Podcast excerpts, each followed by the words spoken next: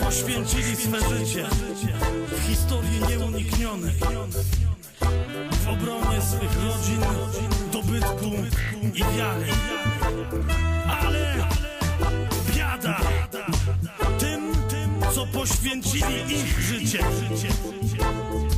Biada projektantom wojen, którzy śmierć niewinnych i rozpacz opuszczonych przeliczają w tych co baryłki ropy, sztabki złota i głosy w wyborach. Biada wam, sprzedajni politycy, bo otrzymaliście już swoją nagrodę. A teraz sądzić was będzie zmieszana krew żołnierzy i ich ofiar. I nie uczcie się, że ta ława przysięgłych będzie dla was miłosierdziem.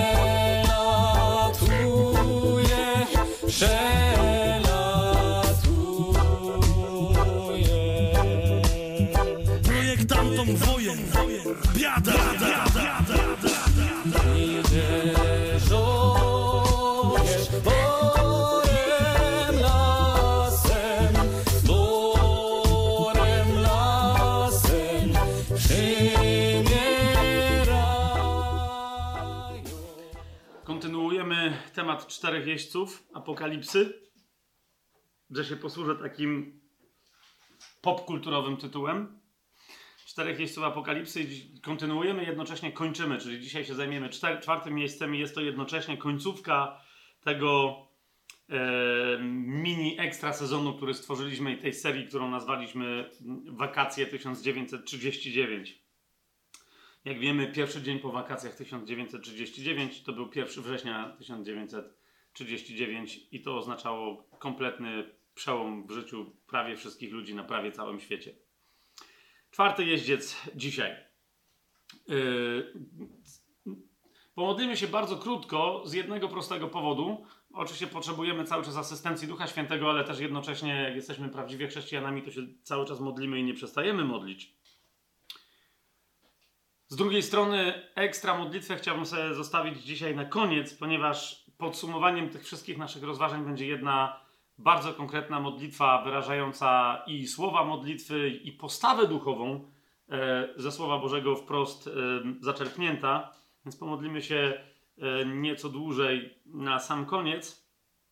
A teraz tylko podziękujmy Duchowi Świętego za to, za to Jego towarzyszenie nam, za Jego przewodniczenie nam, prowadzenie nas.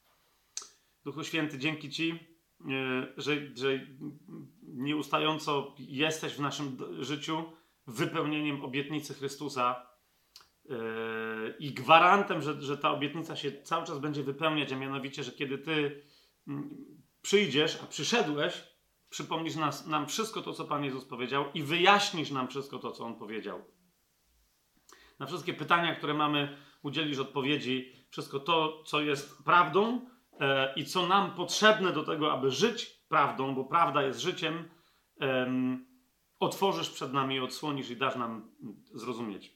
Więc dziękujemy Ci, że także dziś pozwolisz nam zostać w prawdzie, e, w tym, co jest odsłonięciem prawdy, w tym, co jest rozjaśnieniem prawdy, co jest rewelacją, a więc co jest ujawnieniem, objawieniem prawdy, a nie dasz nam zboczyć w stronę jakiegokolwiek sensacjonizmu, dziwacznych teorii spiskowych itd., itd. Tak jak to do tej pory zresztą czyniłeś, że nas przed, ufam, e, chroniłeś przed tego typu mm, sytuacjami i rzeczami. Duch Święty dzisiaj daj nam e, nie tylko prawdę, ale jednocześnie e, motywację wewnątrz, świadomość, co w związku z tym mamy robić i motywację do tego, żeby robić to, co wiemy, że mamy robić. Amen. Dzisiaj czwarty jeździe z Apokalipsy. Jeżeli ktoś dzisiaj dołączył do tego naszego rozważania, czy to oglądając, nie wiem, włączył sobie film na YouTubie, czy gdziekolwiek, to znajdzie opis tych tak zwanych czterech jeźdźców Apokalipsy w Księdze Objawienia, zasadniczo w szóstym rozdziale, zasadniczo od pierwszego do ósmego mm, wersetu. I czwarty jeździec z tych czterech pojawia się nam w siódmym i ósmym wersecie w opisie. To jest księga, jeszcze raz powtórzę, objawienia, lub też w niektórych tłumaczeniach księga apokalipsy. Ale jeszcze raz, apokalipsys to jest po prostu ujawnienie czegoś, co do tej pory było niejawne. Objawienie czegoś, co do tej pory było tajemnicą. Więc czytamy w szóstym rozdziale księgi objawienia yy, świętego Jana. Czytamy w siódmym i ósmym wersecie, a gdy otworzył czwartą pieczęć, tym, który otwiera, przypominam, jest baranek. W pierwszym wersecie tego rozdziału widzimy, że to on otwiera pieczęcia, a z poprzedniego piątego ktoś dogorywa w lampie, jakaś mucha czy coś. Okay. A z poprzedniego piątego rozdziału yy, dowiadujemy się, że on jest jedynym, który może yy, złamać pieczęci blokujące księgę, którą tutaj otwiera.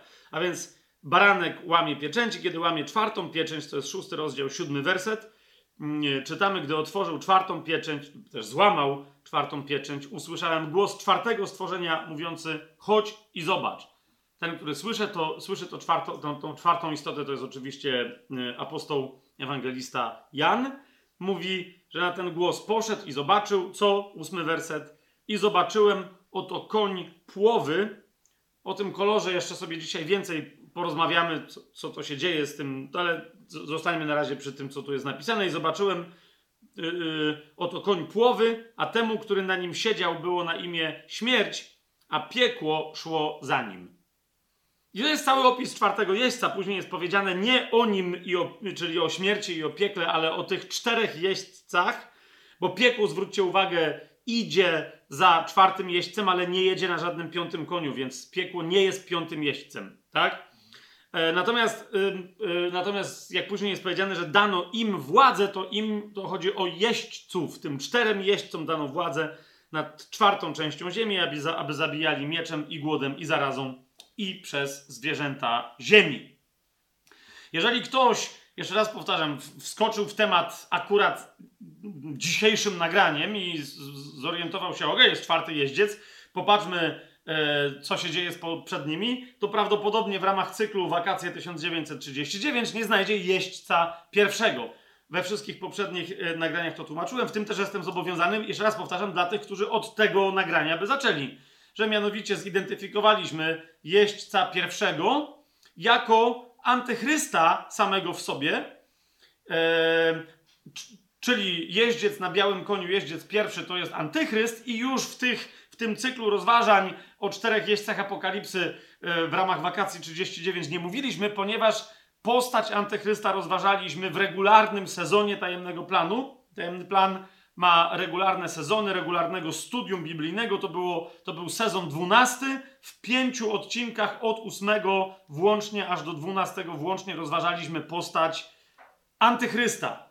I tam y, y, żeśmy zidentyfikowali e, tego, który jedzie na białym koniu jako antychrysta. Dzisiaj, e, ponieważ dziś, dosłownie dzisiaj, tak jak się przygotowałem do tego naszego dzisiejszego spotkania, e, została moja uwaga zwrócona poza naszym, tu nie, nie nikt z Was, tak, ale poza naszym spotkaniem, została moja uwaga zwrócona na bardzo interesującą rzecz, bo jak pamiętacie, myśmy sobie zidentyfikowali antychrysta E, jako nie tylko tego, w, który w, oczywisty, w tych oczywistych scenach z pierwszego listu do Tesaloniczan, gdzie jest mowa o nim, czy, czy, czy w Księdze Objawienia, ale między innymi pamiętacie, myśmy go sobie zidentyfikowali jako Abadona, czy też Apoliona, czyli niszczyciela. Tak? No i między innymi jako tego jeźdźca na białym koniu, pierwszego z czterech jeźdźców Apokalipsy. Otóż ktoś dzisiaj dostałem wiadomości e, od kogoś, kto się zna znacznie lepiej niż ja, ewidentnie, e, na mitologii greckiej, że e, również mitologia jakby jako pewien materiał pozabiblijny, ale potwierdzający cały ten sztafaż, te tak zwane rekwizytorium, jakim się posługuje Biblia, mitologia grecka potwierdza. Rozumiecie, Biblia posługuje się pewnymi określeniami, dzisiaj będzie ich nieco więcej, na przykład określeniem Thanatos albo Hades, czyli, czyli odniesieniami do tytułów greckich bogów albo greckich tam jakichś rzeczywistości pochodzących z mitologii. I ktoś mi zwrócił uwagę, że jeżeli Biblia nazywa anioła, który wychodzi z czeluści Apolionem, to, to to jest Apollos lub też Apolion, bo nawet po polsku jest też dokładnie, jego imię jest też tak tłumaczone, to em, ktoś mi zwrócił uwagę, że em, biały jeździec posiada dwa elementy, dwa e, rekwizyty, które są charakterystyczne dla Apoliona właśnie, więc to jest dodatkowe potwierdzenie, że w ramach tamtego kręgu kulturowego ktoś się tym posłużył. Teraz tylko szybko przypomnę, e, skąd my wiemy, że bestia która w Księdze Objawienia jest antychrystem, e, jest jednocześnie Abadonem Apolionem. Otóż mamy dwa takie elementy, dwa takie zdania, które ujawniają ten fragment jej tożsamości w Księdze Objawienia. Najpierw to jest Księga Objawienia, 17 rozdział. E, Pierwszy e, werset. Przepraszam, jedenasty werset. To źle w ogóle coś wpisałem, ale w oczywisty sposób chodzi o jedenasty werset. Mianowicie jednym ze zdań definiujących antychrysta, e, ewidentnie, tak, bo tutaj y, jest, jest jedenasty werset 17 rozdziału Księgi Objawienia, jest powiedziane bestia, która była, a nie ma jej, ona sama jest ósmym spośród y, tych 11 królów, z których trzech zabije. No, wiecie o co chodzi, więc zostanie, czyli z, 11, z, z 10, przepraszam, ona jest 11, ale jak zabije trzech, to ich zostanie sio- siedmiu, a wtedy ona jest ósma, tak? To jest antychryst. I teraz zauważcie, tam jest napisane, yy, że yy, bestia, która była, a nie ma jej, ona sama jest y, y, ósmym, a jest spośród siedmiu i idzie na, idzie na zatracenie. Ta bestia, która y, jest ewidentnie, do której cały czas się odnosi powiedzenie, że ona była, a jej nie ma, a powróci, ona ma wyjść z otchłani. Zobaczcie, 17 rozdział, 8 werset. Bestia, którą widziałeś, była, a nie ma jej, i ma wyjść z otchłani i iść na zatracenie. Wiecie o co mi chodzi? Czyli król, e, ekstra król, którym wiemy, że jest nim antychryst, jedenasty, mały róg, lub też ósmy, kiedy już zabije trzech z dziesięciu, tak? On jest tą bestią, która była, której nie ma i która się znowu pojawi. I ósmy werset nam mówi w tym samym rozdziale, tak, że to jest ta bestia, która ma wyjść z otchłani. Mamy to? Teraz jedenasty rozdział, e, siódmy werset.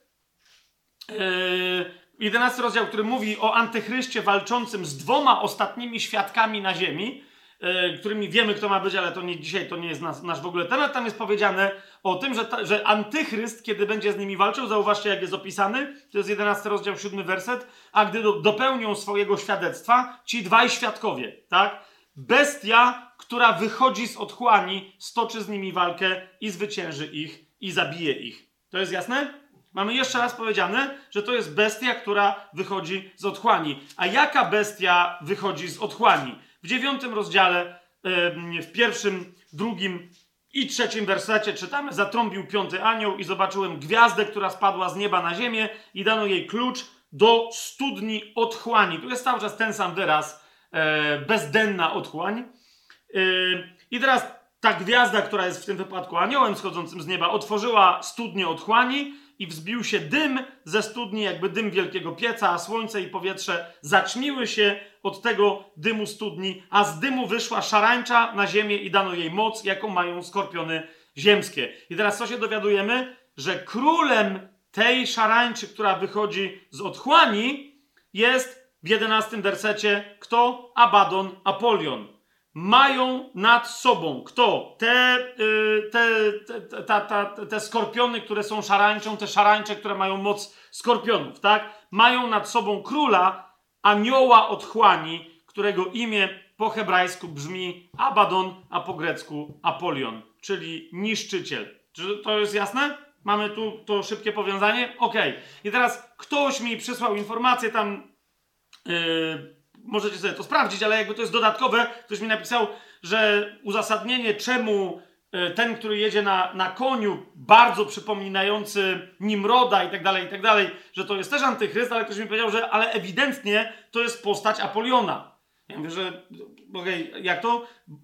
Ja nie wiedziałem, że Apollo jeździ na koniu, i, I, ktoś tam, mówię, znając się na tym, stwierdził, że to akurat nie ma większego znaczenia, bo my zazwyczaj mamy, jesteśmy zapoznani z, z obrazami y, Apolla jako takiego nagiego młodzieńca stojącego, wiecie, w takiej postawie wiotkiej, kompletnie nagiego, trochę jak później Dawid na przykład Michałania, ale to jest dokładnie ta sama postać, tak? Ale on mówi, że nawet kiedy on jest w ten sposób przedstawiany, mówi to sprawdźcie sobie dokładnie, jak wyglądają, na przykład stoi obok drzewa, po którym idzie jaszczurka i ta jego postawa jest postawą, w ramach której on zaraz zatłucze tą jaszczurkę. I zresztą nazwa tradycyjna jest Apollo, który ma zabić jaszczurkę. Nie? Więc, to jest, Apollo jest zawsze niszczycielem, zresztą pochodzi to imię od greckiego czasownika, który oznacza niszczyć, tak? Ale ten ktoś mi powiedział, że cechami charakterystycznymi tego bóstwa. Bóstwa, które zawsze w całej mitologii greckiej jest przedstawiane jako nieszczęśliwie zakochane. Nieważne w kim on się zakochuje, w kobietach, w mężczyznach, w boginiach, w, nimfetka, w nimfach, półbogach, w kimś tam, bo on się w różnych postaciach zakochuje, nikt się w nim nie zakochuje. Nie? On nie lubi tych, którzy się w nim zakochują, ale ci, w których on się zakochuje, yy, go nie cierpią, nie? uciekają od niego. E, w tym jedna osoba, teraz nie pamiętam, jakaś tam nimfa, która od niego uciekała, uciekała, ona się jakoś tam nazywała. E, e, jej tatą był jakiś Bóg rzek, czy jakiejś jednej rzeki, już teraz nie pomnę, ale to sobie można łatwo sprawdzić. Chodzi o to, że ona go poprosiła, żeby tego ojca, żeby jakoś jej pomógł uciekać przed Apolionem, bo ona nie chce się z nim kochać, bo ona po prostu go nienawidzi. I ten ojciec zamienił ją z tego, co ja teraz pamiętam, w krzew wawrzynowy. Zamienił ją w wawrzyn. I teraz e, on od tej pory stwierdził, że już nie da się tego odwrócić, czy nie da się jej z powrotem zamienić w tę piękną kobietę, którą kochał, ale na pamiątkę tego Apollo zawsze chodzi na głowie. W czym? W Stefanosie, czyli w wieńcu wawrzynów na głowie. Zawsze. Tak? E, a jak pamiętacie, to jest interesujące, że ta osoba jeszcze nie słyszała e, wykładu z sezonu 13, bo on jeszcze nie jest opublikowany. Tak? Gdzie w czwartym, ale mówię od razu z góry o tym, że będziemy sobie mówić, że y, ten, który jedzie na białym koniu, to nie może być Jezus, ponieważ on nie ma na głowie korony. To, że mamy takie tłumaczenie, to jest co innego. Korona w Biblii to jest diadem, natomiast on ma na głowie Stefanosa, czyli wieniec wawrzynów. Ma wawrzyn na głowie y, i oznacza, że jest zwycięzcą w turnieju, czy chce zwyciężać jak sportowiec w turnieju i dane mu jest, y, aby był zwycięzcą i aby zwyciężał przez krótki czas, ale on nie ma na głowie diademu. Więc to jest pierwsza rzecz, czyli że, że ta postać e, ma wawrzyn na głowie, a druga, e, atrybutem nieodzownym e, Apollosa, uważajcie na to, jest łuk. Czyli jest wawrzyn i jest łuk. Znowu tutaj mamy postać, która, która, która trzyma łuk w ręku, no bo jest, jest myśliwym. Ten ktoś jest, zwycięża przez to, że jest myśliwym, że poluje. I wręcz dowiedziałem się, że niektórzy powiadają, że, że atrybutem Apollosa jest łuk e, albo lira, czyli instrument taki muzyczny, a ten ktoś mi przekazał, że ta lira bardzo często jest mylona z instrumentem, bo ludzie chcą bardzo postrzegać Apollosa jako poetę i, i, i grającego na cytrze i na lutni i na harfie, gdy tymczasem w wielu, e, na wielu obrazach i tak dalej, to jest po prostu, ta lutnia nie jest żadną lutnią, tylko również jest łukiem, tylko tyle, że specyficznym, ale to jest jego E, jego broń, jego narzędzie myśliwskie. Jasne to jest? Więc to jest tak jakby zupełnie jeszcze a propos dzisiaj, ja to powtarzam e, regularnie, że myśmy sobie zidentyfikowali pierwszego jeźdźca jako, e, jako antychrysta, dodatkowo antychrysta jako Apollosa. Jak mnie dzisiaj do mnie informacje dotarły, dodatkowo potwierdzające, że Apollos w starożytności był po prostu postrzegany i rozumiany jako złowroga postać e, wręcz jako jedno z bóstw śmiercionośnych, znacznie bardziej wobec dzisiejszego jeźdźca to jest niezwykle istotne, znacznie bardziej niż śmierć sama w sobie, czyli Bóg o imieniu Thanatos. Okay? Było takie bóstwo greckie zwane Thanatosem i wyobraźcie sobie, że Thanatos nie był tak złośliwy i tak śmiercionośny jak Apollos. Okay? Ehm, on był zawistny i nie przebaczał, a Thanatos bywało, że okazywał miłosierdzie. Apollos, e, Apolion w zasadzie prawie nigdy. Czy być może nigdy, ale jak mówię, ja nie, nie znam się na mitologii i również mitologia nam tylko pomaga w rozumieniu pewnych greckich wyrazów, a nie jest żadnym ekstra dodatkiem specjalnym, które by miało wyjaśniać komplementarnie Biblię. Mamy jasność w tej kwestii? Tak? Super. W każdym razie zidentyfikowaliśmy e, pierwszego jeźdźca jako antychrysta. Jeszcze raz powtórzę, e, szerzej na ten temat w sezonie 12 tajemnego planu od odcinka 8 włącznie aż do 12. Okay? Na temat tego, że ten jeździec na głowie nie ma korony, tylko ma, e, mm, e, ma wieniec wawrzynowy. E,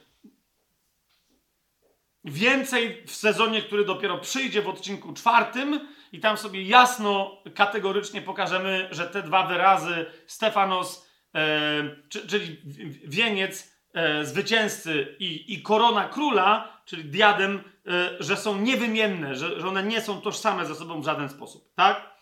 E, więc dlatego, jeżeli ktoś nosi na głowie taką oznakę, to zasadniczo nie jest królem, e, chyba że król jest zwycięzcą, ale sęk w tym, że Jezus nigdy nie nosi na głowie żadnych, e, żadnych wawrzynów, e, dlatego że kiedy wraca na ziemię, wraca jako król i nie, nie musi brać udziału w żadnych zawodach. Król zazwyczaj jest sędzią w zawodach, a nie zawodnikiem w zawodach. To my jeszcze jesteśmy zawodnikami w zawodach. Amen?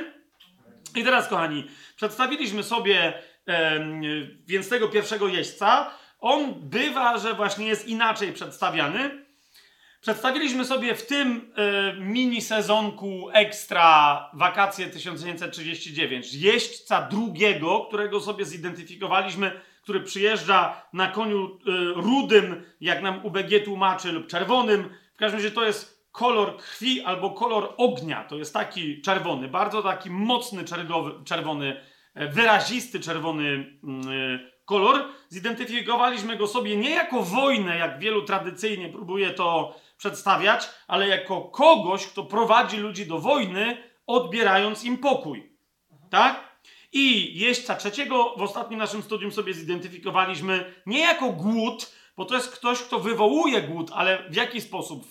Sprowadzając na ziemię kontrolę ludzi, przepływu dóbr, kontrolę rządową, kontrolę społeczną, kontrolę fiskalną, kontrolę bankową, kontrolę marketingową. To jest po prostu kryzys gospodarczo-finansowy. Tak? Abym powiedział, że kryzys w ogóle e, zarządzania wszystkim, włącznie z ludźmi, jako dobrami materialnymi. Po prostu. I to jest kryzys, który, który wywołuje takie zaburzenia, że, że pojawia się bieda na całym świecie, a jednym z odprysków nieszczęśliwych tej biedy, jeszcze gorszym niż bieda sama w sobie, jest głód, który będzie prowadzić wielu ludzi do śmierci. Amen? I teraz, kochani, żebyśmy sobie dobrze zidentyfikowali, bo ja ostatnio już nieco o nim mówiłem, ale nadal to u jednej, drugiej osoby jakieś tam pytanie wywołało, to jeszcze więcej sobie o tym powiemy, żebyśmy sobie właściwie zidentyfikowali jeźdźca czwartego, bo niektórzy mówią, czy aby na pewno my go musimy definiować, e, identyfikować, skoro przecież wyraźnie wiemy, że ma na imię śmierć. No właśnie to imię, mam wrażenie, że bardzo wielu przez wieki wprowadzało w błąd i nadal wprowadza. Tak? Dlatego, że nadal jak my mamy coś w Biblii tak wprost napisane, to my musimy wiedzieć, e, co Biblia rozumie przez wyraz, którym się tu posługuje, a nie co my byśmy chcieli rozumieć i co my dzisiaj w, w kulturze, w literaturze, w filmie i tak dalej rozumiemy. Czy to jest jasne, co, co, co mówię, tak? Więc ten ktoś tutaj, który siedzi em, na koniu płowym, jeszcze więcej o tym koniu em, za chwilę, rzeczywiście ma na imię śmierć i no jak się przyjrzymy greckiemu wyrazowi, to ma na imię dokładnie tak jak bóstwo mitologiczne greckie, które było bogiem śmierci, czyli Thanatos. Tak? Już samo to w sobie, ktoś powie, no tak, no, no bo bóstwo się nazywało tak jak i zjawisko. Zgadzam się. Niemniej to zjawisko jest podniesione do rangi e, pewnej, to jest, to jest pierwsza rzecz, nawet w języku greckim, ale druga bardzo dla nas istotna rzecz to jest, że e, ta postać o tym imieniu pojawia się w towarzystwie innych postaci. I dodatkowo po, działalność tych postaci jest podsumowana w ósmym wersecie w określony sposób, o czym za chwilę sobie więcej powiemy, co powoduje, że razem daje nam to zupełnie inne znaczenie niż tradycyjnie przyjęte, chociaż nie przez wszystkich, ale tradycyjnie przyjęte e, w głównym takim nurcie teologii biblijnej. Jak mianowicie wygląda tradycyjne rozumienie czwartego jeźdźca? I u wielu komentatorów się z tym spotkacie. Mianowicie, że czwarty jeździec, kochani, jest zaledwie kimś, kto zbiera żniwo działań poprzednich trzech jeźdźców. Nie? Czyli to jest tak. Jedzie trzech jeźdźców na białym koniu, na czerwonym i na czarnym i oni robią rzeczy, tak?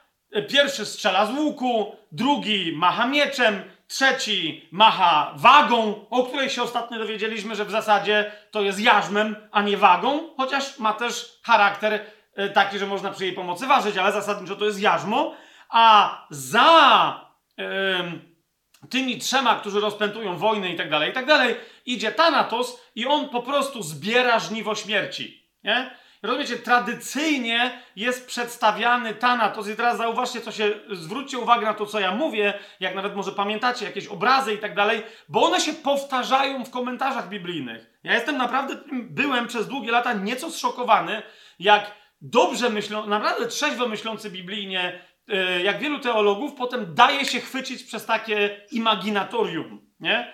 Otóż jak jest zazwyczaj przedstawiany Thanatos, ten, ten, ten czwarty jeździec, jako typowa śmierć, czyli anioł z czarnymi skrzydłami, co zauważcie, jest atrybutem niekoniecznie tej postaci, która jest przedstawiona w Biblii, ale mitologicznego boga Thanatosa, greckiego bóstwa, z greckiej mitologii. To jest postać w kapturze, e, często to jest szkielet z czarnymi skrzydłami, to jest bardzo istotne, tak? Ale to nie jest biblijny opis tej postaci. Tu nie ma mowy o żadnych czarnych skrzydłach. Zwróciliście uwagę? Bóg Thanatos w mitologii tak jest przedstawiany. I dodatkowo, czy jesteśmy bardzo zdziwieni, jest przedstawiany z ogromnym sierpem lub kosą. Ok? To jest klasyczna pani śmierć, przedstawiana, rozumiecie, przez pogan w rozmaitych bajkach, baśniach i tak dalej. Kościotrup w, w kapturze, e, albo niekoniecznie kościotrup, ale w razie z czarnymi skrzydłami i z kosą. I ktoś taki w takiej mitologicznej wersji jeźdźców Apokalipsy jedzie na koniu, tak? A za nim, je, czyli, rozumiecie, pierwszych trzech jeźdźców jedzie i wojuje, ale tak naprawdę śmierć sprowadza w wyniku tych wszystkich działań Thanatos, a za nim idzie piekło, e, czyli grób z otwartą japą i ci, których tnie śmierć, kosą spadają do grobu, czyli w otwartą paszczę piekła, czyli Hadesu tak? Ponieważ ta postać ma na imię Hades. Hades to jest kolejne konkretne nie tylko miejsce mitologii greckiej, nie tylko mitologii greckiej, ale też konkretne bóstwo mitologii greckiej, tak?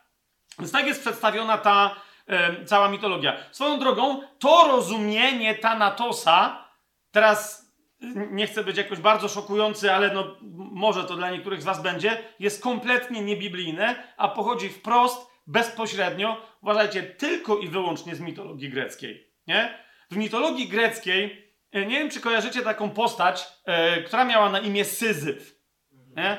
W oryginalnych wersjach rozmaitych, rozmaitych tam rozważań Homera i tak dalej, i tak dalej, z tego co pamiętam, to Syzyf dwukrotnie, dlatego dostał tą karę. Nie? Bo ludzie, którzy y, sprzeciwili się skutecznie kolei rzeczy, no a rozumiecie, skutecznie uciec z rąk śmierci, bo dwukrotnie Syzyf uniknął śmierci, e, to jest przegięcie, więc bogowie go skazali, to teraz będziesz w kółko e, coś robił i nie że mógł tego zrobić. Czyli, że wtaczał kamień na górę i miał obietnicę, że jak go wtoczy, to wreszcie będzie miał spokój i wtedy tuż przed szczytem ten głaz mu się e, wymykał z rąk, spadał na, e, z całej góry i on tak w kółko przez całą wieczność Syzyf ma wtaczać tą, e, ten kamień na górę. Dlaczego? Za karę za co? Bo dwukrotnie zrobił w konia Tanatosa. Nie? I teraz za pierwszym razem, ja nie będę teraz wnikał w to, ale sobie, jak ktoś z Was będzie bardzo zainteresowany, to sobie to sprawdźcie. Zrobił go w konia w taki sposób, że Tanatosa uwięził, tak? I teraz Thanatos zniknął i między innymi teraz nie wiem, czy czasem właśnie nie Apollos w pewnym momencie, jeszcze paru innych bogów się wkurzyli, ponieważ wytaczali jakieś wojny i tak dalej, i tak dalej. Rozumiecie? I wszyscy z wszystkimi walczyli, nikt nie mógł umrzeć. Nie? Bo nie było kogo, Tanatosa, czyli nawet wojna, rzucenie na kogoś klątwy, sprowadzenie choroby, głodu i tak dalej. Nikt nie umierał, wszyscy byli nieśmiertelni. Dlaczego? Bo nie było Tanatosa. Thanatos w mitologii, w mitologii greckiej jest jedynym, który może sprowadzić śmierć na śmiertelników. Jasne to jest? Jak jego nie było. I dlatego teraz ja nie pamiętam, czy to był Apollos, czy ktoś, ale ktoś się wreszcie zorientował zaraz, ale gdzie jest Thanatos? On, czemu on leniuchuje? Się okazało, że go nie ma, że gdzieś jest uwięziony. Że, I się okazało właśnie, że Syzyf, więc Syzyf umarł, ale potem znowu Syzyf e, Tanatosa, czy tam jeszcze kogoś zrobił w konia i znowu drugi raz, e, że tak powiem, sam, sam siebie wskrzesił z powrotem do życia i wtedy drugi raz, jak już się okazało, to go wreszcie urąbali tak na stałe. Nie? Ale rozumiecie, to jest greckie, mitologiczne, bez związku z Biblią rozumienie Tanatosa. Tak? Zauważcie, w Biblii tych cz- czterech jeźdźców, oni są ponazywani. Ten czwarty jest nazwany imieniem greckiego bóstwa, ale też wyrazem, który oznacza zwyczajnie śmierć. Czy to jest jasne? Tak?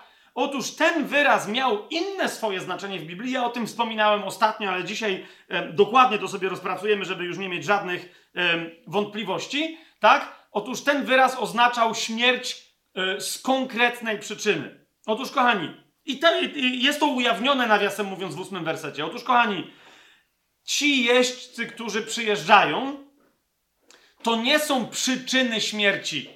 Ok? To nie są przyczyny śmierci, ale to są zabójcy wyspecjalizowani w, ko- w konkretnym sposobie sprowadzania śmierci na ludzi. Czy to jest jasne? Tak? I teraz, pierwszy jest nie zabójcą stricte de facto samym w sobie, któremu zależy na całej ludzkości, to jest zabójca, tak? Ale jego zabijanie tyczy się głównie specjalnej grupy ludzi, tak? Jego celem jest nie tyle zabijanie, co zniewalanie ludzi, a zabicie wszystkich, którzy nie chcą być zniewoleni, tak? Pierwszy jeździec, czyli jeździec, który przyjeżdża na białym koniu, jest przywódcą rebelii, a pozostałych trzech to są jego generałowie zabójcy. Czy to jest jasne, co ja, co ja teraz powiedziałem? Tak? Pierwszy z nich to jest, jak już sobie zidentyfikowaliśmy, ten na białym koniu, to jest antychryst, ale on jest skoncentrowany głównie na rebelii przeciwko Bogu. Ok? E, jeżeli on jest niszczycielem, tak jak jest e, Apolionem samym w sobie, albo może człowiekiem opętanym przez Apoliona, czyli przez niszczyciela, i ma atrybuty charakterystyczne do Apoliona, to biblijnie rzecz ujmując, ma atrybuty charakterystyczne dla Nimroda. Ok? Nimrod jest i, i ta postać z szóstego rozdziału Księgi Objawienia, tak? Z drugiego wersetu zobaczyłem, a oto biały koń. Ten zaś, który na nim siedział, miał łuk i dano mu wieniec i wyrusz na głowę i wyruszył jako zwycięzca, żeby zwyciężać. To jest wprost ewidentne nawiązanie do postaci, z którą się zapoznajemy w pierwszej księdze Mojżeszowej, to jest Księga Rodzaju. Jak ją sobie otworzymy najpierw na rozdziale 10, to tam y, przeczytamy, spójrzcie, to jest rozdział 10. W ósmym wersecie czytamy, y, y, jak to się działo z potomkami y, mm, synów Noego. Tam czytamy, że w konkretnym ciągu pojawił się niejaki Kusz. To jest ósmy werset, a Kusz spłodził Nimroda, który zaczął być mocarzem na ziemi. Zwróćcie uwagę, że on był mocarzem, był jedynym mocarzem na całej ziemi, jedynym, którego się tak dało w, tych czasach nazwać. Wcześniej tym określeniem byli nazwani tylko i wyłącznie, jak sobie otworzycie szósty rozdział, W szóstym rozdziale Księgi Rodzaju, w pierwszym wersecie mamy mm, napisane, gdy ludzie zaczęli się mnożyć na ziemi, to było jeszcze przed potopem, em, i rodziły im się córki, synowi Boży, widząc, że córki ludzkie były piękne, brali sobie za żony wszystkie, które sobie upodobali. I następnie yy, yy, jest o nich yy, powiedziane, że czwarty werset, w tych dniach byli na ziemi olbrzymi, nawet i potem, gdy synowie Boże zbliżali się do córek ludzkich, a one rodziły im. To są owi mocarze, którzy od dawna byli sławnymi mężczyznami. A więc to ci mocarze są, y, są postaciami przedpotopowymi. Rozumiecie o co mi chodzi? Y, mocarze, którzy następnie są nazywani, a oni w Biblii są nazywani, y, te, te hybrydy są nazywane nie olbrzymami, ale są nazywani istotami upadłymi, nefilim, a potem w języku greckim są przetłumaczeni jako gigantes. Okay? To są ci, to jest czwarty werset. Widzicie, to tu mam tłumaczenie, stąd tłumaczenie olbrzymi. Chodzi o to, że czy oni byli olbrzymami, czy nie, z jakiego powodu są przetłumaczeni jako gigantes, może dlatego właśnie, że byli niezwykle mocarni, tak? I to są dokładnie te, te osoby, którymi, które później były identyfikowane z greckimi półbogami, takimi jak na przykład Herkules, tak? Czy on był duży, to my tego nie wiemy, ale według mitologii był silny. E, no i to był sławny mąż, to nie był Bóg, to był, to był człowiek, ale miał pewne moce boskie, tak? Więc był jakby półbogiem. To byli owi sławni ludzie, a po potopie takim sławnym mocarzem był, wróćmy do dziesiątego e, wersetu według Biblii, Nimrod, tak? E, I teraz czego się więcej dowiadujemy? Że nie tylko był mocarzem, że nie, właśnie, to jego specjalizacją był łuk, którym strzelał, gdy jeździł na koniu i w ten sposób e, zdobywał łup myśliwego, tak? Więc w dziewiątym wersecie mamy napisane, ten był mocarnym myśliwym przed Panem. Dlatego mówi się do dzisiaj, tak jak Nimrod, mocarny myśliwy przed Panem, o dobrym myśliwym, czyli który jedzie na koniu i strzela z łuku w tamtych czasach, bo dzisiaj nie wiem, czy się tak gdzieś jeszcze mówi o kimś, że jest jak Nimrod, tak? I teraz, skąd my wiemy, że to był także buntownik, czarownik i ktoś, kto chciał, sprzeciwiając się Bogu, stworzyć królestwo antychrysta na ziemi? Bo w dziesiątym wersecie dziesiątego rozdziału czytamy, że początkiem jego królestwa był Babel. ok? A z Babelu następnie Erek, Akkad, Kalne w ziemi Shinear. Jak wiecie, ziemia Shinear jest, jest miejscem, gdzie będzie przeniesiona nierządnica, obrzydliwość sama w sobie. Jak pamiętacie wizję Zachariasza, że ona została zamknięta w Efie i przeniesiona przez istoty, które mają skrzydła niestety jak bociany, no ale to już pamiętacie, ubolewałem nad tym przez jakiś czas. W każdym razie wiemy, że je, y, Nimrod miał królestwo.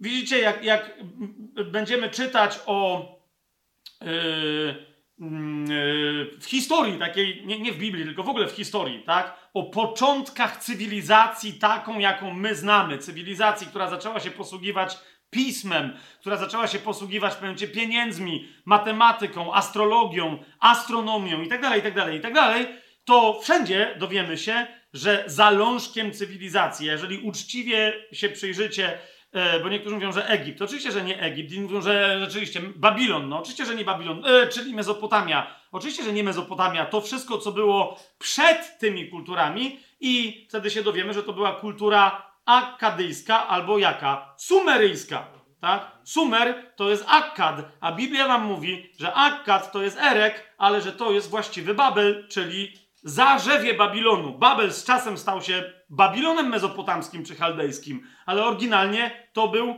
Babel. Jaki Babel? Taki, o jakim czytamy w 11 y, rozdziale następnie Księgi Rodzaju. Na całej ziemi, tam od pierwszego wersetu czytamy, był jeden język i jedna mowa. A gdy wędrowali od wschodu, no ci, którzy byli, jak rozumiemy, z Nimrodem albo jego bezpośredni poprzednicy, znaleźli równinę w ziemi Shinear i tam mieszkali. No, jak sobie prześledzicie tą nazwę Shinear w Biblii, to od razu widać, z czym ona jest związana. To jest zawsze to samo, tak? To, co się tutaj zaczyna. Co mianowicie? Mówili jeden do drugiego, chodźcie, zróbmy cegły, wypalmy je w ogniu.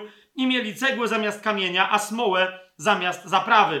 E, tam było dużo błota, dużo ziemi, dużo sitowia, dużo mm, gliny, e, ale niespecjalnie wiele gór. Rozumiecie o co chodzi? Niespecjalnie wiele wzniesień, tak?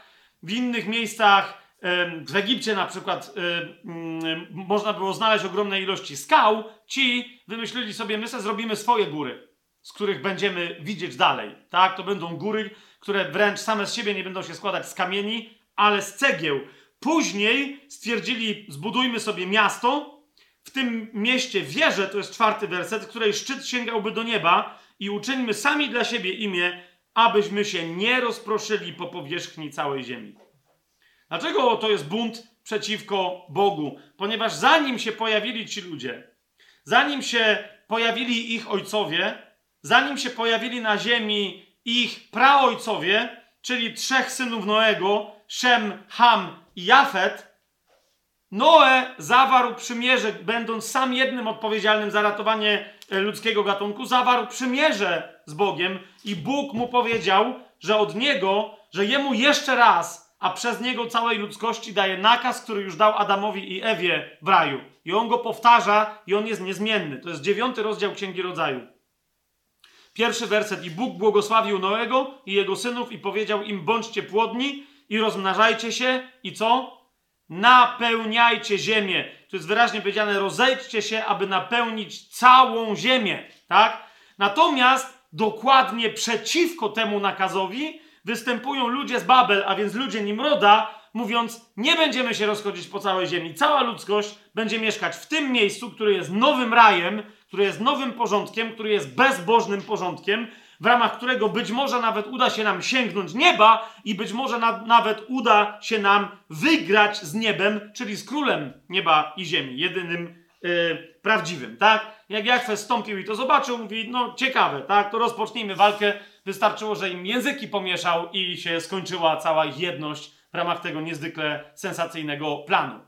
Czy jest to jasne już więc jeszcze raz, po raz kolejny, że pierwszy jeździec to jest przede wszystkim ktoś, kto chce rozpętać bitwę, wojnę z Bogiem samym, a do tego potrzebuje wokół fałszywej idei zjednoczyć ludzkość, ale dla niego to zjednoczenie to jest zawsze zrobienie z ludzkości niewolników, żeby mu budowali wieżę do nieba. Czy to jest, czy to jest jasne? Otóż yy, ta postać, okay, która ewidentnie przypomina nam więc tego starożytnego Nimroda, otwórzmy sobie z powrotem Księgę Objawienia, to jest nadal pierwszy jeździec, tak? Która przyjeżdża na białym koniu. Wiemy, że Pan Jezus przyjedzie na białym koniu, no ale ta postać też w innym miejscu jest powiedziane, że ma rogi jak baranek, ale gada jak smok. Ona cały czas nieudolnie próbuje udawać Chrystusa, tak?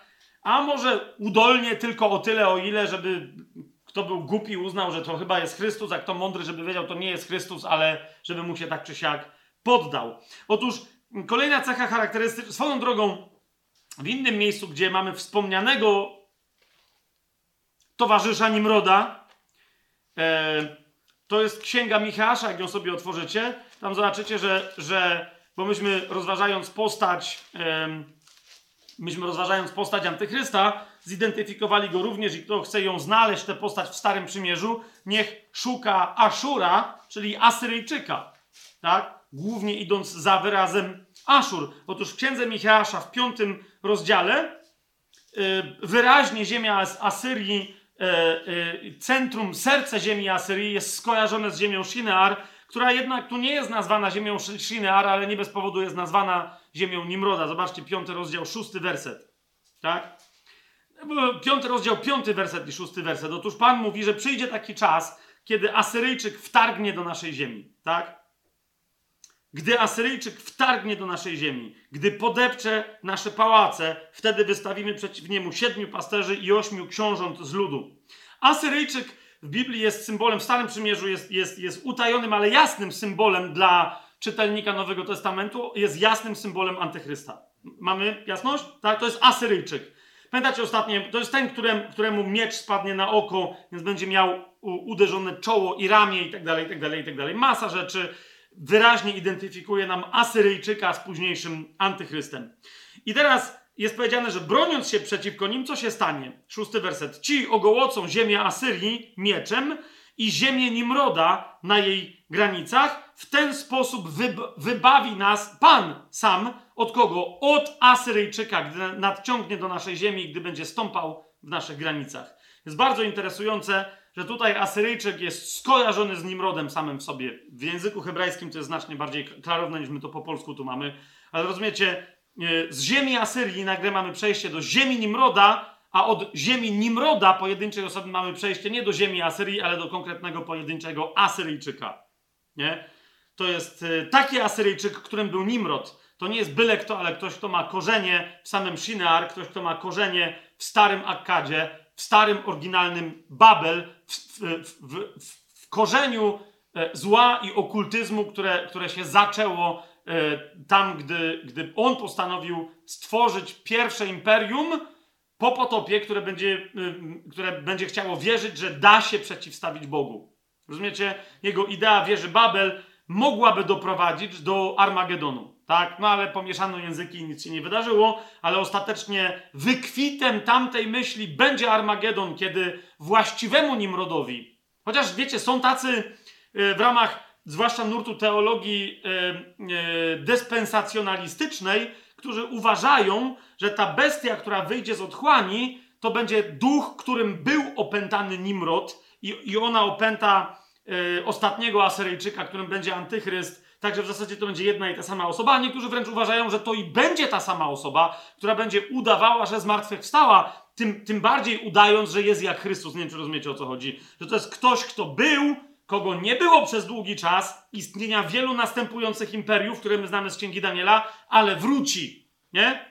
Jedyny, do którego pasuje, to jest oryginalne, pierwotne imperium e, stary, starej Asyrii albo czegoś, z czego Asyria wyszła. Więc jak mówię, wielu uważa, że to będzie wręcz e, Nimrod sam w sobie. Rozumiecie, że oryginalny Nimrod, który chciał zbudować wieżę Babel, że to on zostanie przywołany do życia, czy jaki, jakieś jego, wiecie, zachowane ciało, albo ktoś będzie udawać jego. No, wiecie o co mi chodzi, tak? Nie będziemy się teraz w to wdawać, bo ja tam nie, nie, nie do końca się z tym zgadzam. Według mnie Apolionem jest duch, e, bo wyraźnie Biblia mówi, że to jest anioł otchłani. Nie? To, jest, to jest duchowa istota. A antychryst sam sobie funkcjonuje na sposób fizyczny, bo jest nazwany zwierzęciem. Tak? Więc to będzie specyficzna hybryda, może nawet nie człowieka, ale zanimowanego i ożywiane, ożywionego przez ducha, który w, dar, w starożytności ożywiał króla e, mocarza Nimroda. Ma to sens, co powiedziałem? Nie muszę tłumaczyć dalej? Dobra, okej. Więc teraz, e, jak już to tu zobaczyliśmy, gdzie się Nimrod między innymi pojawia, bo mi się przypomniało, to wracamy do Księgi Objawienia. I teraz widzicie, ten ktoś, jego celem jest wyruszyć na całą ziemię, co swoją drogą e, Nimrod nie chciał wyruszać na całą ziemię, tylko żeby cała ludzkość była zjednoczona najlepiej pod jego butem w jednym mieście. Skoro już tak czy siak ludzkość rozeszła się na całą ziemię, to celem ostatniego Nimroda, antychrysta, będzie w takim razie przejąć kontrolę nad ludzkością na całej ziemi. Tak? W jaki sposób? Przez podbicie tej e, ludzkości. Ale jak jest opisana, e, odpi- podpisane, opisane to podbijanie w szóstym rozdziale? Zobaczcie, szósty rozdział, drugi werset mówi, dano mu e, wieniec zwycięzcy, który jest symbolem czego? Że on jest zwycięzcą, bo wyruszył, żeby zwyciężać. Tak? Antychryst jest opisany jako ten, który, opisany jako ten, który wyruszył, żeby zwyciężać, ale kogo? Zauważcie, ten sam czasownik pojawia się w Księdze Objawienia tylko i wyłącznie w odniesieniu do Antychrysta, ale też tylko i wyłącznie w odniesieniu do konkretnej grupy ludzi, którą, nad którą zwyciężać dostał pozwolenie na jakiś czas. O, tak to, tak to wyrażę. To jest na przykład jedenasty rozdział Księgi Objawienia, siódmy werset, tak, który już dzisiaj przywoływałem. To jest dwóch świadków. Ostatni, że się tak wyrażę, Boży ludzie, chrześcijanie, wyznawcy y, Jezusa, uczniowie Jezusa i prorocy Ducha Świętego na ziemi, tak? 11 rozdział, 7 werset mówi, gdy dopełnią swojego świadectwa, bestia, która wychodzi z, od, z otchłani, stoczy z nimi walkę i co zrobi? Zwycięży ich i zabije ich. Czy to jest jasne? To jest ten sam czasownik, co, y, który nikał, tak? Czy, czy, czy zwyciężać, którym się tam y, Biblia do niego, y, do tej, do tej samej postaci y, odnosi. W, trzy, w 13 rozdziale, y, w siódmym wersecie czytamy o bestii, czyli o antychryście, czyli o bestii. To jest 13 rozdział Księgi Objawienia, siódmy werset. Pozwolono jej też walczyć z kim? Ze świętymi i zwyciężać ich. I dano jej władzę nad każdym plemieniem, językiem i narodem. Widzicie to? Zwyciężać ich. Kogo? Świętych. Dlaczego? Ponieważ całą resztę antychryst chce zniewolić. Czy to jest jasne? Tak? Chce, oczywiście na różne sposoby chce ich przestraszyć. Ludzie widząc rozmaite formy e, wyginięcia, które, które, które ich przera, przerażają, które, które, których perspektywa właśnie zostanie rozciągnięta przed ich oczami, tak? Poddadzą się bestii, żeby y, oddawać jej cześć, żeby bestia ich chroniła, tak? Pokój i bezpieczeństwo, żeby im zapewniła, tak? Hasło, y, hasło znamy. Y, I zresztą w tą stronę bestia zwodzi mieszkańców całej ziemi, jak mówi o tym nam 14 werset, tak? 16 dodaje, że ta bestia sprawia, aby wszyscy, mali i wielcy, bogaci i biedni, wolni i niewolnicy, bez różnicy, przyjęli znamię na prawą rękę lub na czoło i aby nikt nie mógł kupić ani sprzedać, tylko ten, kto ma znamię, imię bestii lub liczbę jej imienia. A więc kto się stanie niewolnikiem jak bydło oznaczonym na ramieniu lub na czole widocznym fizycznym znakiem. Widocznym fizycznym znakiem. Jasność? Widocznym fizycznym znakiem. Swoją drogą chcę wam, kochani, zwrócić uwagę na jedną rzecz. Nie? Bo wszyscy się ekscytują znamieniem bestii, że nawet to oznaczenie nie jest oryginalnym pomysłem.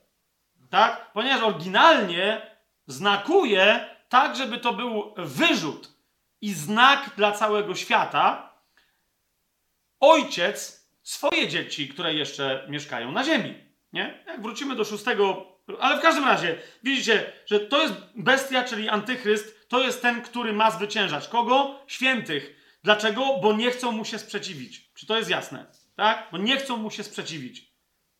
Raczej inaczej, bo nie chcą mu się poddać, przepraszam, bo mu się sprzeciwiają.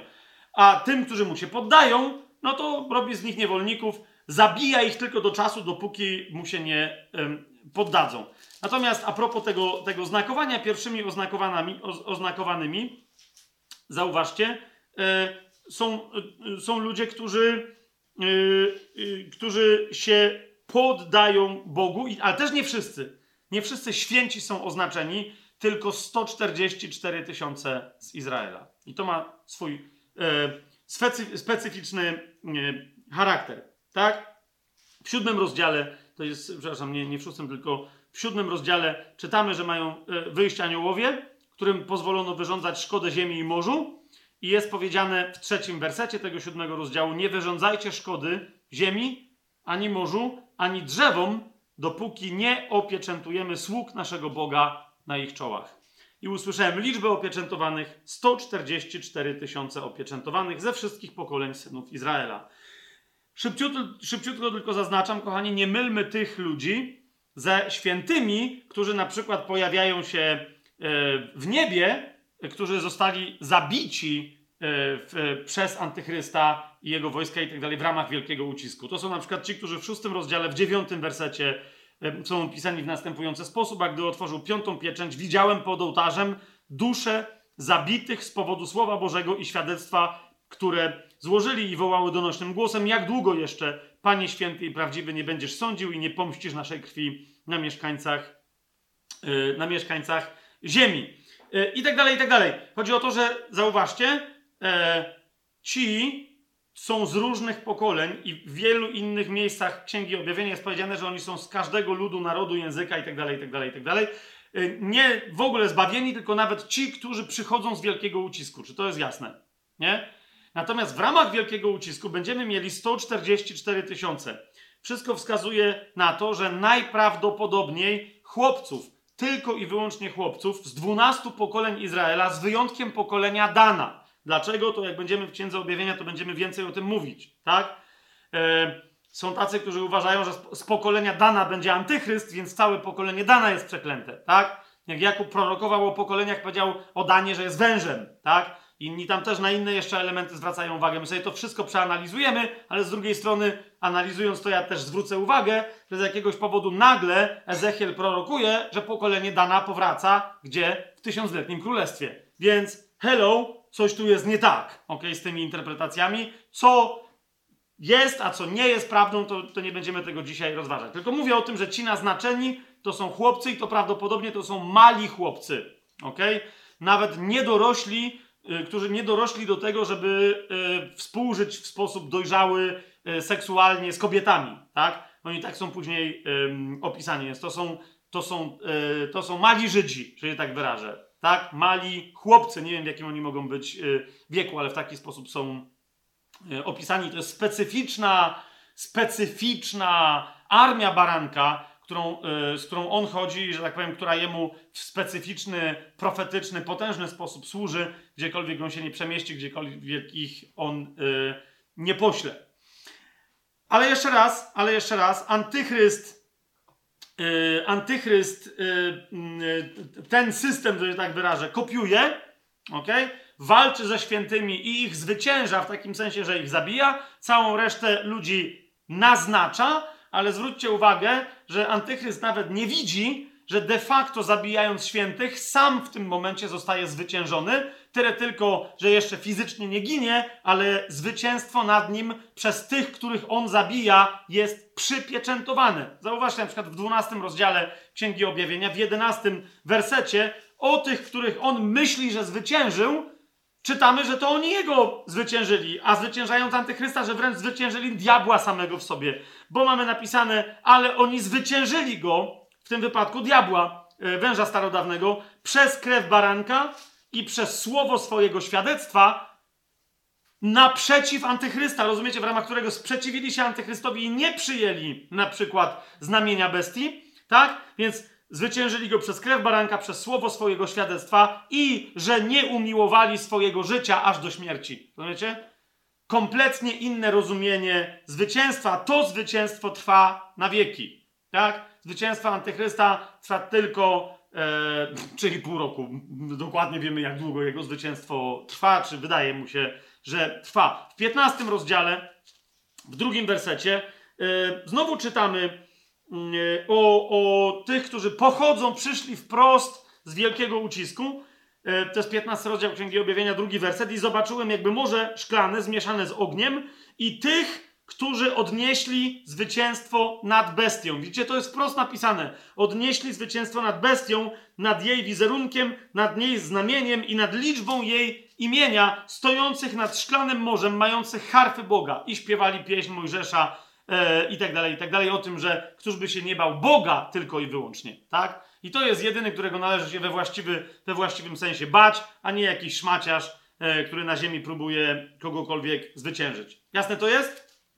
Święci będą zabijani, ale nadal ich śmierć jest zwycięstwem nad tym, który myśli, że właśnie ich zwycięża. I teraz, dlaczego się znowu rozgaduje, skoro żeśmy już sobie ponoć wielokrotnie zidentyfikowali tę pierwszą postać? Bo zauważcie, ta pierwsza postać de facto nie jest zabójcą w odniesieniu do całej ludzkości. Czy to jest jasne? To jest ktoś, kto chce zniewolić całą ludzkość, a jest zabójcą tych, którzy się zniewolić nie dadzą, czyli to jest zabójca świętych. Mamy jasność? Natomiast ten przywódca, antychryst, Nimrod, ok? Abaddon, Apolion, niszczyciel, on posługuje się trzema wyspecjalizowanymi w różnych dziedzinach mordowania, czy narzędziach mordu, zabójcami. I tymi zabójcami są pozostali trzej jeźdźcy, drugi, trzeci i czwarty. Jasność? Drugiego tak opisaliśmy, że to jest ten, który wywołuje, odbiera ludziom pokój, co powoduje, że ludzie skaczą sobie do gardeł, a więc on napuszcza ludzi i, i, i sprytnie powoduje, że ludzie mordują się w wojnie, co symbolicznie w Biblii nazywane jest śmiercią od miecza. Ma to sens? Drugi jeździec, ok? Powoduje kryzys światowy. Myśmy o tym mówili, tak? Zniewolenie ludzi, zadłużenie całych mm, pokoleń, narodów itd., tak itd. Tak I, I ten kryzys prowadzi nie tylko do nies niesamowitej inflacji, drożyzny, biedy masy ludzi, ale także do głodu, a ten głód kończy się śmiercią głodową w bardzo wielu przypadkach. Ma to sens? I teraz trzeci, który jest nazwany śmiercią, ja to ostatnio skrótowo tłumaczyłem, ale nie do wszystkich to jakoś tam dotarło, czy nie do końca było przekonujące. Zauważcie, w tej logice, w szóstym rozdziale, w ósmym wersecie, co mamy napisane? Że trzeci, który ma na imię śmierć, czym się posługuje? I zobaczyłem oto koń płowy, a temu, który na nim siedział, było na imię śmierć. To jest trzeci z tych trzech jeźdźców killerów, tak? Teraz zauważcie, jak jest opisana ich działalność, ich specjalizacja. I dano im władzę nad czwartą częścią ziemi, aby zabijali mieczem, to jest wojna, czyli ten, co odbiera pokój, tak? Głodem to jest kryzys gospodarczo-finansowy, czyli ten, który doprowadza do śmierci głodowej. I trzeci, czyli czwarty w tym wypadku, ale to jest czwarty jeździec, który jedzie na, na koniu płowym, zabija czym? Zarazą. O, jasne to jest? To jest to. Niektórzy mówią, no ale są jeszcze zwierzęta ziemi, może ten czwarty zabija zwierzętami ziemi. Po pierwsze, w Biblii zwierzęta ziemi pojawiają się jako wynik tych poprzednich trzech plag, bo to są, tak, nie- niektórzy je wręcz nazywają plagami Ezechiela albo plagami Jeremiasza. My zobaczymy sobie dzisiaj jeszcze nieco później, że są to po prostu plagi wynikające ze Starego Przymierza, tak? Ale te plagi zasadniczo to, to jest plaga wojny, plaga głodu postępującego i plaga choroby albo jakiejś, e, rozumiecie, zarazy. Zaraz sobie ją bardziej em, e, zdefiniujemy. I teraz te trzy plagi prowadzą do czego? Do wyludnienia. Jasne? A kiedy następuje wyludnienie, to wtedy w miejscach, gdzie mieszkali ludzie, pojawiają się dzikie zwierzęta, a Biblia wtedy pokazuje, że one się rozbestwiają jakby pod wpływem jakby duchów, tak? I tych ludzi, którzy tam pozostali, zaczynają tym bardziej gnębić. Zauważcie, to, ym, Biblia to tak przedstawia, czyli jest wojna, w wyniku wojny na przykład ludzie się bronią w jakimś tam mieście, e, jest głód, potem kończy się wojna, już masa ludzi zginęła, tak? Ci, którzy byli w mieście, głodowali, a ci, którzy są na wsi, mówi, ale i tak my wam nie damy jedzenia, bo nam popalili wszystkie plony. No wiecie o co chodzi? Nie? Przychodzi choroba, no bo na przykład ci, co byli w mieście, zarazili się czerwonką, czy no wiecie, co się dzieje w tego typu miejscach, roznoszą to gdzie indziej, jest zatruta woda, bo trupy leżą w rzece i tak dalej, i tak dalej. No i wiecie, kiedy to wszystko się dzieje, nagle ludzie zaczynają powoli próbować odrestaurować, e, bo myślą, że się da, cywilizację, zaczynają hodować owieczki, coś tam, ale wtedy okazuje się, że wilki są silniejsze, tak? Ludzie nie mają odpowiednio wyszkolonych psów, żeby chroniły. Te wilki się rzucają na pasterzy, albo wręcz z wilkami przychodzą lwy i się rzucają i robią co chcą, rozszarpują im jedzenie, e, te, te owce niszczą plony i tak dalej, i tak dalej. Jest to jasne na to sens, co, co ja mówię. Zresztą wręcz w wielu miejscach jest powiedziane, że, że kiedy ktoś doświadcza tych pierwszych trzech plag, to czwarta jako naturalna przychodzi, żeby na potwierdzenie, że te pierwsze trzy były wynikiem zerwania przymierza z Bogiem. Czy to jest jasne? I wtedy nawet psy, Gosia, kłaniam się niziutko, tak? Nawet psy, niezależnie od tego, jak dobrze są wytresowane, wyszkolone, jak dobrych mają, po prostu stają się opętane. Dzisiaj może przywołamy jeden czy drugi taki cytat. I psy rzucają się na ludzi, żeby ich rozszarpać, mimo że jakby, wiecie, oryginalnie tak nie powinny być. Psy dziczeją, gromadzą się w watachy, które jedzą ludzi, które wprost atakują ludzi. I Biblia wyraźnie mówi, że to jest ta czwarta rzecz, że, że zwierzęta udomowione stają się dzikimi bestiami atakującymi ludzi. Nie? Niemniej, jako egzegeta biblijny, za paroma innymi egzegetami chcę wam zwrócić na co uwagę. Że jeżeli pierwszy jeździec, antychryst, to jest ten antychryst, którego opisuje nam Księga Objawienia, a jest, to on sam w sobie jest dzikim zwierzęciem. Ok? On, e, cała ta jego fałszywa, nieświęta trójca, czyli przywód, ten, ten wiecie, fa, przywódca polityczny czy militarny, przywódca duchowy zwany fałszywym prorokiem, ta dziwność, e, figura, która ożywa i nagle staje się być, jakby człowiekiem, któremu należy, którego należy czcić i tak dalej. Te wszystkie istoty, włącznie z diabłem samym sobie, który wiecie, wychodzi z morza i tak dalej, i tak dalej, one są nazywane tym samym wyrazem, co te zwierzęta ziemi. To jest dokładnie to. To nie są jakieś specjalne bestie, a to nie są zwykłe zwierzęta ziemi. To jest jeden i ten sam wyraz. Czy to, czy to jest jasne? Więc jakby te zwierzęta ziemi to jest tylko dodatek, który się również, który się tu pojawia, tak jak się pojawia w takim, po- powiedziałbym takim wzorcowym, wz- wzorcowej demonstracji tego, co się dzieje z takimi plagami, na przykład w 14 rozdziale Ezechiela, ale tam jeszcze dzisiaj dotrzemy, żeby się temu Yy, żeby się temu bliżej przyjrzeć, tak? Więc jeżeli już z kimś są związane te zwierzęta, to raczej z pierwszym miejscem, bo on sam jest takim zwierzęciem, tak? Które idzie na całą ziemię i kąsa, ale najważniejsze jest, że te zwierzęta, one się pojawiają jako konsekwencja wystąpienia trzech wcześniejszych plag, czyli jeźdźca drugiego, trzeciego i czwartego. Ma, ma to sens, co powiedziałem? Teraz, kochani, następna rzecz, o której ostatnio wspominałem, a dzisiaj sobie powiemy e, jeszcze więcej, żeby to jeszcze bardziej udowodnić, żeby mieć absolutnie jasność. Otóż, kochani, e, zwróćcie uwagę, że jeżeli śmierć posługuje się zarazą, tylko i wyłącznie, jako atrybut tu ewidentnie, tak, w kolejności, drugiemu jeźdźcowi przypisane jest narzędzie, którym jest miecz, trzeciemu jeźdźcowi przypisane jest narzędzie, którym jest głód, a czwartemu zaraza, to zauważcie, że śmierć ta konkretna nie oznacza wszelkiego rodzaju śmierci, ale śmierć jakąś związaną z zarazą. Zgodzicie się ze mną? Tak?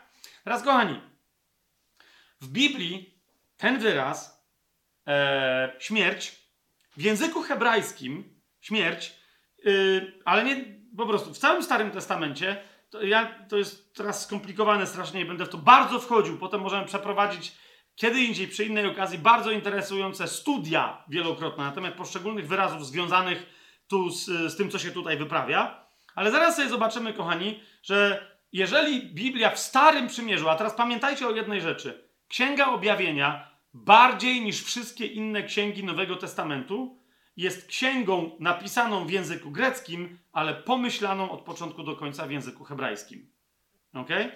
Dlaczego? Ponieważ zasadniczo nie ma ani jednego wersetu w Księdze Objawienia, naprawdę od początku do końca, ani jednego wersetu w Księdze Objawienia od pierwszego rozdziału pierwszego wersetu do ostatniego rozdziału ostatniego wersetu nie ma według mnie ani jednego wersetu, który by w jakiś sposób nie nawiązywał do Starego Testamentu, nie wykorzystywał tak zwanego rekwizytorium e, albo haseł e, Starego Testamentu, albo wprost, żeby jakiś werset albo ciąg wersetów nie był cytatem wprost ze Starego Testamentu.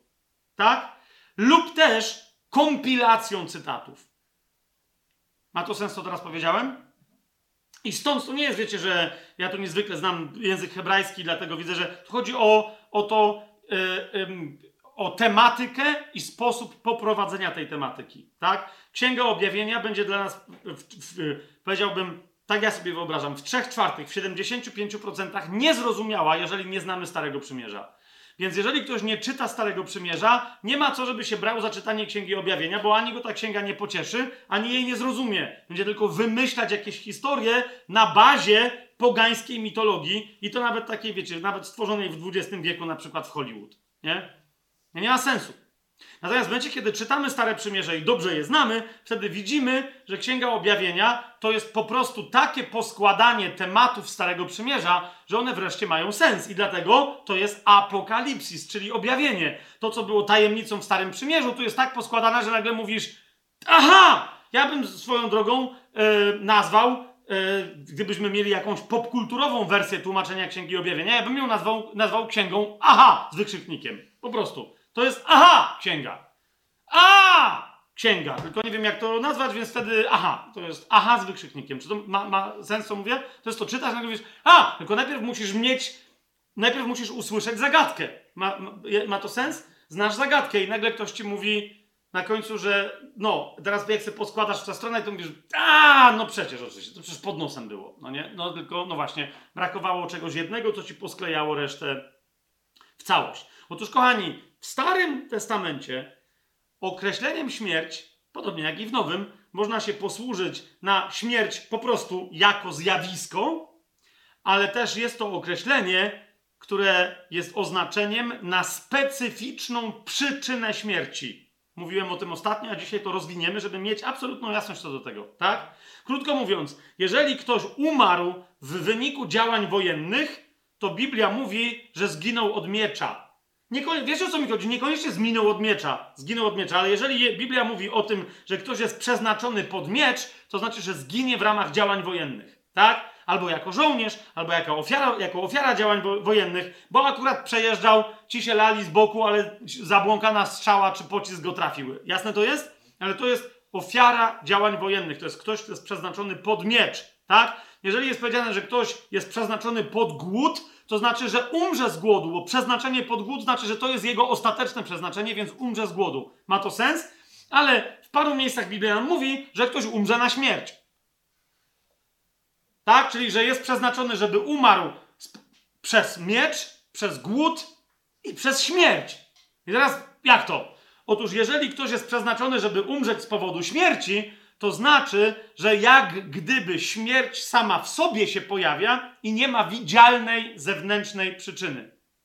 Tak? A więc nie są to zwierzęta, które go rozszarpały, które się wściekły, które być może demony na niego napuściły. Nie ma katastrofy naturalnej, bo to jest znowu jeszcze inna kategoria. Tak? Trzęsienie ziemi, erupcja wulkanu, powódź, ktoś, yy, wiecie, inny nieszczęśliwy wy- wypadek, burza, na morzu roztrzaskał się okręt, ludzie wpadli do wody, zginęli, utopili się w otchłani. Jest to jasne? Tak? To jest zawsze jakoś w Biblii nazwane.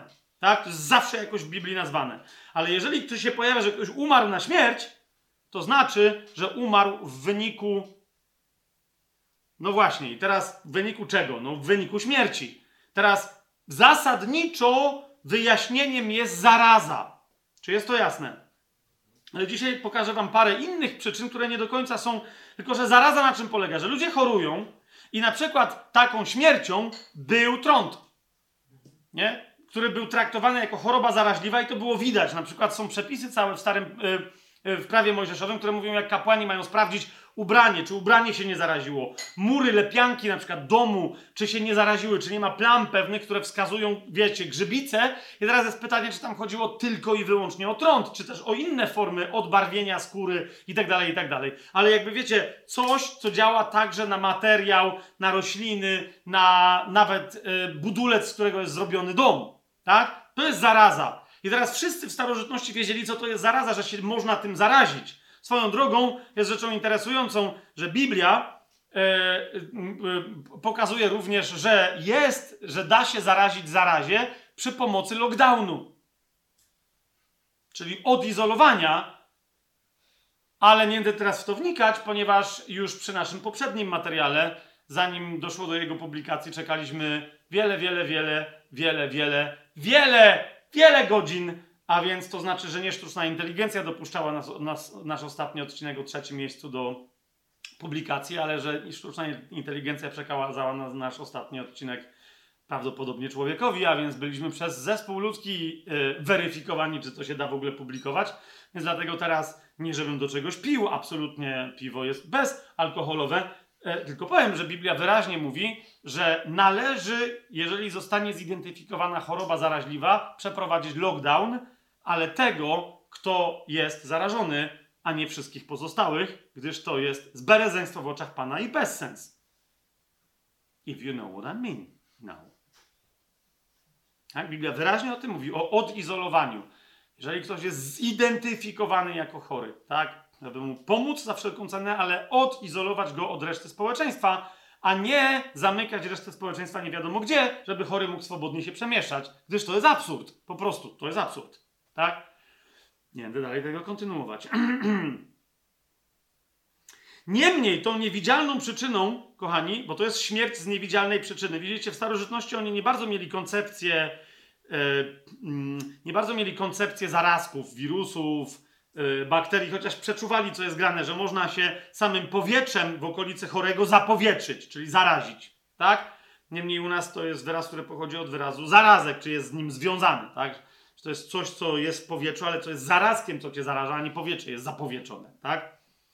Niemniej, kochani, Biblia pokazuje parę innych zaraz, które jednocześnie pokazuje, że nie są zarazami o charakterze fizycznym. A więc, że to nie są choroby, tak?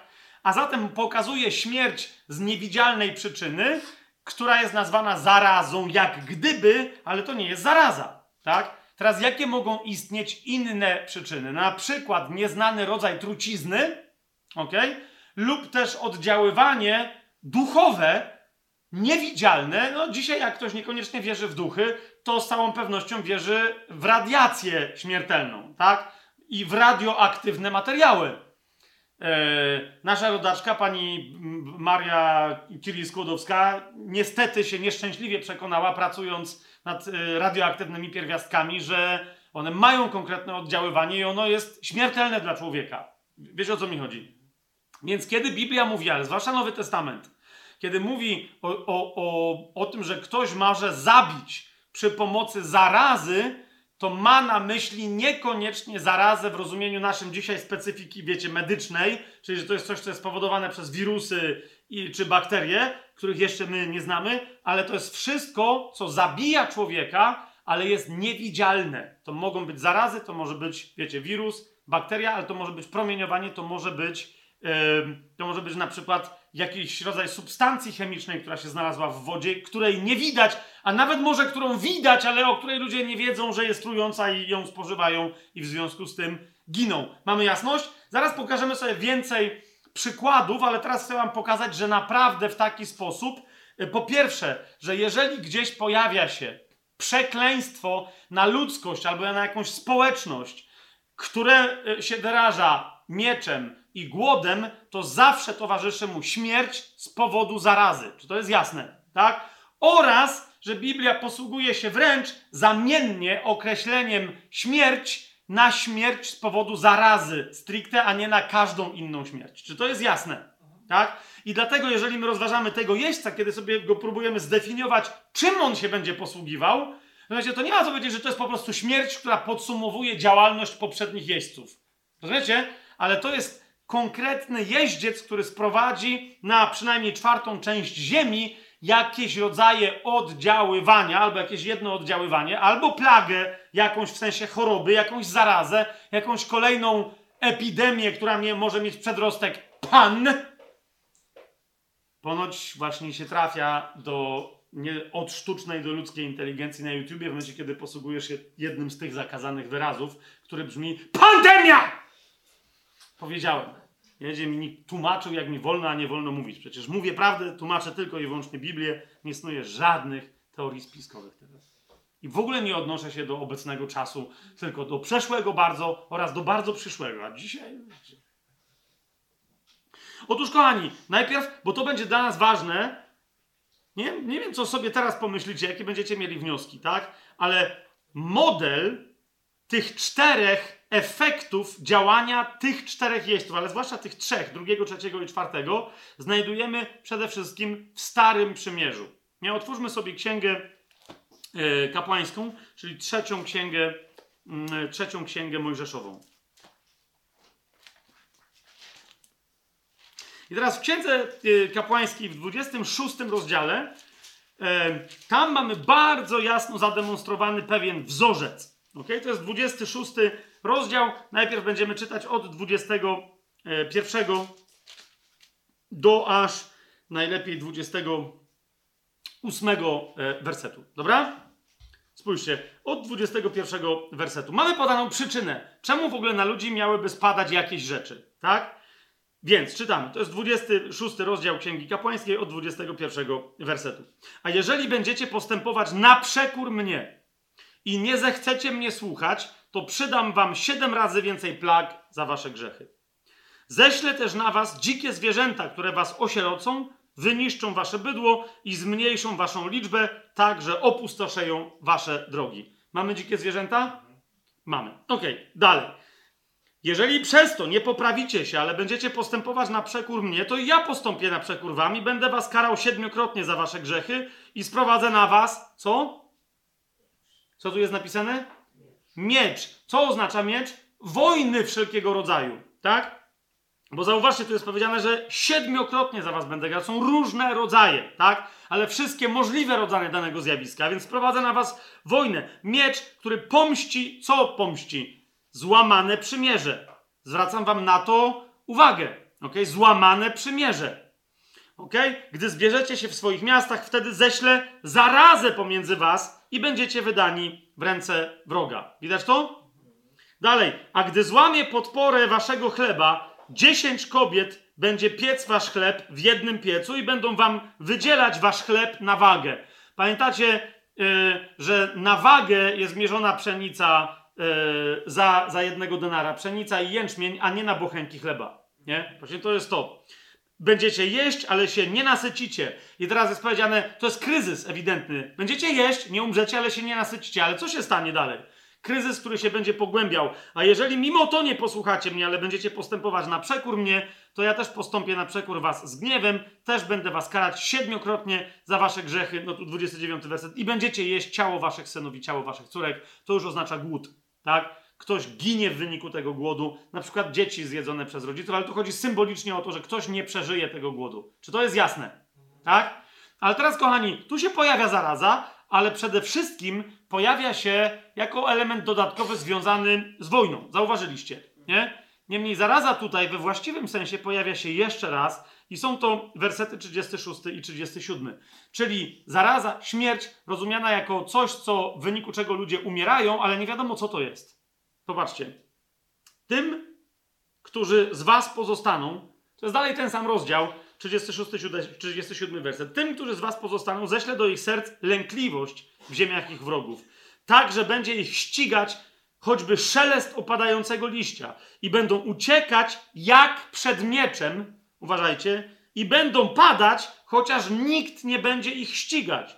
I padną jeden na drugiego, jakby od miecza, chociaż nikt ich nie będzie ścigać. Nie będziecie mogli się ostać przed waszymi wrogami.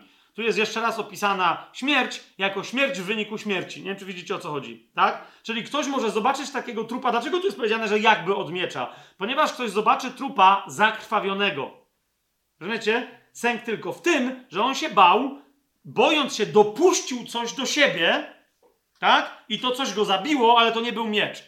Tak, ale jakby z tego człowieka wypływa krew i wygląda, jakby był zabity od miecza. Dlatego jest, y, jest takie porównanie. Ale przyczyną nie, przyczyna jest niewidzialna. Tak? Dopuszczenie tej przyczyny, a więc przyczyną tej przyczyny jest lęk ludzki. Pamiętacie, jak ostatnie nasze studia de facto kończyły się stwierdzeniem: pierwsze co, przestań się bać, zacznij ufać Panu. Tak? Przestań się bać, zacznij. ufać Panu. Więc tutaj mamy opisane te, te e, widzicie, prawo stanowi, że kto złamie przymierze i kto nie będzie wierny Bogu, tego, kto jest pod prawem, Pan jest zobowiązany ukarać, bo on przyjmuje taką umowę dokładnie tego rodzaju plagami. Mieczem, ok? Głodem, zarazą, śmiercią e, po prostu bez przyczyny i dzikimi zwierzętami. Jest to? Teraz przyjrzyjmy się, jak prorocy mówią, zwłaszcza Jeremiasz i Ezechiel, bo, głównie oni, jak mówią do ludu e, będącego pod przymierzem, który nie chce słuchać i który się buntuje, co mówią, że się stanie. Otwórzmy sobie księgę e, Jeremiasza i tam zobaczymy, jak ten wzorzec jest e, stosowany. Głównie w księdze Jeremiasza. Ja tu sobie pozwolę, bo, bo, bo ostatnim razem jakoś y, jakieś tam wątpliwości się zrodziły, więc jakby zobaczmy to naprawdę na wielu przykładach, wciąż nie wszystkich, ale na tyle wielu, żeby to się stało zrozumiałe, co tutaj się dzieje, tak? Jeremiasz mówi, idźcie do niewoli, poddajcie się niewoli, bo jak nie, kto nie pójdzie do niewoli, to nie uratuje się w Egipcie, tak? Ale zginie w określony sposób. To będzie wasza niewierność wobec Pana, jak nie poddacie się Nabuchodonozorowi babilońskiemu, tak? To jest 14 rozdział najpierw księgi, yy, księgi Jeremiasza, werset 12, 11 i 12. Nie? Pan oczekuje posłuszeństwa, a nie jakichś religijnych działań. Potem Jachwę powiedział do mnie, nie módl się o dobro tego ludu, bo oni wiedzą, co mają zrobić, żeby doświadczyć dobra. Po prostu. Nie, więc już przestań się modlić o dobro tego ludu. Kiedy będą oni pościć, a więc kiedy będą robić coś jeszcze poważniejszego w starym przymierzu niż modlitwa, czyli modlitwa połączona z postem, konkretna ofiara Bogu złożona ze słabości swojego ciała. Bóg mówi, nawet jak oni będą pościć, nie wysłucham ich wołania. A gdy będą składać całopalenia i ofiarę z pokarmów, nie przyjmę tego, uważajcie, ale wytracę ich mieczem, głodem i zarazą. Widzicie to? Drugi, trzeci i czwarty jeździec apokalipsy. Miecz, głód i zaraza. Oni się posługują tymi narzędziami. Jasność? Dalej.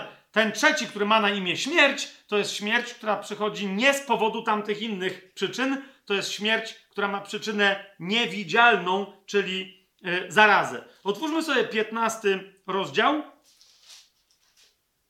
Drugi i trzeci werset. A jeżeli zapytają, dokąd pójdziemy, wtedy im powiesz, tak mówi Pan, i zwróćcie uwagę, kto przeznaczony na śmierć, pójdzie na śmierć. Kto przeznaczony pod miecz, pójdzie pod miecz. Kto na głód, ten na głód, a kto na niewolę, ten w niewolę. Yy, zaraz, what? Nie wiem, czy widzicie. Czyli kto przeznaczony jest na śmierć, ten umrze. A ten, kto jest przeznaczony pod śmierć, będzie co, chodził cały czas pod mieczem? Nie, on umrze w wyniku wojny. Kto przeznaczony na głód, ten umrze z powodu głodu, tylko ten nie umrze, kto pójdzie do niewoli. Czy to jest jasne? Tak? A ten, kto jest przeznaczony na śmierć, z jakiego powodu, yy, z jakiego powodu umrze? Z powodu zarazy. Jasne? To, to, bo, bo to nawiedzę ich czterema rodzajami kar, mówi Jachwę tu a propos y, tych zwierząt, Gosia. Mieczem, aby zabijał, psami, aby rozszarpywały, ptactwem nieba i zwierzętami ziemi, aby pożerały i niszczyły. Niektórzy mówią, no to gdzie tu jest w takim razie, gdzie tu jest głód i gdzie tu jest śmierć? No właśnie tutaj, ok? Kochani, ptactwo nieba przylatuje, okej? Albo do pobitych w czasie wojny, albo do tych, którzy umierają i leżą, rozkładając się na ziemi w wyniku pomoru. Czy to jest jasne? Zwierzęta ziemi w Biblii rozszarpują tych, którzy umierają w wyniku głodu. Zwierzęta też są głodne i jedzą tych, co padli. Czy to jest jasne? Więc tu dodatkowo e, jakby to jest podkreślone, tak, że miecz przyjdzie, są dzikie zwierzęta, są ci, co umierają w wyniku głodu lub pomoru w wyniku zarazy. One, oni, e, ich trupy są rozszarpywane przez ptactwo nieba i zwierzęta ziemi. Jasne? Jasne? To, to, zwłaszcza, że później jakbyście sobie przeanalizowali to, to, czym się różni od pożerały i niszczyły, no to to jest e, właśnie to. Nie? Zwierzęta ziemskie i, y, inaczej trochę rozbierają człowieka niż na przykład ptaki. No nie? Również z powodu tego, dlaczego ktoś umarł. Są pewne rzeczy, które są jeszcze jadalne u jednych, a u, u innych są kompletnie niejadalne nigdy i tak dalej, i tak dalej. Biblia to tam rozważa. Teraz my w to nie będziemy wchodzić. Ale widzicie to, tak? Kto przeznaczony na śmierć, pójdzie na śmierć. Kto pod miecz, w drugim wersecie, pod miecz, a kto na głód, ten na głód. Jasne? Śmierć tu jest oznaczeniem, a jeszcze pokażę wam zaraz jeszcze konkretniejsze rzeczy, jest oznaczeniem śmierci w wyniku niewidzialnej przyczyny zwanej powszechnie zarazą. W 16 rozdziale, w czwartym yy, rozdziale, żebyśmy mieli tutaj to, pod... zobaczcie, pomrą od ciężkich, śmiertelnych chorób, to jest 16 rozdział, czwarty werset. Pomrą od ciężkich, śmiertelnych chorób. Nie będą opłakiwani ani pogrzebani, lecz staną się nawozem na powierzchni ziemi. Wyginą od miecza i głodu, a ich trupy będą pokarmem dla ptactwa nieba i zwierząt ziemi. Trupy kogo? Tych, którzy pomarli od śmiertelnych chorób, którzy wyginęli od miecza i głodu. Widzicie to? Jest to tutaj? Więc jeszcze raz e, porównajcie to sobie z 15 rozdziałem, drugim, trzecim wersetem. Mamy jasno pokazane, że śmierć jest ozna- jak, jak, jako nie w wyniku miecza czy głodu jest śmiercią w wyniku zarazy, w wyniku śmiertelnych chorób, głównie, ale nie tylko. Jasność? Bo inne, inne powody, które wyglądają jak choroba i są nazwane pomorem czy zarazą, ale tak naprawdę nie są, to jeszcze dzisiaj e, Wam pokażę. W 24 rozdziale Jeremiasz e, w wersecie 10 powtarza i będę posyłał na nich miecz, głód i zarazę, aż będą wytraceni ym, z ziemi. 27 rozdział, 8 werset. A ten naród i to królestwo, które nie będzie służyło Nabuchodonozorowi, królowi Babilonu, i które nie podda swojego karku pod jarzmą króla Babilonu, taki naród nawiedzę mieczem, głodem i zarazą, mówi Pan, aż wytracę je jego ręką. Zauważcie, że król Babilonu ogólnie to jest inny symbol Asyryjczyka, czyli antychrysta. Tak? Opętanego i wypełnionego duchem Lucyfera, który spadł e, z nieba, syna Jutrzenki, który był w Edenie. Pamiętacie to, tak? Jeszcze raz, kto nie pamięta, 12 sezon od 8 aż do 12 odcinka, włącznie tam te między innymi kwestie rozważamy. Zauważcie tutaj, albo ktoś jest, i to jest także symbol końca czasów, albo ktoś jest w niewoli u antychrysta, albo ginie od miecza, głodu i zarazy. To jest trzech pozostałych jeźdźców po babilońskim królu, po Babilończyku, po Asyryjczyku, po Nimrodzie, po, yy, po bestii. Czy to jest jasne? Widzicie tutaj te, te wzorce, tak? 29 rozdział, wersety 17 i 18. Tak mówi Jachwę zastępów. Oto poślę na nich miecz, głód i zarazę i uczynię z nimi jak ze złymi figami, których nie można jeść, bo są tak złe. Będę ich bowiem prześladować mieczem, głodem i zarazą i sprawię, że zostaną wysiedleni do wszystkich królestw ziemi. Uczynię ich przedmiotem przekleństwa, zdumienia, poświstania i hańby wśród wszystkich narodów, do których ich wypędziłem. Więc macie znowu głód, miecz, głód, zarazę i co? I niewolę. Tutaj niewolę Izraela wśród różnych narodów ziemi, a koniec końców niewolę wszystkich narodów ziemi na całej ziemi. Jasność? 32 E, rozdział Jeremiasza. 24 mm, e, werset. Oto wały usypane, usypano przeciwko miastu, aby je zdobyć. Miasto jest wydane w ręce Chaldejczyków. Chaldejczycy to są żołnierze króla Babilonu, to są Babilończycy. Jasne? To są Babilończycy, którzy walczą przeciw niemu w jaki sposób walczy Babilon przeciwko Jerozolimie? W jaki sposób walczy Asyryjczyk, Babilończyk przeciwko Izraelowi? Przez miecz, głód i zarazę. Widzicie to? Tym się posługuje Babilończyk. Więc jeszcze raz, pierwszy jeździec na koniu białym udający Chrystusa, antychryst, posługuje się trzema następnymi. To jest miecz, głód i zaraza. Jasne? Okej, w 30, mm, tu jeszcze w tym samym rozdziale, w 36 wersecie, dlatego teraz tak mówi Jahwe, Bóg Izraela, o tym mieście, o którym wy mówicie, zostanie wydane w ręce króla Babilonu przez miecz, głód i zarazę. Znowu macie króla Babilonu i on zdobywa to miasto przez miecz, głód i zarazę. W 34 rozdziale, w 17 wersecie czytamy, dlatego tak mówi Jahwe, nie posłuchaliście mnie, aby każdy ogłosił wolność swojemu bratu i bliźniemu. Oto ogłaszam wam, mówi Jahwe, wolność pod miecz, na zarazę i głód i wydam was na wysiedlenie do wszystkich królestw ziemi.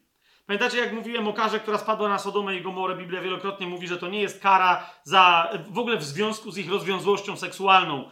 Rozwiązłość seksualna była już tylko siódmą wodą po kisielu ich oryginalnego grzechu, którym był brak rzeczywistej Bożej sprawiedliwości społecznej. Nie socjalizmu, tylko Bożej sprawiedliwości społecznej. Tak? Po prostu ustawili cały system tak, żeby zniewalać ludzi, śmietanka towarzyska, rozumiecie, pseudoarystokracja, żeby zniewalić całą resztę obywateli Sodomy i Gomory i okolicznych e, wiosek, całe te królestwa Sodomy i Gomory tak to wymyśliły i w związku z tym to im Pan wyrzuca, że gnębią ubogiego i dlatego chce y, znieść ich z powierzchni ziemi i spalić im żywym ogniem lecącym z nieba, a nie dlatego, że są homoseksualistami czy kimś tam innym. To nie to jest karane. Czym, tak? Nie, nie, będziemy tam się odnosić, ale też prorocy o tym wyraźnie mówią. Głównie zdaje się, z tego co pamiętam, Ezechiel, ale jeszcze raz teraz y, nie y, jestem w innym ciągu myślowym i być może, że nie do właściwego proroka was odnoszę, ale wydaje mi się, że Ezechiel o tym prorokuje. Tak, no, o, o, o, o siostrach o siostrach Jerozolimy. Ale dobra, y, zostawmy to, tak? Tylko my tu widzimy, jeszcze raz, zwróćcie uwagę, jest wyraźnie powiedziane, że, że czego Pan oczekiwał od Izraela, to żeby szli, aby uwalniać. Tak? Więc jeżeli, jeżeli nie to, to w takim razie popadną w niewolę. I zobaczcie, to jest to samo, co się dzieje w Księdze Objawienia. Jest ten, którego celem jest zniewolić całą ziemię. I on się posługuje czym? Mieczem, zarazą i głodem. 34 rozdział, 17 werset. Ten sam wzorzec. Ok, w Księdze Ezechiela w piątym e, rozdziale, jak sobie otworzymy, e, księdze, Księgę Ezechiela, piąty mm, e, rozdział, w piątym rozdziale, w dwunastym wersecie czytamy: Trzecia część Twoich ludzi umrze od zarazy i wyginie z głodu pośród Ciebie. Trzecia część padnie od miecza wokół Ciebie, a trzecią część rozproszę na wszystkie wiatry i miecz na nich dobędę, ale w sensie jako niewolników po tych wszystkich wiatrach, tak? Znowu widzicie ten sam wzorzec w 17 wersecie. Ześlę więc na was głód, no i tu jest uzupełnienie i okrutne zwierzęta, które cię osierocą. Przejdą przez ciebie zaraza i krew i sprowadzę na ciebie miecz. Ja jak to powiedziałem. Amen? Widzicie to? Są oprócz tego jeszcze te dzikie zwierzęta. Ale wręcz niektórzy mówią, że, że te, ten, ten, ta właściwa dynamika yy, yy, z szóstego rozdziału czterech jeźdźców Apokalipsy, z szóstego rozdziału Księgi Objawienia jest opisana najpełniej, nawet nie według mnie właśnie w Księdze Kapłańskiej, co już sobie cytowaliśmy, ale wielu twierdzi, że to jest czternasty rozdział Księgi yy, Ezechiela od 13 wersetu, że tam de facto ten wzorzec jest przedstawiony. Jeszcze raz, ten wzorzec tam jest przedstawiony w odniesieniu do księgi kapłańskiej, tak? Prorok Ezechiel by nie prorokował, gdyby Mojżesz nie dał prawa, w którym były ustanowione zasady. Jasne?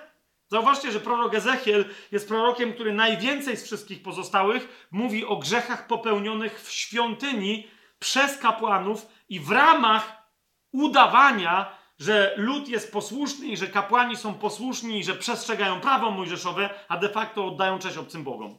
Nie? Więc on się odwołuje do księgi kapłańskiej, kiedy mówi, co następuje. Od 13 wersetu będziemy czytać aż do 21, bo to jest pełny e, wzorzec, tak? Synu człowieczy, jeśli ziemia zgrzeszy przeciwko mnie, niezmiernie dopuszczając się przestępstwa, zwróćcie uwagę, yy, jakie tu jest określenie. Kto, jeżeli zgrzeszy przeciwko mnie? Naród? Izrael? Ktoś tam? Ziemia.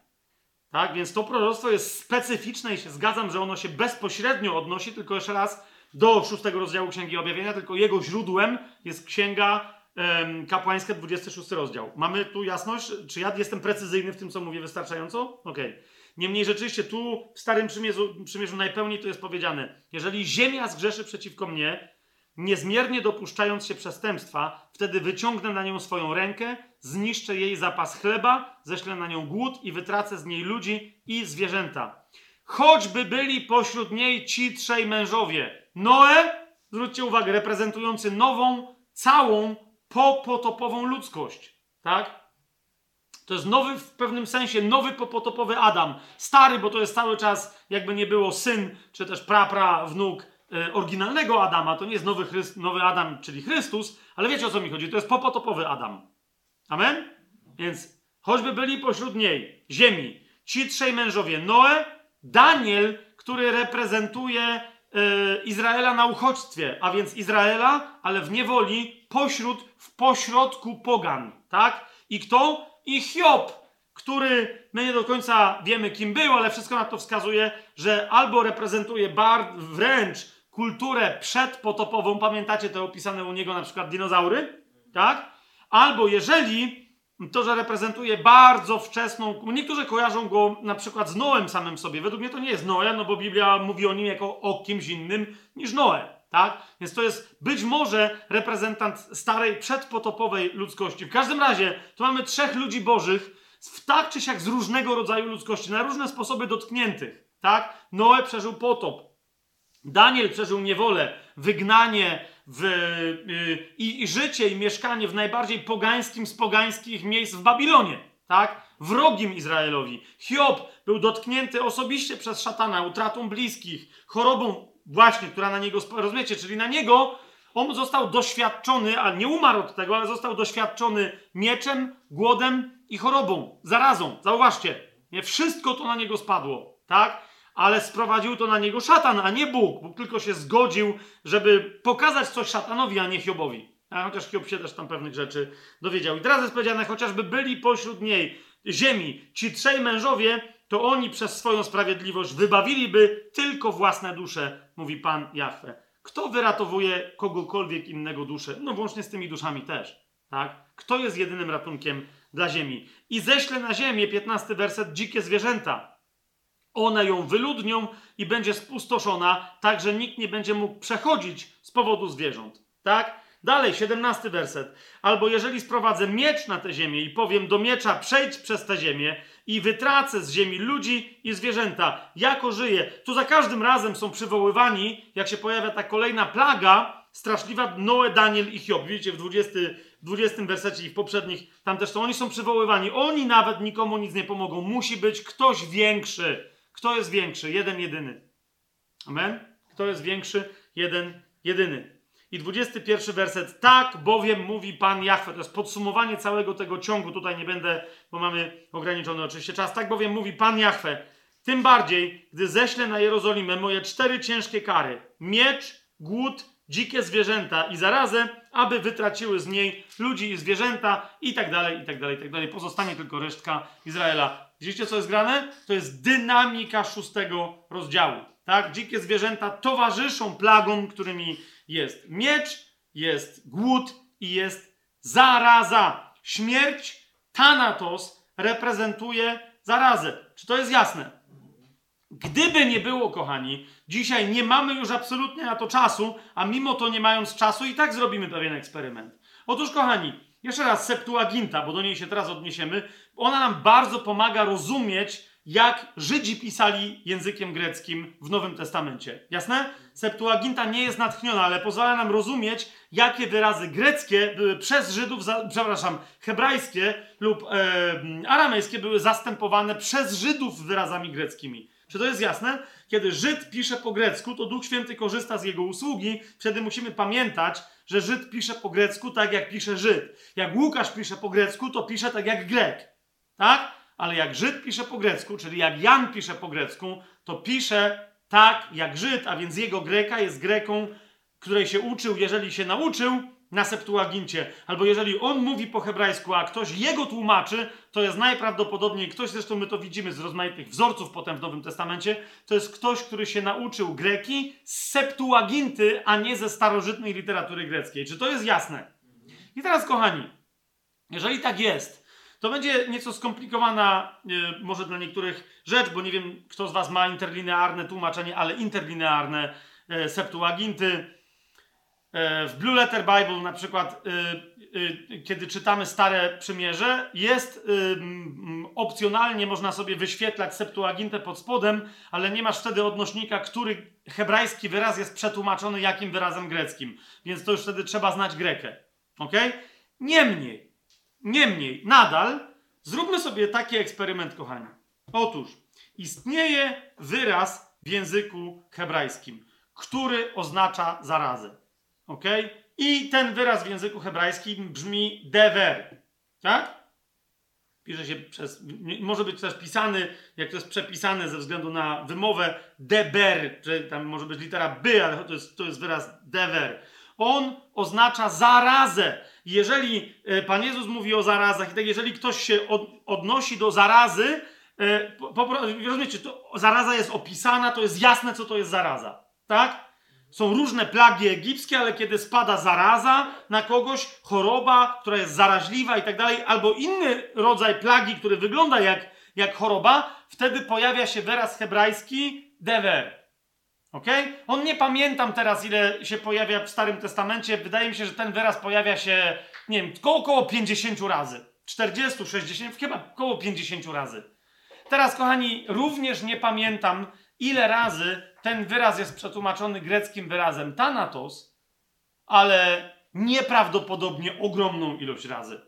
Czyli kiedy Żydzi mówiący oryginalnie językiem hebrajskim, znający aramejski, tłumaczą wyraz zaraza na grekę w Septuagincie, tłumaczą go imieniem czwartego jeźdźca, czyli wyrazem thanatos. Ok?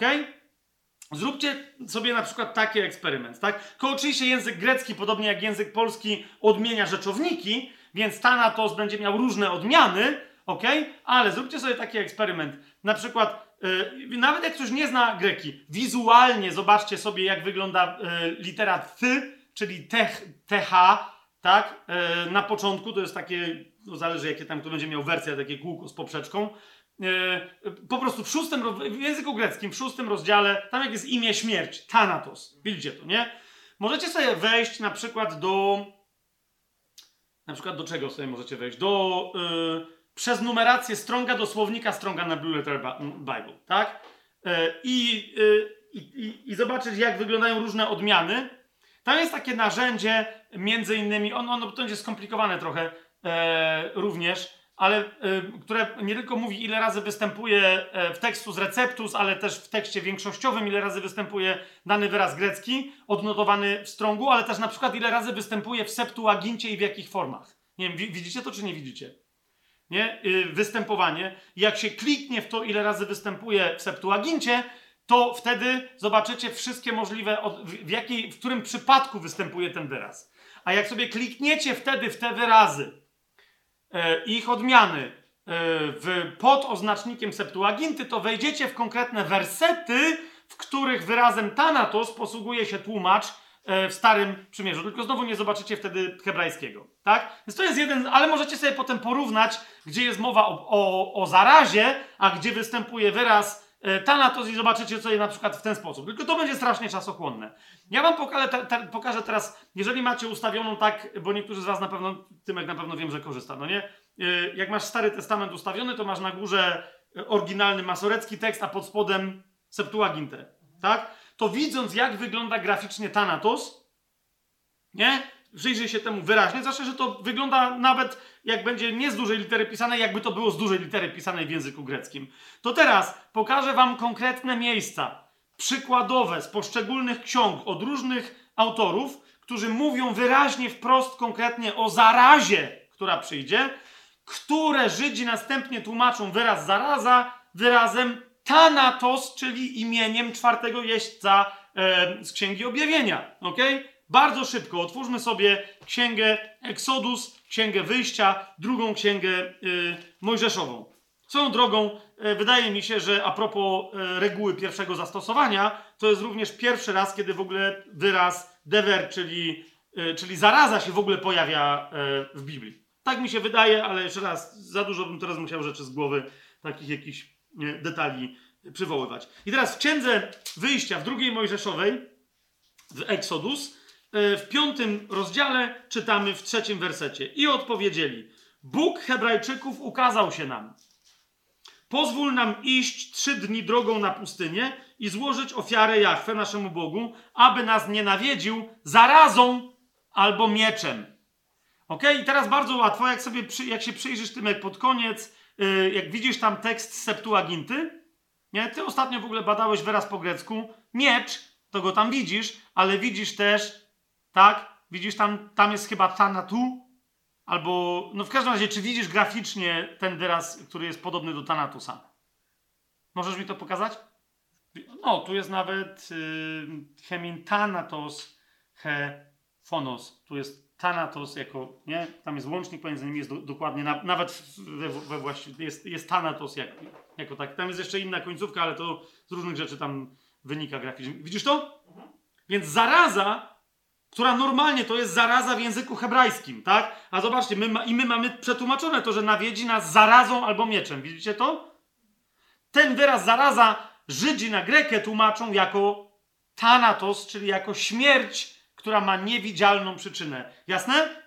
Podobnie, zobaczcie, dziewiąty rozdział yy, u Mojżesza, yy, żeby tylko żebyście zobaczyli, że tego samego autora Żydzi tłumaczą dokładnie tak samo, trzymają się tego klucza. Dziewiąty rozdział, trzeci werset. Oto ręka Jachwa będzie na, yy, ręka Jachwę będzie na twoje stada, które są na polu, na koniach, na osłach, na wielbłądach, na wołach i na owcach. Będzie bardzo ciężka zaraza. W języku greckim całkiem możliwe, że te przymiotniki, że oznaczające, że ona będzie bardzo ciężka, są, mogą być później, a więc ten Thanatos będzie nie na samym końcu, tylko może być na przykład drugi czy trzeci od końca, ale tam jest. Ok? I jak, yy, jeżeli ktoś z Was będzie na przykład korzystał z komputera, to zdaje się, że teraz na Blue Letter jest też tak, że, że wtedy przynajmniej w języku greckim możecie sobie klikać w te wyrazy i w Septuagincie nie będzie odniesienia właściwie do, do Stronga od razu z tłumaczeniem. Nie wiem, czemu oni tak to dziwnie tam zrobili, ale możecie sobie, no ile tam tych strzałów będzie, coś co wygląda na Tanatosa, pykasz, pykasz, raz, dwa, trzy i nagle zobaczysz, jest rzeczywiście, tak? To jest, a, a tutaj to jest tłumaczenie wyraza, wyrazu zaraza, bardzo ciężka zaraza. Jest? Tymek? Jest. Dalej. Yy, w tym, tak samo w tym dziewiątym rozdziale, 15 werset, bo teraz wyciągnę rękę i uderzę ciebie i twój lud zarazą i będziesz wytracony z ziemi. Znowu tu jest wyraz dever hebrajski, który jest przetłumaczony przez Żydów na Grekę jako thanatos, czyli jako śmierć. Rozumiecie? Dalej, Księga Kapłańska. Otwórzmy sobie, czyli trzecia Mojżeszowa, 26 rozdział, 25 werset, 26 rozdział, 25 werset. I sprowadzę na was miecz, który pomści złamane przymierze, gdy zbierzecie się w swoich miastach. Ześlę zarazę pomiędzy was i będziecie wydani w ręce wroga. Już dzisiaj czytaliśmy ten fragment, ale tu konkretnie, gdzie jest mowa o zarazie, Żydzi na Grekę tłumaczą wyraz dever, zaraza tłumaczą słowem thanatos, czyli śmierć. Jest to jasne? Dalej. E, Księga Liczb. Otwórzmy sobie Księgę Liczb, czyli czwartą Mojżeszową, czternasty rozdział, e, dwunasty 14 rozdział, 12 werset. Uderzę ich zarazą i wydziedziczę, a ciebie uczynię narodem większym i silniejszym niż oni. Znowu wyraz dever, hebrajski, zaraza. Na grekę przez Żydów jest przetłumaczony imieniem czwartego jeźdźca apokalipsy, czyli Thanatos, czyli śmierć. To było ich określenie na zarazę. Księga Powtórzonego Prawa, 28, 28 e, e, rozdział, 21 werset. 28 e, rozdział, 21 werset. Jachwę sprawi, że przylgnie do ciebie zaraza, aż cię wyniszczy z ziemi, do której idziesz, aby ją posiąść. Znowu hebrajski wyraz zaraza, dever, w języku greckim przez Żydów wyraz Thanatos się pojawia, imię czwartego jeźdźca Apokalipsy. Ja tu mam więcej tego, rozumiecie, kiedyś, pamiętam, że kiedyś, kiedyś, dawno temu robiłem sobie taki eksperyment i dokładnie to sprawdzałem. Ja nie pamiętam teraz, ile momentów jest w Septuagincie, gdzie by Żydzi nie przetłumaczyli wyrazu dever, czyli zaraza, wyrazem thanatos greckim, ok? Ale naprawdę tam mieli swoje specyficzne okoliczności, w ramach których zastosowali inny opis. Ale w większości miejsc, gdzie w języku hebrajskim, w, i to w takiej, że rozumiecie, że wręcz te pozostałe miejsca to są wyjątki potwierdzające regułę. Ja tylko jak sobie szybko sprawiłem, sprawdziłem dzisiaj tak wyrysko, wyrywkowo, na chybił trafił, to były te miejsca, które wam pokazałem, plus psalmy, na przykład sprawdziłem psalm 78, werset 50, Jeremiasza 14 rozdział 12 werset, Ezechiela 14 rozdział 21 werset, czyli miejsca, które już cytowaliśmy.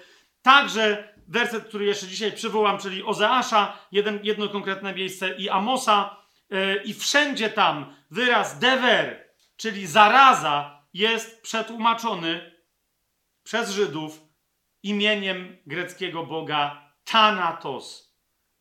Rozumiecie o co chodzi? Więc jeszcze raz, czy to jest wystarczający dowód już teraz, że ten czwarty jeździec to jest ktoś, kto posługuje się jakąś niewidzialną przyczyną, która zabija masowo ludzi, tak że wygląda to, jakby to była zaraza. Mamy to?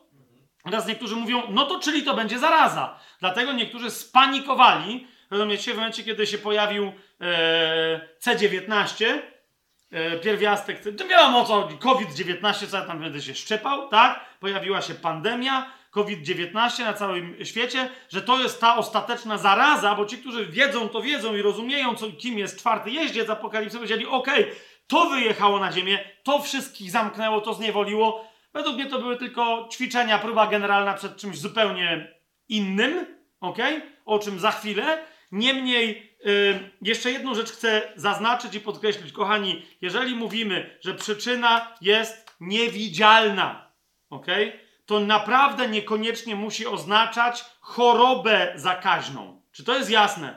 Tak? Sama Księga Objawienia, otwórzmy ją sobie, Księga Objawienia w szóstym rozdziale. Zobaczcie, jakie podaje możliwe przyczyny yy, zarazy czegoś, co Biblia by nazwała zarazą, co Biblia by nazwała dewerem lub też tanatosem. Księga Objawienia, szósty rozdział sobie otwórzmy. Zauważcie, jest powiedziane zaraz po tym, jak czytamy w szóstym rozdziale, w ósmym wersecie, o tym miejscu, który przyjeżdża na, na koniu nazwanym tutaj płowym, o kolorze tego konia za chwilę, jest powiedziane, że dano im władzę nad czwartą częścią ziemi, aby zabijali mieczem i głodem i zarazą. Zauważcie, co się zaraz dalej dzieje. Na przykład w dwunastym wersecie i dalej tego rozdziału czytamy i zobaczyłem, gdy otworzył oczywiście baranek szóstą pieczęć, a oto nastąpiło wielkie trzęsienie ziemi, a więc mamy jakieś zjawiska ziemskie i niebieskie i słońce stało się czarne jak włosiany wór, a księżyc stał się jak krew.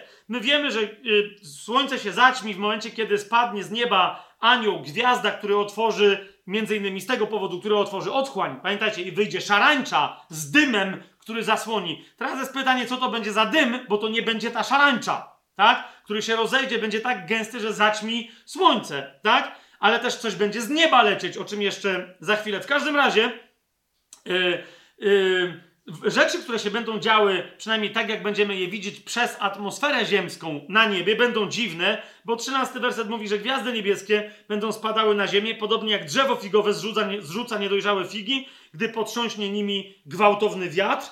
Wręcz będzie takie zjawisko, które może oznaczać nie wiem, albo utracenie części atmosfery Ziemi, albo w ogóle jakąś, wiecie, katastrofę kosmiczną. W każdym razie jest powiedziane, że niebo ustąpi jak zwój zrolowany, a na Ziemi każda góra i wyspa ruszy się ze swoich miejsc. Rozumiecie, co to oznacza? Zresztą my wiemy, że zanim y, zmieni się topografia na Ziemi i najwyższą górą na Ziemi będzie Syjon, tak? Bo Biblia będzie, będzie mówi, że, że ona będzie ponad wszystkie inne góry, to my wiemy, że Ziemia wyrówna góry i pagórki, tak że doliny się podniosą, a góry się spłaszczą, żeby ten, który przychodzi, szedł po równej drodze.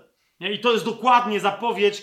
Pamiętacie y, przepowiednie ze Starego y, Przymierza? I to jest dokładnie zapowiedź tego, że po prostu wszystkie wzniesienia i tak dalej i obniżenia terenu się wypłaszczą w ramach tego nieprawdopodobnego trzęsienia ziemi a wiedząc o tym, rozmaici ludzie, którzy nadal nie będą chcieli się nawrócić, będą się chować pod górami i pod skałami. 16 werset, 15 y, werset mówi o tym, że ukryli się w jaskiniach i skałach górskich.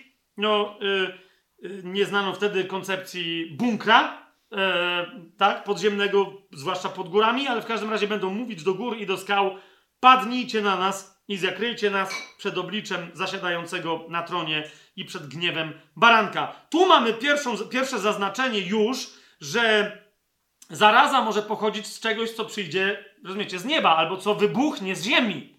Tak? No nie wiemy, co się, jakie rzeczy się kryją w ziemi, jakie gazy, jakie jakieś tam kwestie. Ale zobaczcie na przykład dalej, bo nieco się te historie nam rozwiązują, uwalniają informacje na ich temat, na przykład w ósmym rozdziale, gdzie czytamy od siódmego wersetu, że kiedy zatrąbi pierwszy anioł, powstanie grad i ogień zmieszane z krwią, czyli przyleci jakby lód, jakby płonący, o kolorze krwi z góry na dół. One spadną z nieba na ziemię i zrzucony zostanie ten grad i ogień zmieszane z krwią na ziemię.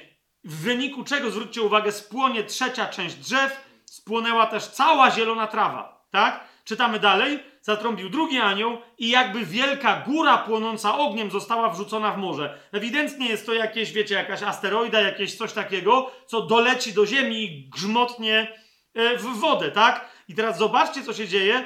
Została wrzucona w morze i trzecia część morza zamieniła się w krew.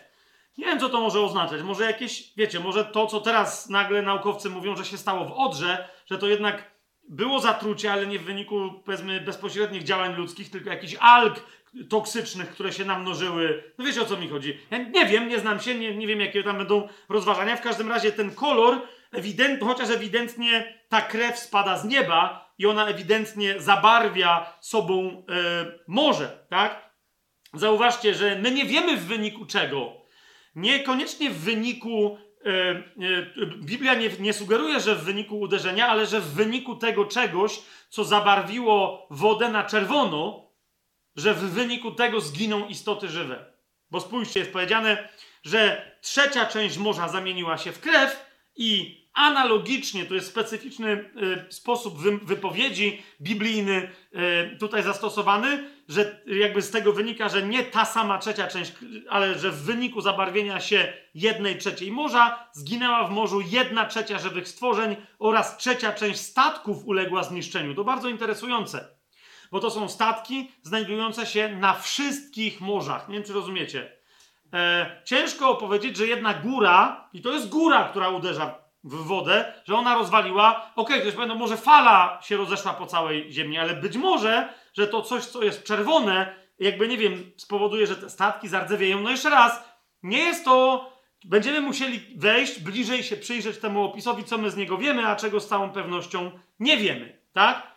Niemniej, na, jed, na, jeszcze jedną rzecz chcę Wam zwrócić uwagę, że ta góra, która uderzy w, w morze, ma imię. Bo ta góra, skoro spada z nieba, to jest gwiazdą spadającą z nieba. I Biblia w 11 wersecie mówi: imię tej gwiazdy brzmi piołun. A trzecia część wód zamieniła się w piołun, a więc to, co jest czerwone, kochani, to jest ta gorycz, która znajduje się w piołunie. Czy to jest jasne? Tak? To jest ta gorycz, która znajduje się w piołunie. I trzecia część wód, ta, która się stała czerwona, zamieniła się w piołun i wielu ludzi umarło od tych wód, bo stały się gorzkie. Więc tu nie chodzi o to, że one się zamieniły w piołun, tylko w tą substancję, która jest podobna do tej, która znajduje się w goryczy rośliny, która się nazywa piołunem. Czy to ma sens, co teraz powiedziałem? Tak? Tu chodzi o tę gorycz, która powszechnie niegdyś w y, medycynie czy w innych tam, wiecie, w czarnoksięstwie, e, w alchemii była nazywana absyntem albo wermutem.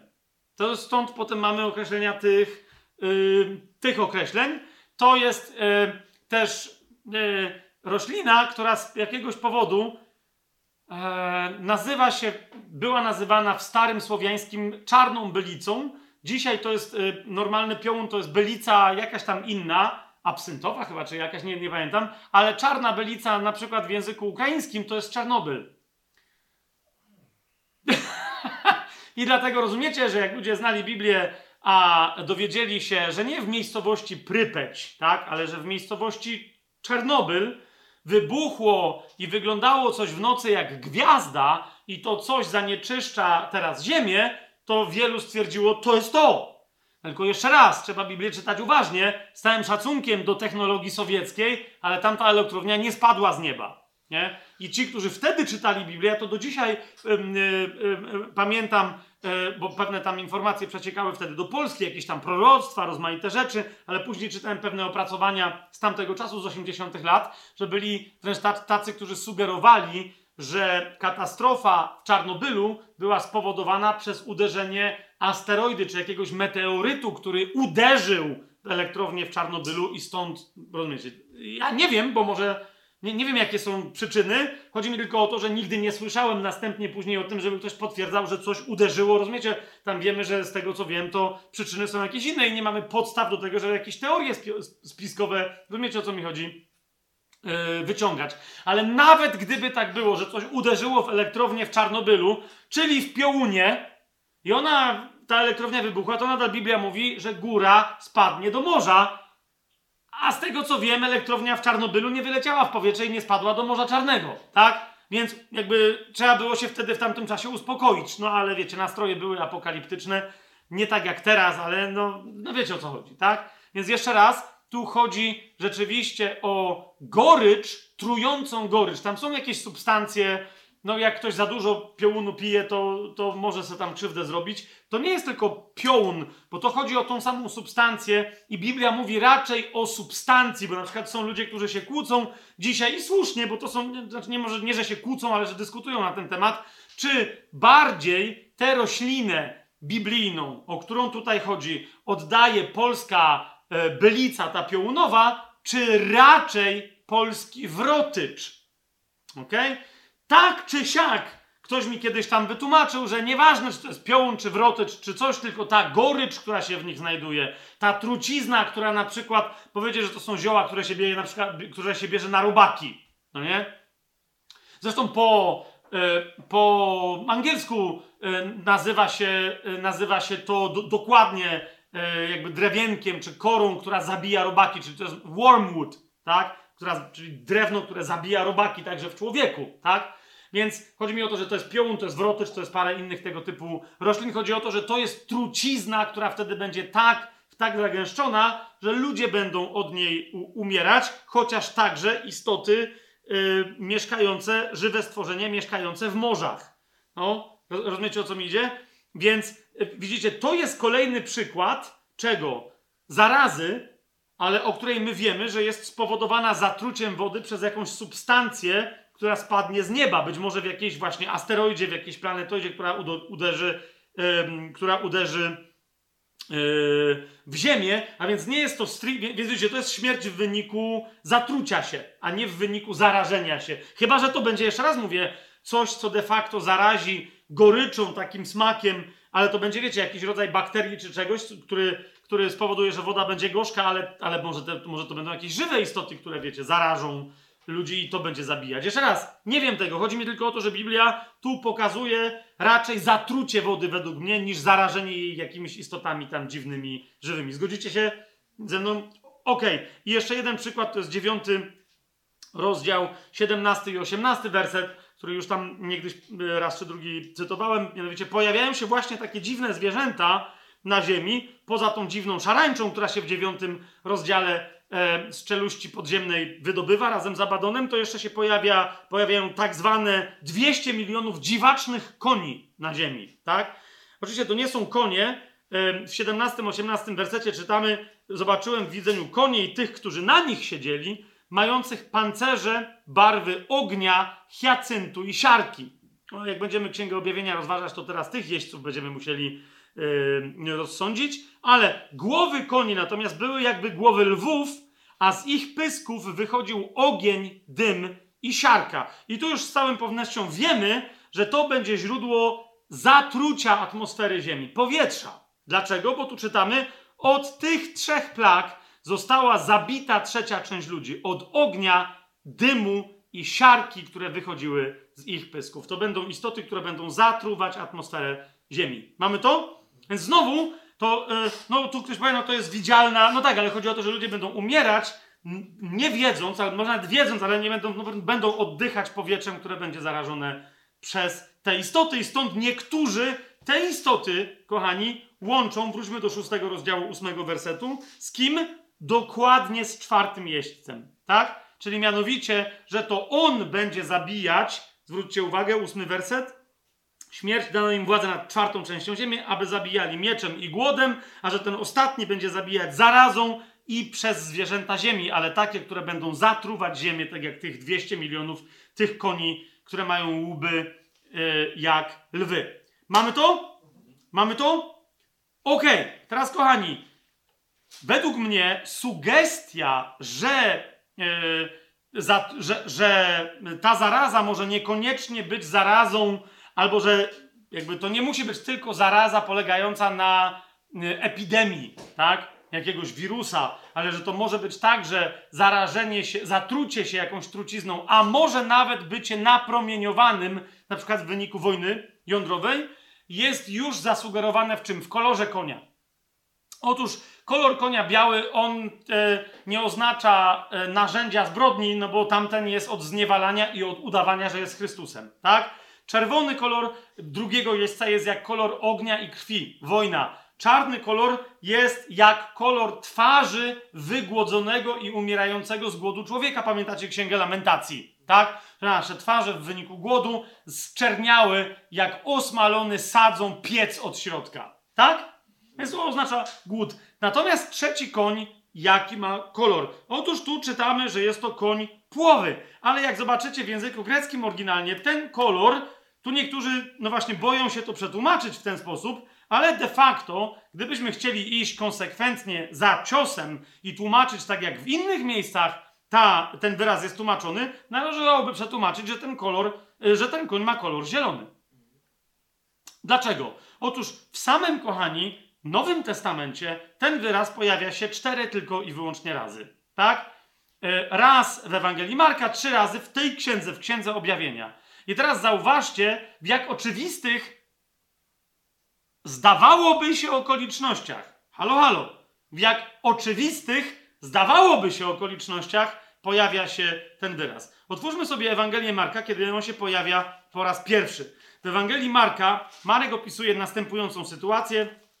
Jest to rozmnożenie y, chleba. Pamiętacie y, na przykład, bo ostatnio żeśmy sobie cytowali a propos głodu, rozmnożenie chleba z szóstego rozdziału Ewangeliana. Przepraszam, najpierw tutaj y, sobie skoczmy. Tak? I Jan w, w szóstym rozdziale, w dziesiątym wersecie pisze, pisze następującą rzecz o rozmnożeniu chleba. Wtedy Jezus powiedział, każcie ludziom usiąść, a było dużo trawy na tym miejscu. Jest tak napisane?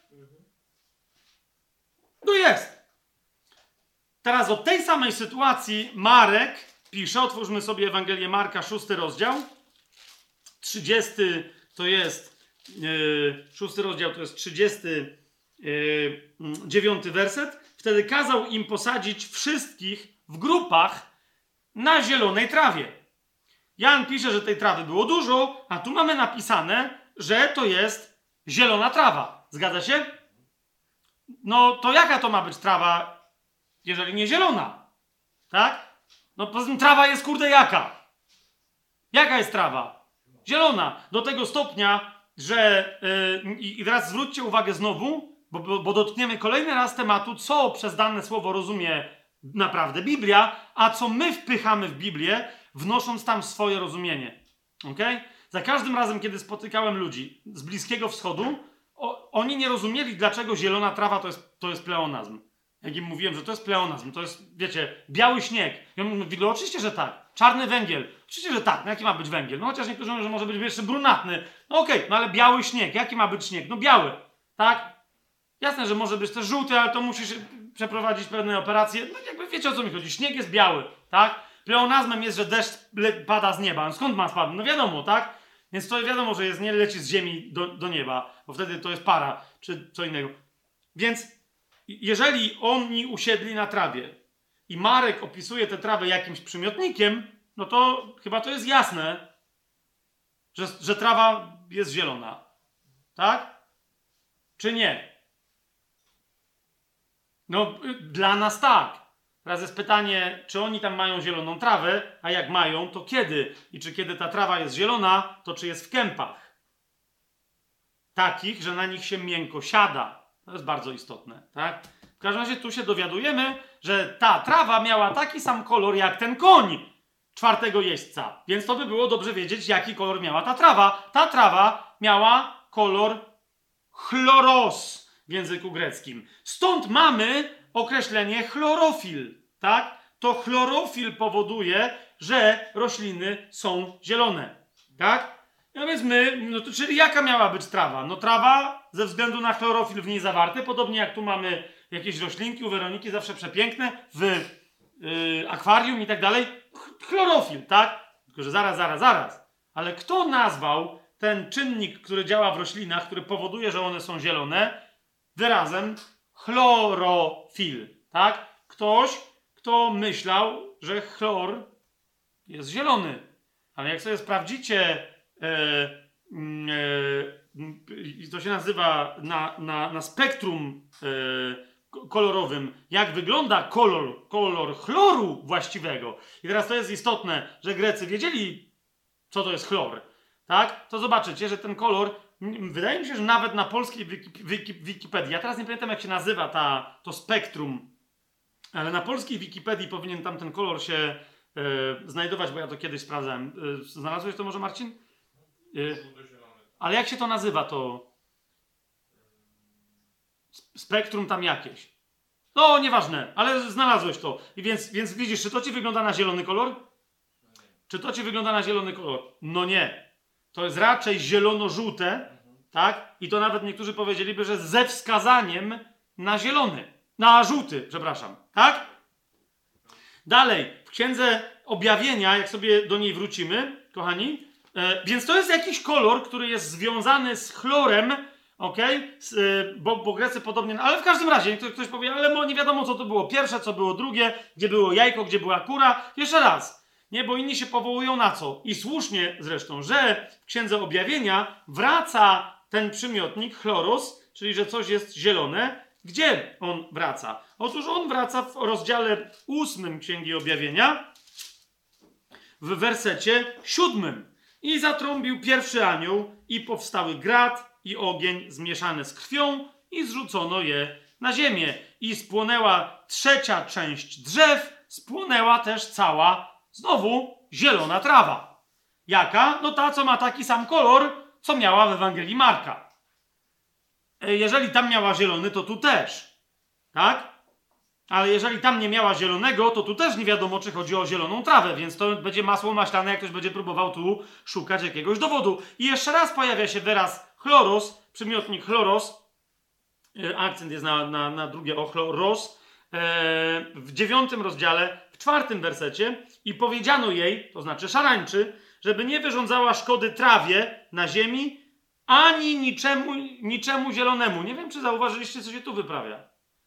Skoro trawa jest zielona, to czemu tu nagle to, co jest zielone, jest oddzielone od trawy? Rozumiecie, co ja teraz mówię? Niczemu, co jest zielone. Albo może nie zielone. Albo może nie zielone. nie? Bo zauważcie, tu ona ma nie wyrządzać szkody trawie na ziemi, ani niczemu zielonemu, ani żadnemu drzewu. Mamy nagle trzy zjawiska: trawę, drzewa i coś, co jest zielone, ale co nie jest trawą. W tym wypadku chyba zieloną. To może ten wyraz nie oznacza zielonego. Kochani, znowu przyjdzie nam w sukurs i dopomoże nam Septuaginta. Tak? Znaczy ona nam nie pomoże, dlatego że jeżeli Żydzi tłumaczyli tym wyrazem jakiś inny, a okaże się, że tłumaczyli różne wyrazy hebrajskie, wyrazem chloros, to można się pogubić, bo jakby co, gdzie, z czym, ale dziękuję Duchowi Świętemu, który mi pokazał dwa fragmenty, w których zrozumiałem, że jest mowa wreszcie o czymś, do czego mogę się odnieść. Gdzie jest podany konkretny kolor, który ja znam i wy też znacie i wszyscy znamy w Polsce. Ok? Najpierw wyrazem chloros, ok, mamy określone pewne zdarzenie, znaczy nie zdarzenie, tylko w pewnym zdarzeniu pewne rzeczy w Księdze Rodzaju. Nie wiem, czy pamiętacie tam taką historię, jak jeden chłopek y, ch- chciał wziąć tylko ciapkowane owce, drugi myślał, że go zrobi w konia, bo ile jest ciapkowanych, a ten zaczął cudować i zaczął robić, dawać im do jedzenia ciapkowane witki. Jak je pociapkował? Księga Rodzaju, 30 rozdział, to jest, ok, otwórzcie sobie, 30, yy, 30 rozdział, 37 werset. Pamiętacie, to był Jakub. Jakub, czyli spryciarz, Jakub, czyli uzurpator, tak? Umówił się z Labanem, tak? Yy, że ten mówi, dobra, weź te wszystkie owce, co będą ciapkowane. No bo albo są białe, albo czarne, nie ma ciapkowanych, wiecie, żeby miały plamy. I teraz na czym to tu polegało, to ja teraz nie chcę wnikać, co on tu wyprawiał, ale mamy bardzo jasno napisane, że 37 werset. Wtedy Jakub nabrał zielonych prętów topolowych, laskowych i kasztanowych i miejscami poobdzierał je skory do białego, obnażając białość, która była na prętach. Tu chodzi o gałązki topolowe, laskowe i kasztanowe. Więc przyjrzyjcie się, co jest nazwane w Biblii wprost. I teraz tu pojawia się wyraz chloros, że te gałązki miały ten kolor, miały kolor chloros. Rozumiecie? To jest kolor, który ja na przykład na, na topolach raczej nazwałbym. Wiecie, jak wyglądają bazie? Takie z, z zielonkawym odcieniem. Topola ma nieco inny, ale taki szaro-zielony, raczej szary niż zielony bym powiedział, że to jest kolor. Kojarzycie o co? Takie jakby kaki, coś takiego, ale raczej szare niż zielone, nie? Plus te inne, jak się im przyjrzycie, jeszcze ja teraz nie wiem dokładnie, który rodzaj tych gałązek, jak one musiały być młode, żeby je w ogóle, żeby one, wiecie, się nadawały do jedzenia razem z sianem dla zwierząt, tak? Ale Biblia tu wyraźnie sugeruje, że to było dodawane do siana i do innego rodzaju paszy, tak, żeby stanowiło, ale żeby wyraźnie zwierzęta widziały ciapki. Czy to jest jasne? Na bazie tej historii niektórzy więc tłumaczą, że te konie są ciapkowane. Ten, ten czwarty koń, że on jest ciapkowany. No nie! Ponieważ to nie jest kolor całych gałązek, tylko to jest kolor kory na tych gałązkach. Czy to jest jasne? Ciapki wychodzą z tego, że on je obrał trochę tej kory i reszta było widać białe spod spodu. Ma, mamy jasność? I teraz, kochani, jest drugie miejsce, które mi naprawdę Pan pokazał. Ja nie mogłem dojść do tego, co to jest, bo tyle różnych dziwnych miejsc jest. Ym, co, nam, ty jak coś chcesz pokazać? Jak ktoś? Okej. Ja też tu się rozglądam, ale nie macie takiej tu rośliny, żeby. To nie, to, to nie jest, zdecydowanie to nie jest. To jest prędzej to, jest prędzej to, tu, ale też nie to. To musi być bardziej szare, pomieszane z żółtym, yy, z zielonym, albo mdło żółte, pomieszane z, z zielonkawym. Nie? Niektóry, niektórzy wręcz pokazują w literaturze starożytnej, że to jest też taki mdły, fosforyzujący. Wiecie, jak coś fosforyzuje w nocy? Te, taki kolor, no nie? On może być zielonkawy, może, ale po prostu chodzi o to, że on nie jest jasny, bo jest, bo, bo ty nie do końca wiesz, co ty widzisz. Jasne? Ale mamy inne miejsce, gdzie pojawia się e, w Septuagincie, tłumacząc konkretne określenie hebrajskie, gdzie pojawia się ten wyraz e, i on nam jeszcze e, e, bardziej pomaga, mianowicie jest to Księga Przysłów. W Księdze Przysłów w 27 e, rozdziale, w 25 wersecie czytamy To jest 27 rozdział, 25 werset. Czytamy, co następuje. Trawa wyrasta, pojawia się zieleń, z gór zioła zbierają. Mamy to? I jak myślicie, gdzie tu pojawił się yy, w tłumaczeniu greckim wyraz chloros?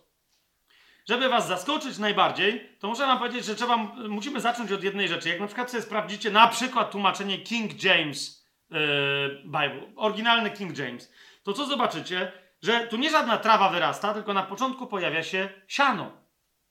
Ok? Pojawia się hej, pojawia się siano. Trawa pojawia się w drugim miejscu, i to jest zielona trawa, a na trzecim miejscu pojawiają się zioła, które, jak wiecie, są różne. Zgadza się? Włącznie z tym, że są bardzo kolorowe. Są jakieś kwiaty, jakieś tam, to, to co Biblia nazywa ziołami, mają jakieś owoce. Ale na początku pojawia się coś, co niekoniecznie jest zieloną trawą, ale co nawet jak rośnie, wygląda jak siano, czyli coś, czym mogą się pożywiać, bo ma w sobie pewne wartości. Czyli to jest cały czas żywe, ale nie do końca zielone, na tyle szarawe, zielonkawe, brunatne, jakieś tam, że wiadomo, że to, yy, że to wegetuje. Czy to ma sens, co ja teraz powiedziałem? To nie jest siano skoszone, to nie jest wyschnięta trawa, tylko to nie jest zielona trawa. Tak? I teraz to coś, to, to, to jest ta pierwsza rzecz. Ta trawa, która nie jest zielona, to ona w języku greckim y, w tłumaczeniu Septuaginty jest nazwana chronos, a nie ta druga, która jest ewidentnie zielona. Rozumiecie o co chodzi? Stąd moja teza, że wyraz chloros, nie chronos, chloros w języku greckim w, w całym Nowym Testamencie nie oznacza właśnie zielonej trawy, ale oznacza trawę bujną, e, taką, która jest żywa, która dalej rośnie, którą mogą jeść zwierzęta, ale która nie ma zielonego koloru. To, to oznacza bardzo konkretną porę, zielony kolor trawy. Zresztą, jak się przyjrzycie temu, co tutaj się dzieje, trawa jest zielona na Bliskim Wschodzie zaraz po jesiennych, przepraszam, po wiosennych deszczach, kiedy jest jeszcze stosunkowo zimno, może zimno to przesadziłem, ale jest chłodno, rozumiecie? To jest krótki czas, kiedy ziemia jest mokra i się na niej nie siada. Po prostu. Ona wtedy jest zielona, ona dalej rośnie, jak najbardziej, wiecie, wegetuje, nadaje się do tego, żeby jadły ją owce, żeby ją jadły kozy i tak dalej, i tak dalej, ale ona coraz bardziej traci swój zielony kolor, szarzeje, żółknieje, idzie raczej w stronę tamtych barw. I wydaje się, że o to chodzi ewangeliście Markowi, kiedy on zaznacza e, ten chloros, jaki to jest czas owocowania także wśród drzew i tak dalej, i tak dalej, i tak dalej. Rozumiecie? Nie? Kiedy Pan rozmnaża chleb.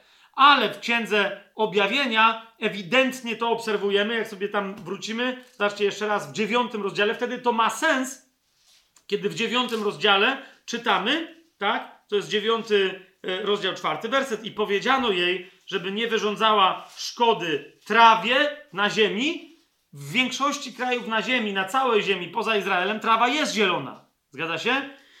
ani żadnemu, ani niczemu zielonemu, czyli czemuś, co ma ten kolor, chloros, a więc co się nadaje do jedzenia dla zwierząt, ale niekoniecznie jest zieloną trawą. Czy to jest jasne? Na przykład czymś takim były chloros, witki, topoli i tych innych tam e, drzew, które je poda. To nie była trawa, tak? Ale zwróćcie uwagę, że te witki też to nie były liście, tak? A więc To mogą być na przykład ro- rośliny, które mają igły, niekoniecznie mają liście, albo, albo w ogóle to są inne rośliny, które niekoniecznie są zielone, tak jak drzewa też, które są zielone. Czy to jest jasne? Tak? To jest rodzaj, to jest rodzaj zieleni oznaczającej wegetację, ale nie stricte zielony kolor w naszym rozumieniu, tak jak my rozumiemy zieloną trawę w lipcu, tak? Kiedy nie ma suszy i ona jest taka soczysta, czy zielone liście e, w, w liściastym e, lesie. Czy mamy jasność tutaj w tej kwestii? Więc rozumiecie ten koń, widzicie co on oznacza, nie? On oznacza e, ewidentnie, jak niektórzy mówią, kolor cho chorego człowieka, który umarł na jakąś zarazę, ale rozumiecie, to może być człowiek umierający z wycieńczenia. To jest kolor, to jest kolor człowieka, który w Biblii, który wymiotuje, albo kolor wymiocin także.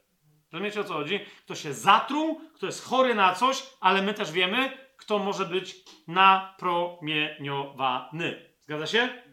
Teraz, niektórzy powiadają, że no tak, ale pandemia to była yy, próba generalna przed końcem.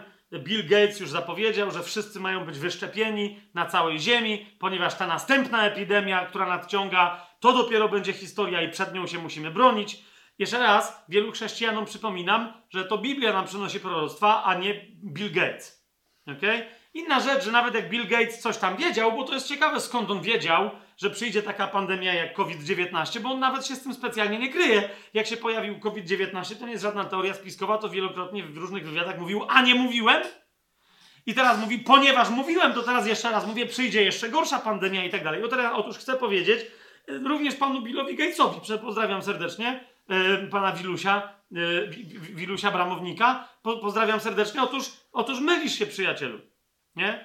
Ponieważ nie przyjdzie, po pierwsze, nie przyjdzie jedna wielka pandemia, przeciwko której jedna wielka twoja szczepionka czy kogokolwiek innego będzie w stanie ludzkość uchronić. Sam Pan Jezus, kiedy mówił o tym, że przyjdzie pandemia, nie posłużył się pojedynczym, liczbą pojedynczą, ale posłużył się liczbą mnogą, wyrazem oznaczającym wiele różnych chorób, które się pojawią, pojawią pod koniec czasu. Jak sobie sprawdzicie wyraz, który w Biblii rzeczywiście nie Thanatos, ale wyraz loimos, loimos, on się prawie w ogóle nie pojawia w Biblii. To jest szokujące w, w Nowym Testamencie.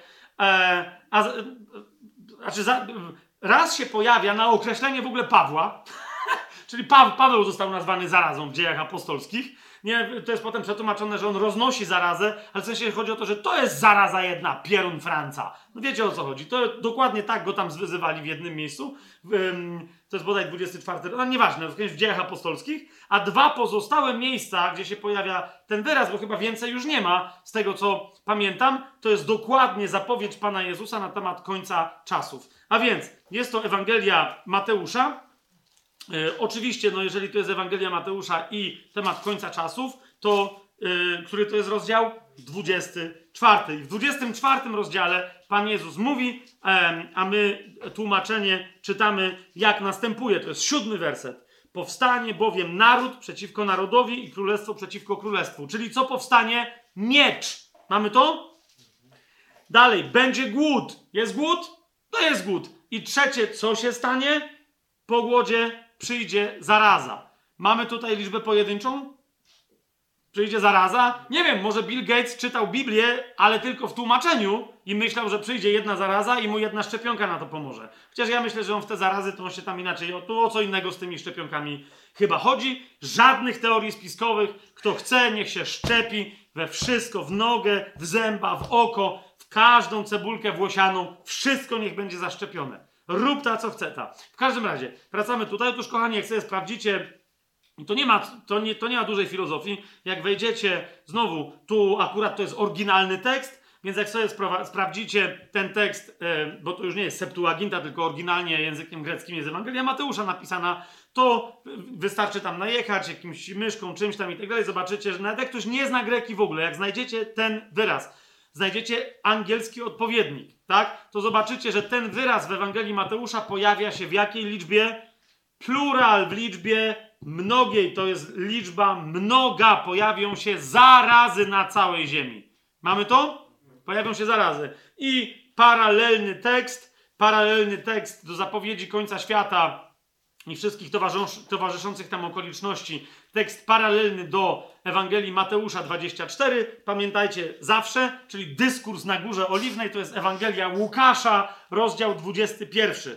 I y, nawet to, co paralelnie pisze Marek, nie jest tak paralelne do 24 rozdziału Ewangelii Mateusza, jak 21 rozdział Ewangelii Łukasza. Zresztą wiele nieporozumień y, y, i niezrozumienie i błędne interpretacje Ewangelii 24 rozdziału Ewangelii Mateusza albo 21 rozdziału Ewangelii Łukasza wynikają stąd, że, że czasem niektórzy teolodzy się biorą za sam jeden taki rozdział i nie traktują go komplementarnie z tamtym drugim. Tylko kiedy czytasz równocześnie 24 rozdział Ewangelii Mateusza i 21 rozdział Ewangelii Łukasza, wtedy widzisz, co się odnosi do Żydów, co się odnosi do Żydów z pokolenia Pana Jezusa, co się odnosi do Żydów z pokolenia końca czasów, a co się odnosi do całej ludzkości końca czasów. Czy to jest jasne? Tak, bo Pan Jezus tam mówi o różnych rzeczach, kiedy Jerozolima upadnie, kiedy świątynia będzie zburzona, kiedy się pojawi ochyda spustoszenia na końcu czasów i tak dalej, i tak dalej, i tak dalej. Więc zrozumienie tych różnych czasowych odnośników jest możliwe tylko, kiedy stworzysz sobie chronologię spójną naraz 24 rozdziału Ewangelii Mateusza i 21 rozdziału Ewangelii Łukasza komplementarnie, wspólnie, żeby zobaczyć, kiedy, którym określeniem Pan Jezus co według tych dwóch ewangelistów naznacza. Niemniej w 21 rozdziale, a propos tych zaraz, w 11 wersecie czytamy i będą miejscami wielkie trzęsienia ziemi. Widzicie, tu jest odwrócona kolejność z jakiegoś powodu. Nie będę teraz rozważać dlaczego, bo to bardziej przy Apokalipsie Księdze Objawienia będziemy o tym mówić, ale mamy głód i znowu y, przyjdzie, przyjdą wielkie trzęsienia ziemi, głód i zaraza. Będą także straszne zjawiska i wielkie znaki z nieba. Już dzisiaj trochę o nich mówiliśmy, ale znowu sprawdźcie to sobie. Tam jest liczba mnoga, a nie pojedyncza. Tam są zarazy, prawda? Więc Jezus dwukrotnie, no to może to jest, może to było jeden, jeden tylko dyskurs, ale jeszcze raz dwóch ewangelistów nam potwierdza, że Pan Jezus mówi, że przyjdą epidemie różnych chorób po, dokładnie w końcu czasów. Tak? A, a, a w dodatku ten wyraz oznacza w Biblii zarazę, na którą nie ma lekarstwa i dlatego ona jest epidemią rozchodzącą się bezkarnie, bo nie da się jej leczyć. Rozumiecie o co idzie? Tam jest liczba mnoga, ale ja nie wiem, czy może to byłby dobry tytuł, tak? Czwarty jeździec, dwukropek, dlaczego Bill Gates się myli? Okej, na przykład w ten sposób. I może nie wiem.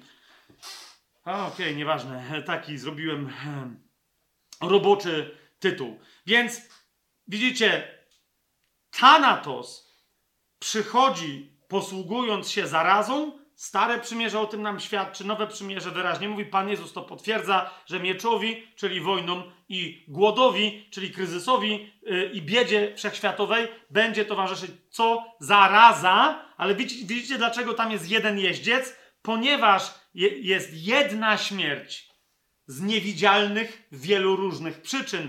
To mogą być zarazy, to mogą być zatrucia, to mogą być także napromieniowania, zwłaszcza, że tu jest powiedziane, że one będą przechodzić, podobnie jak te trzęsienia ziemi i tak dalej, i tak dalej, z miejsca w miejsce. Rozumiecie? Zarazy się rozchodzą, ale może być tak, że w jednym kraju będą ludzie chorowali, przeniosą się do innego, tam spadną bomby, ktoś będzie napromieniowany, przeniosą się gdzie indziej, tam się okaże, że woda jest zatruta, ponieważ yy, spadła gwiazda piołun z nieba i się woda zatruła wszędzie. No wiecie o co mi chodzi, tak? Czyli, że, że ten jeździec, on będzie jeździł po całej ziemi, on jest odpowiedzialny za to wszystko, co Biblia nazywa tanatosem, czyli śmiercią w wyniku niewidzialnej przyczyny, ale tych przyczyn może być więcej niż tylko pojedyncza zaraza, czy też zarazy wynikające, rozumiane wyłącznie jako choroby, na które nie ma lekarstwa. Czy mamy jasność?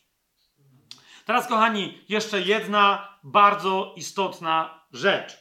Mianowicie, yy, yy, yy, bo wiecie, ten Thanatos, jak się dobrze mu przyjrzycie, on w odróżnieniu od pozostałych nie ma za specjalnie żadnych atrybutów. Nie? On nie ma żadnych atrybutów. Nazywa się Thanatos, tak? Czyli objawienie Jana, szósty rozdział. Koń barwy chlorycznej. tak? Koń barwy niejasnej.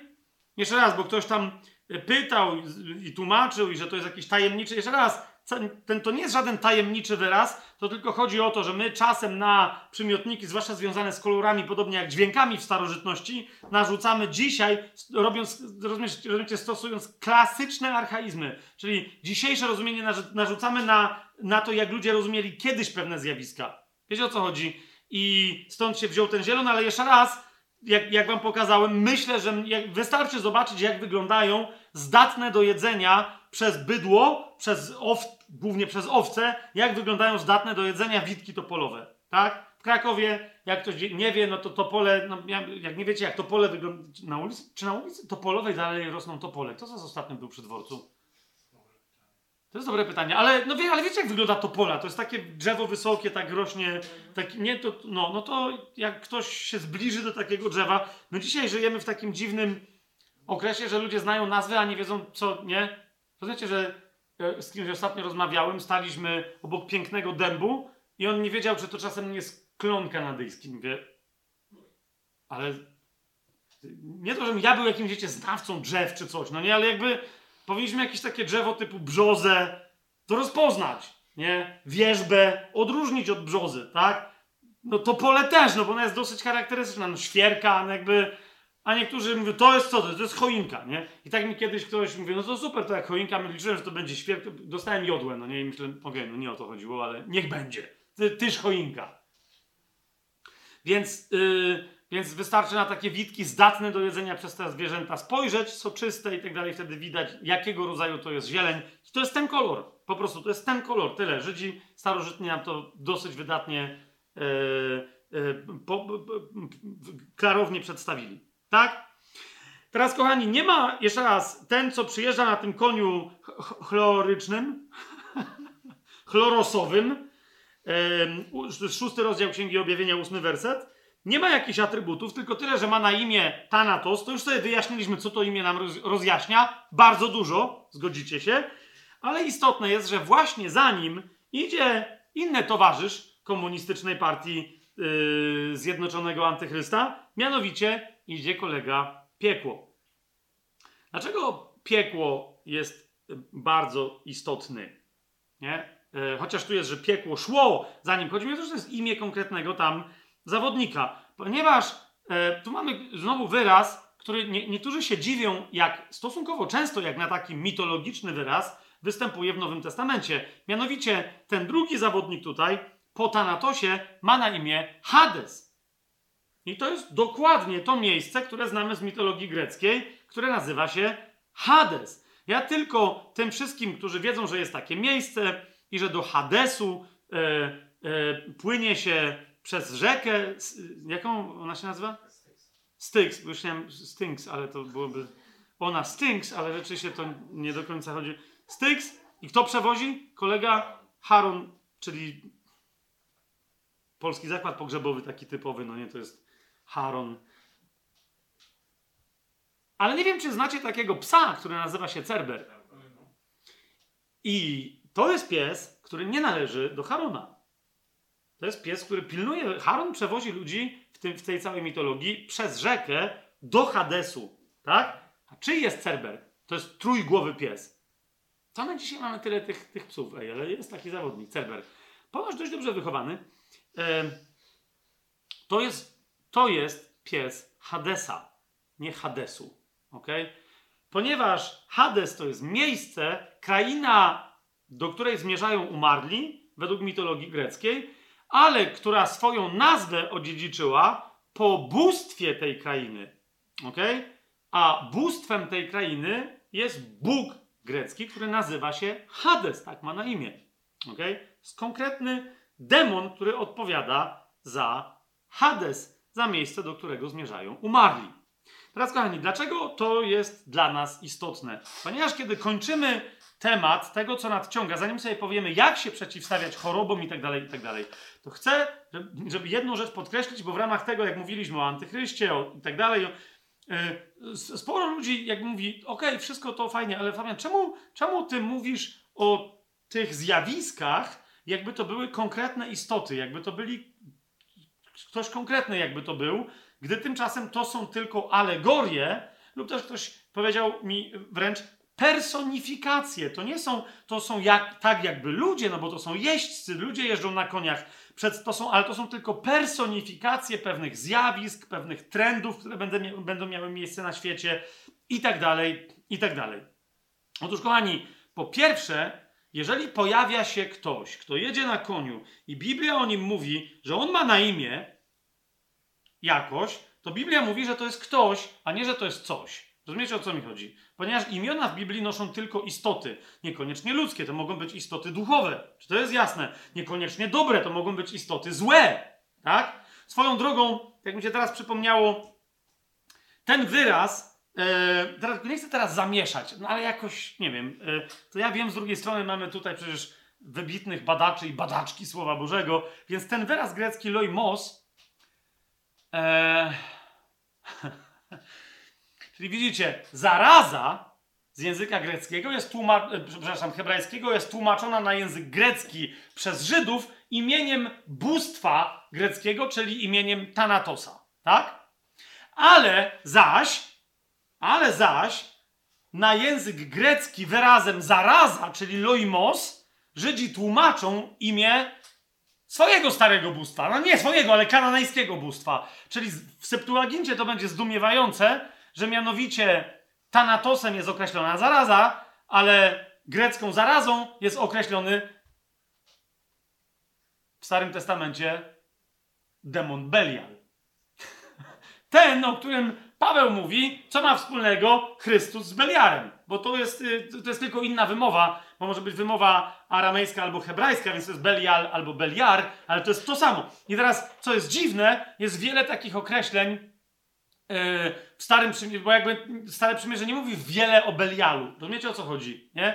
Ale... Yy, ale mówi na przykład, y, ktoś tam mówi, czy ja jestem córką Beliala, żebym cię miała oszukiwać, nie? Albo niech mój pan swojej służącej nie bierze, aby czasem za córkę Beliala. Dokładny cytat, tak? Albo jest powiedziane, że ci i ci to jest całe plemię synów Beliala, nie? Z jakiegoś powodu Żydzi tłumaczą to, że, nie to, że to nie są synowie Beliala, tylko że to są ludzie zaraza. Dosłownie, nie? Więc to jest tak swoją drogą, że ten Belial jest tu bardzo interesujący. Okay? Ten Belial jest tu bardzo interesujący, a że Grecy bardziej rozumiali wyraz zaraza, uważajcie na to, jako coś pustego. Ponieważ Belial oryginalnie oznacza kogoś, kto jest nic nie wart. Okay? Kto, kto, jest, kto jest pusty, kto jest próżny, ale widzicie, w języku polskim słowo próżność, to jak coś jest próżne, to jest puste. tak? Który myśli, że jest czymś, a jest niczym. To jest Belial, nie? To jest ktoś, który się wywyższa, który jest chciwy w związku z tym, więc chce y, jak najwięcej wziąć, żeby to, co weźmie, tym czymś się wypchać i powiedzieć, to ja jestem, a on sam jest nic nie wart, on nie ma w sobie żadnej wartości, jest pusty. Więc widzicie, tak, y, to jest inny jeszcze, inny trop interesujący, jak Żydzi rozumieli zarazę, no nie? Że to może być coś, co jest zarazą i wtedy to jest śmierć, to jest thanatos, bo ludzie się zarażają konkretną chorobą, ale to może być inny rodzaj zarazy, który nie wiadomo z czego wynika, jest kompletnie, rozumiecie, pusty, dokładnie tak jak promieniowanie, nawet nie jak trucizna, no nie? Tylko, że coś kogoś dotknęło i dzisiaj więcej się, jeszcze się temu zdążymy przyjrzeć, ale na przykład, wiecie, pojawia się w Starym Testamencie anioł i ludzie nie wiedzą, co się stało, po prostu zaczynają umierać. I wiecie, to nie jest choroba, po prostu zaczynają umierać, nie, jest, nie ma wybuchu żadnego, nie ma wojny, nie ma nic, po prostu oni nagle padają i to jest pomór, ale nie wiadomo, dosłownie obok siebie zaczynają padać w ciągu godziny, padają ich setki, tysiące i tak dalej, i tak dalej, i tak dalej, nie? I to jest dokładnie, to jest dokładnie to. Może przyjść anioł od Pana i zrobić coś takiego, ale kiedy nie wiadomo, że to jest anioł od Pana i w ogóle nie wiadomo, co to jest, to jest wtedy anioł niszczyciel, który działa jako Belial, to jest niszczyciel, nie? Anioł Jahwe zawsze Jezus po prostu przynosi uzdrowienie, zmartwychwstanie, życie itd., itd. Ten przynosi pustkę, przynosi opustoszenie, bo sam z siebie jest pusty. To jest, y, to jest Thanatos, to jest, y, to jest Loimos, to jest, to jest zaraza, to jest śmierć, bez, jakby, której przyczyny nie widać. Jasne? To mi się tylko teraz tak przypomniało. Ale teraz zobaczcie, mamy kogoś, nawet w UBG całkiem słusznie tu ktoś miał intuicję, że skoro jeden ten jeździec ma na imię śmierć, to jeżeli Hadesem jest nazwane to coś, co za nim idzie, to jest też imię własne. Rozumiecie? I teraz niektórzy się rzucają i mówią, jakie to jest imię własne? Co się tutaj dzieje? Z powrotem do szkoły. I atakują tłumacza UBG niepotrzebnie, że to jest nie. To jest śmierć normalna jako zjawisko ludzkie, a piekło to jest miejsce, do którego idą ludzie. I rzeczywiście, kochani, yy, w, zasadniczo w Nowym Przymierzu jest parę miejsc, mm, gdzie Biblia mówi o miejscu, do którego idą umarli i nazywa to miejsce Hadesem w konsekwencji tłumaczenia innego wyrazu hebrajskiego, mianowicie Septuaginta notorycznie wyrazem Hades tłumaczy, okej, okay, też paroma innymi wyrazami, yy, kiedy chodzi o wstąpienie do grobu, to tam ma inne, ale kiedy jest jasne, że chodzi o krainę umarłych, gdzie oni idą, żeby tam spać, to jest to kraina, która w języku hebrajskim nazywa się Sheol.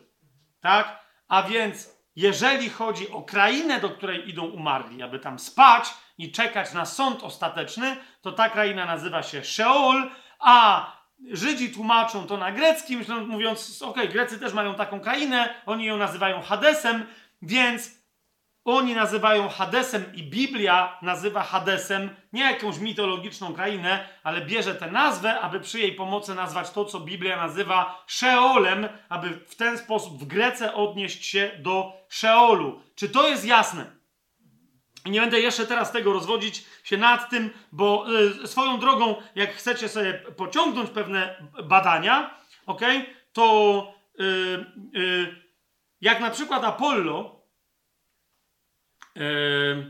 jest de facto nową wersją syna e, Semiramidy, którego ona opłakiwała.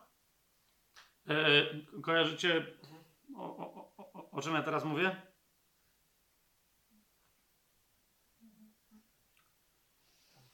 No to jak kojarzysz to... Sam? Tamus, tak. Okay. w Biblii on się pojawia jako Tamus, którego Semiramida e, opłakuje. To jest późniejszy Ozyrys, którego Izyda wskrzesza. Czyli to jest Artemida, która, e, która jest i jego matką, i jego siostrą, a jak go, no tam jakieś obrzydliwe oni tam rzeczy robią śmiertelno-seksualno-dziwaczne. Okay? A ona jest siostrą bliźniaczką jego. Niemniej w mitologii greckiej Artemida jest siostrą bliźniaczką kogo? Apollosa.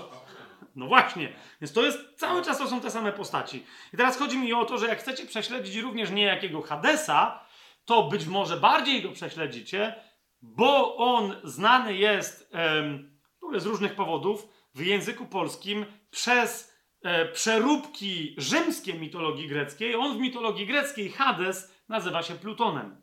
To jest ten zawodnik. A więc jak gdzieś zobaczycie oznaczenie gwiazdy Pluton, tak? Podobnie jak i Jowisza. Jowisz to jest Zeus, a Zeus to jest Baal. Pamiętajcie o tym, ok?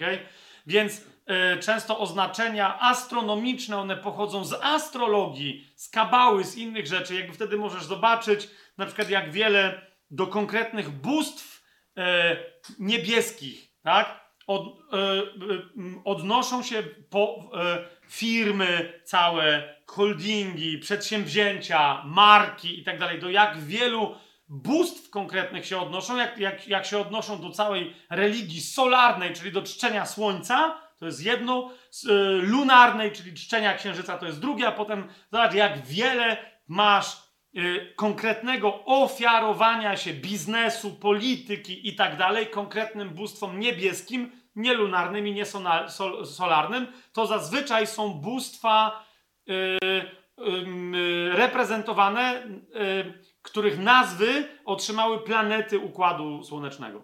Nie?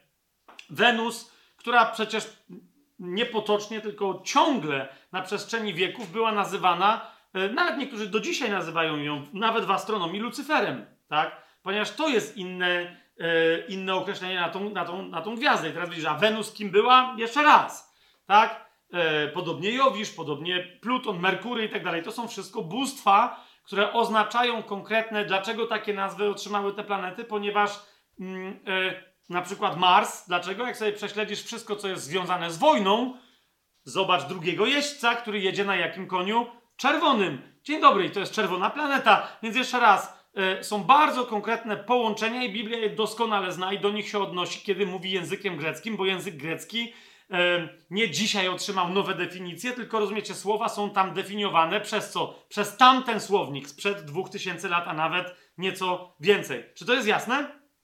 Więc teraz Hades to jest Pluton swoją drogą, ale Hades w Biblii to jest po prostu określenie z jednej strony na miejsce, do którego idą niezbawieni zmarli. Ok? I to jest Sheol. Kochani, yy, myśmy o tym więcej powiedzieli. Jeżeli sobie wpiszecie, tak? Bo myśmy tu dzisiaj zrobili krótkie badanie, mamy stronę internetową, strona się nazywa tajemny plan, pisane łącznie.pl. Na tej stronie jest zakładka tematy, jak ktoś tam wejdzie i wpisze, wpisze sobie Sheol, Hades i tak dalej, to zobaczy, w których miejscach nauczania tajemnego planu już mówiliśmy o tych zjawiskach. Ja dzisiaj tego nie będę powtarzać. Ale to był zasadniczo sezon pierwszy i w tym sezonie pierwszym najwięcej o tym mówiłem w odcinku dziesiątym i w odcinku dwunastym. Ok? I tam mówiłem o tym, co się dzieje z nami po śmierci, gdzie kto idzie i tak dalej, i tak dalej. Jeszcze raz mówię, nie będę tego rozważać. Ale, kochani, jed, jest jedna prosta zasada. Do czasów zmartwychwstania Jezusa wszyscy szli do Hadesu, czyli do Szeolu. Tak? Wszyscy szli tam spać, drzemać, jakkolwiek te, o tym Biblia nie mówiła, czy yy, nie ma dowodów za specjalnie na to, żeby ludzie tam byli świadomi. Oni wiedzieli, że się obudzą na sąd ostateczny. ok?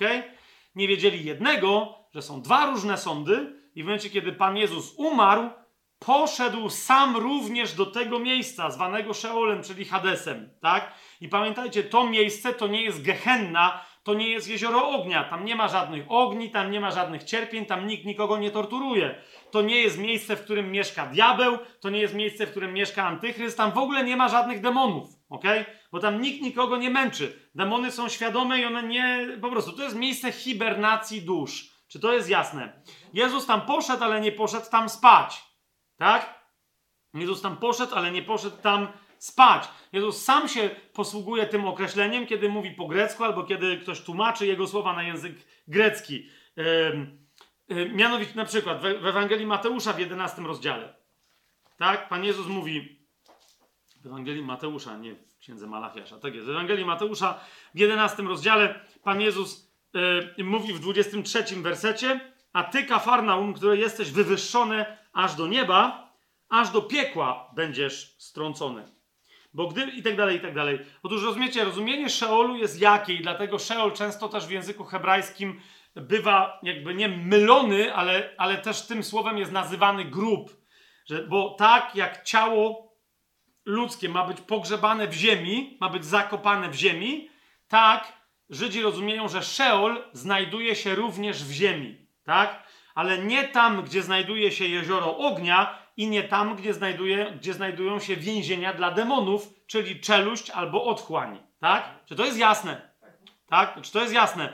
E, tam demony w pewnym mówią Jezusowi, żeby ich nie wywalał e, że wiecie, no to, to on nie wywala w świnie i tak one kończą dokładnie w, w tej czeluści. Chodzi mi o to, że Szeol to jest miejsce w ziemi, gdzieś głęboko w ziemi. I teraz Biblia nigdzie nie mówi, czy to jest tylko taki obraz, czy może wręcz fizycznie naprawdę jest takie miejsce w ziemi, do którego idą dusze, ale jakby takie jest rozumienie języka, że do nieba się idzie do góry, a do Szeolu się idzie do ziemi, do środka. Tak jak ciało idzie do grobu, tak dusza idzie jeszcze głębiej w głębokie rejony ziemi. Czy to jest jasne? To, to, to jest Szeol, tak? Więc Jezus mówi, Kafarnaum, yy, które jesteś wywyższone aż do nieba, w sensie w swoim rozumieniu, spadniesz aż do piekła, tutaj konkretnie do Hadesu, do Szeolu, w głębokie rejony yy, ziemi. Jasne?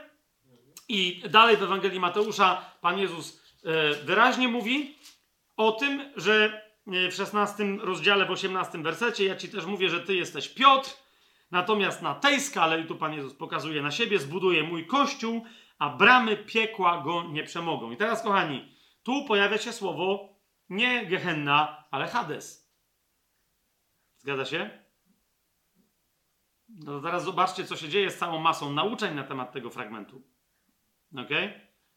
Chodzi o to, że Kościół wyrywa ludzi od wiecznej śmierci, wyry- wyrywa ludzi od nieświadomości po śmierci i od drugiego sądu. Tak? Kościół ma prawo wejść do miejsca, gdzie, yy, gdzie trafiają, inaczej, gdzie przez. Bo tu nawet nie chodzi o wchodzenie, bo tu chodzi o bramę. Teraz to sobie bardziej wytłumaczymy. Tak? Piekło ma bramę i ona jest dla, dla chrześcijan otwarta. Ludzie, którzy tam zmierzają, mogą być przez nas nabrani, powstrzymani. Piekło nic nie może z tym zrobić. Ale jakie piekło? Rozumiane jako Hades, nie jako miejsce przeklę... przekleństwa wiecznego. Czy to jest jasne? Ponieważ miejsce przekleństwa wiecznego, które Biblia nazywa drugą śmiercią, drugim Tanatosem, to jest miejsce, do którego trafia nawet sam pierwszy Thanatos.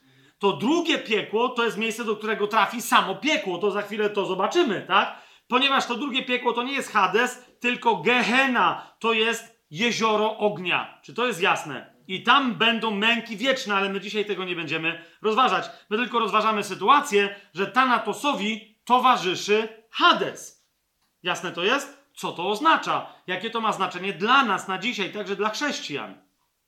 Jeszcze raz, kochani, takim określeniem, takim rozumieniem Hadesu posługuje się na przykład Piotr, kiedy głosi w dziejach apostolskich, a w każdym razie Łukasz, kiedy go cytuje. W drugim rozdziale, jak sobie otworzymy.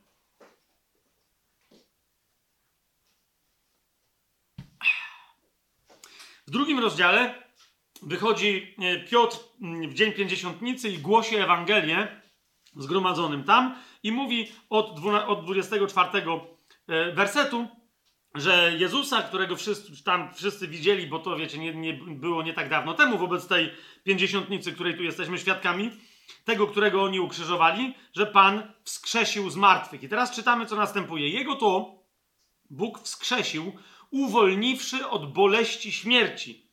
Bo było niemożliwe, aby ta mogła go zatrzymać. Aby kto mógł zatrzymać Jezusa? Śmierć. Akurat tu na czym innym się skoncentrowałem, ale wydaje mi się, że tu pojawia się imię Thanatos. A więc, że Thanatos nie mógł go zatrzymać. Było niemożliwym, aby Thanatos śmierć mogła go zatrzymać. Tak? Ale sprawdźcie to, bo nie, to nie jest akurat, nie o to mi chodzi, bo my rozważamy yy, yy, Hades, Hades albo Hadesa. Tak? Co tam się pojawia? Nie mógł go zatrzymać śmierć, czy, czy Thanatos, czy ktoś inny? Thanatos. Dobra. Dalej. Dawid bowiem mówi o nim, patrzyłem na Pana zawsze przed moim obliczem, bo jest po mojej prawicy, żebym się nie zachwiał. Dlatego rozweseliło się moje serce i rozradował się mój język, a także moje ciało będzie spoczywać w nadziei. Moje ciało będzie spoczywać w nadziei gdzie? W grobie. Kiedy moja dusza będzie gdzie? W Szeolu. Dlaczego? Bo widziałem coś, co było nietypowe. Co mianowicie? Że nie zostawisz mojej duszy w Hadesie. To mówi Dawid i Piotr to cytuje. Nie zostawisz mojej duszy w Hadesie. On mówi o Szeolu, ale tłumaczenie tego greckie to jest Hades i tu pojawia się wyraz Hades. I nie dasz swojemu świętemu doznać zniszczenia.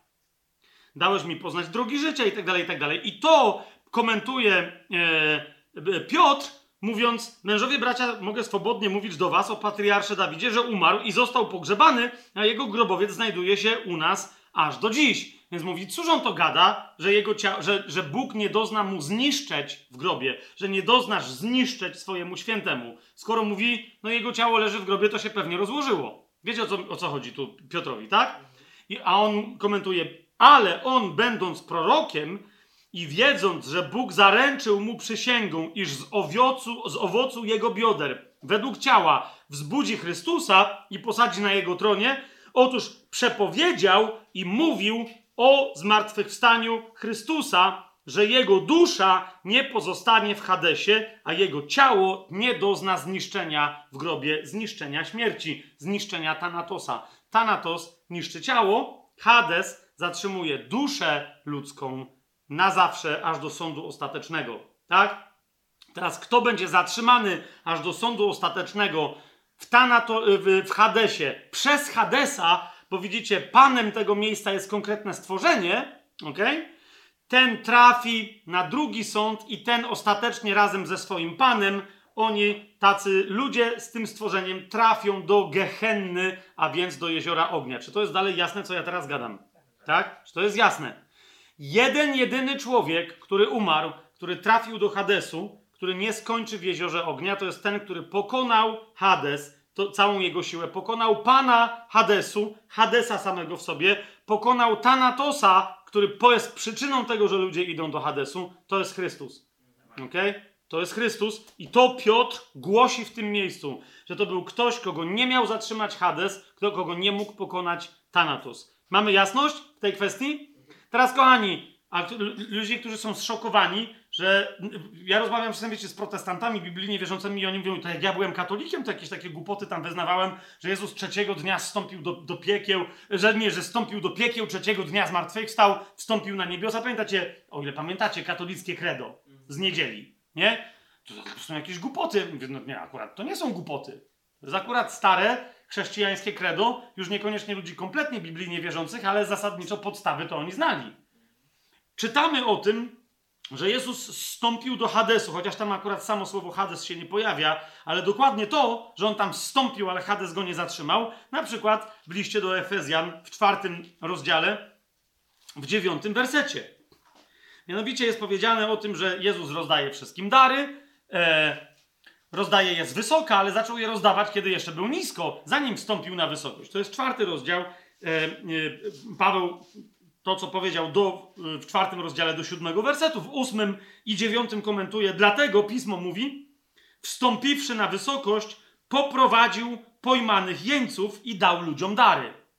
Pytanie brzmi, skąd Chrystus wstępował na wysokość, że jakiś jeńców prowadził?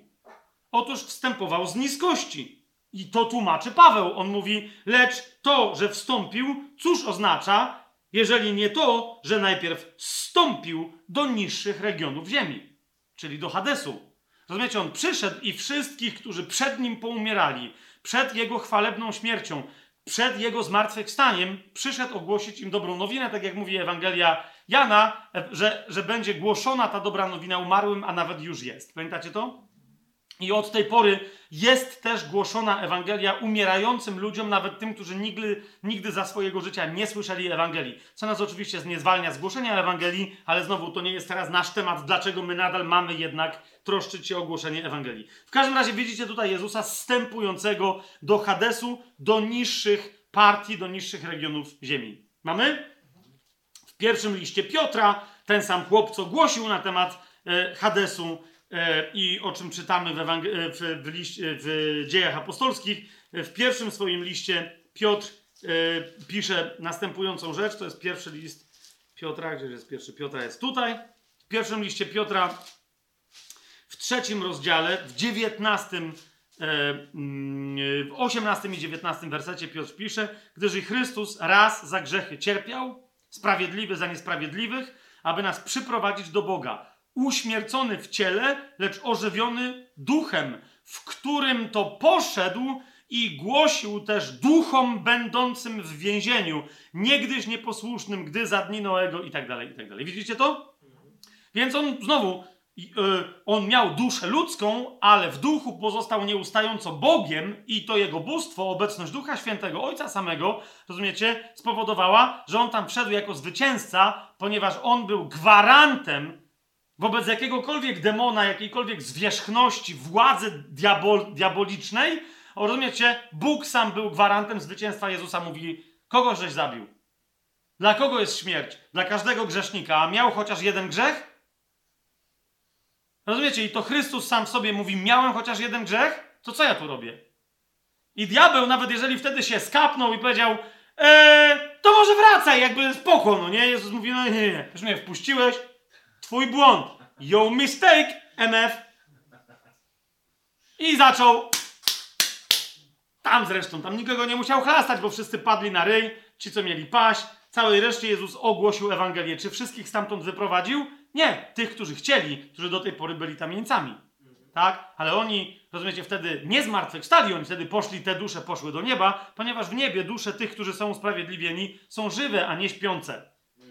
Tak? One tam są żywe, a nie śpiące. Jeszcze raz, w tych miejscach pierwszego sezonu, w dziesiątym e, odcinku, w dwunastym odcinku e, znacznie więcej, e, znacznie więcej o tym mówię. A jeszcze inna rzecz, kochani, że tak sobie teraz myślę, kiedy jak nie teraz o tym powiedzieć, jeszcze raz, bo chyba o tym wcześniej mówiłem, mam nadzieję, bo jak nie to będzie. Jak rozumiecie, Stare Przymierze wielokrotnie, ja teraz nie będę pokazywać specjalnych niuansów, ale nawet pokażę wam takie oczywiste rzeczy, gdzie Stare Przymierze mówi, że Mesjasz tak zrobi. Po prostu. Mesjasz tak zrobi. Yy, pójdzie i zniszczy diabła dokła- dokładnie tam, gdzie diabeł się czuje najbardziej podekscytowany i największym władcą. Otwórzcie sobie na przykład Księgę Ozeasza, yy, rozdział 13.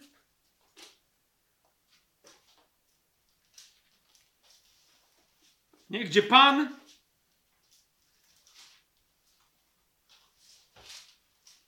mówi o tym, że nadejdą bóle jak narodzącą, ok? I wtedy przyjdzie wybawienie. I to będzie wybawienie, które uratuje ludzi od Szeolu.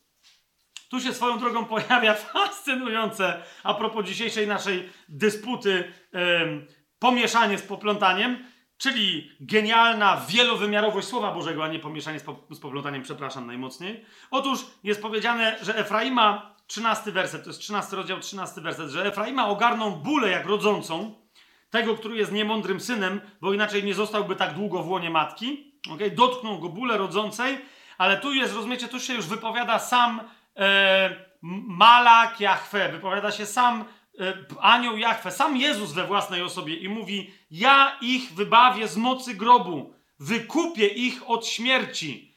I teraz obczajcie, Jezus zwraca się do śmierci. Mamy tu dziwaczne tłumaczenie, ponieważ on mówi o śmierci, ja będę twoją śmiercią.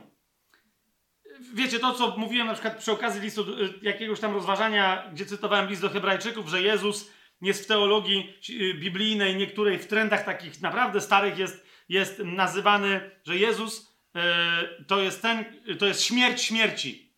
Nie? E, Niemniej wiecie, co tu się dzieje? Sprawdźcie sobie, co, co Jezus mówi do śmierci. Do śmierci, śmierci mówi: Przyjdę i będę Twoją zarazą. On nie mówi, że będzie śmiercią. Rozumiecie? To jest tłumaczenie takie. Dlaczego? No bo tu zaraza to jest jeden z tych jedno z tych miejsc, gdzie wyraz zaraza hebrajski jest na grecki przetłumaczony thanatos.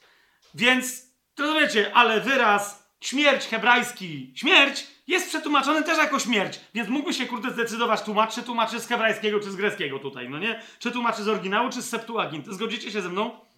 Jeszcze raz, przyjrzyjcie się, że jest powiedziane, Jezus mówi, Bóg mówi do śmierci, o śmierci, ja będę twoją zarazą. ja, no wiesz, spa- nie będziesz wiedzieć, co jest grane, spadnę na ciebie i zdechniesz i nie będziesz wiedzieć, jak niewidzialna przyczyna. Rozumiecie, o co chodzi? I dalej do kogo mówi? Więc mówi do śmierci i mówi do kogo? To jest pierwszy raz, kiedy się ta nasza para czcigodna pojawia, nie? Śmierć i piekło. Kapujecie? Czyli grób, czyli Szeol. O grobie, ja będę twoim zniszczeniem. Ja będę twoim Apollosem. Ja będę twoim niszczycielem. Ja, ja będę twoim Abadonem. Rozumiecie, co się tu odwala w tym miejscu? Co Jezus mówi, jakie kpiny sobie robi z tych, ale z kogo? Ze zwierzchności do tego zmierzam. Bo myśmy wielokrotnie opowiadali o tych, rozumiecie, o tych miejscach. Teraz coś powiem, nadal tego nie widać, że to są konkretne, że to nie są personifikacje. Zaraz wam to pokażę. Niemniej jeszcze raz, tu powinno być, to są miejsca, gdzie powinno być grób, czyli Sheol, czyli Hades, yy, powinien być z dużej litery, śmierć powinna być również przedstawiona z dużej litery, ponieważ to nie chodzi tylko o stan człowieka, ale chodzi o zwierzchność demoniczną, która rządzi strachem przed śmiercią i dlatego nazywa się Thanatosem. Czy to jest jasne? Yy, jeżeli już tu jesteśmy, to jeszcze przejdźmy do księgi Zachariasza. Tam jest inne smaczne miejsce. Księdze Zachariasza yy, w dziewiątym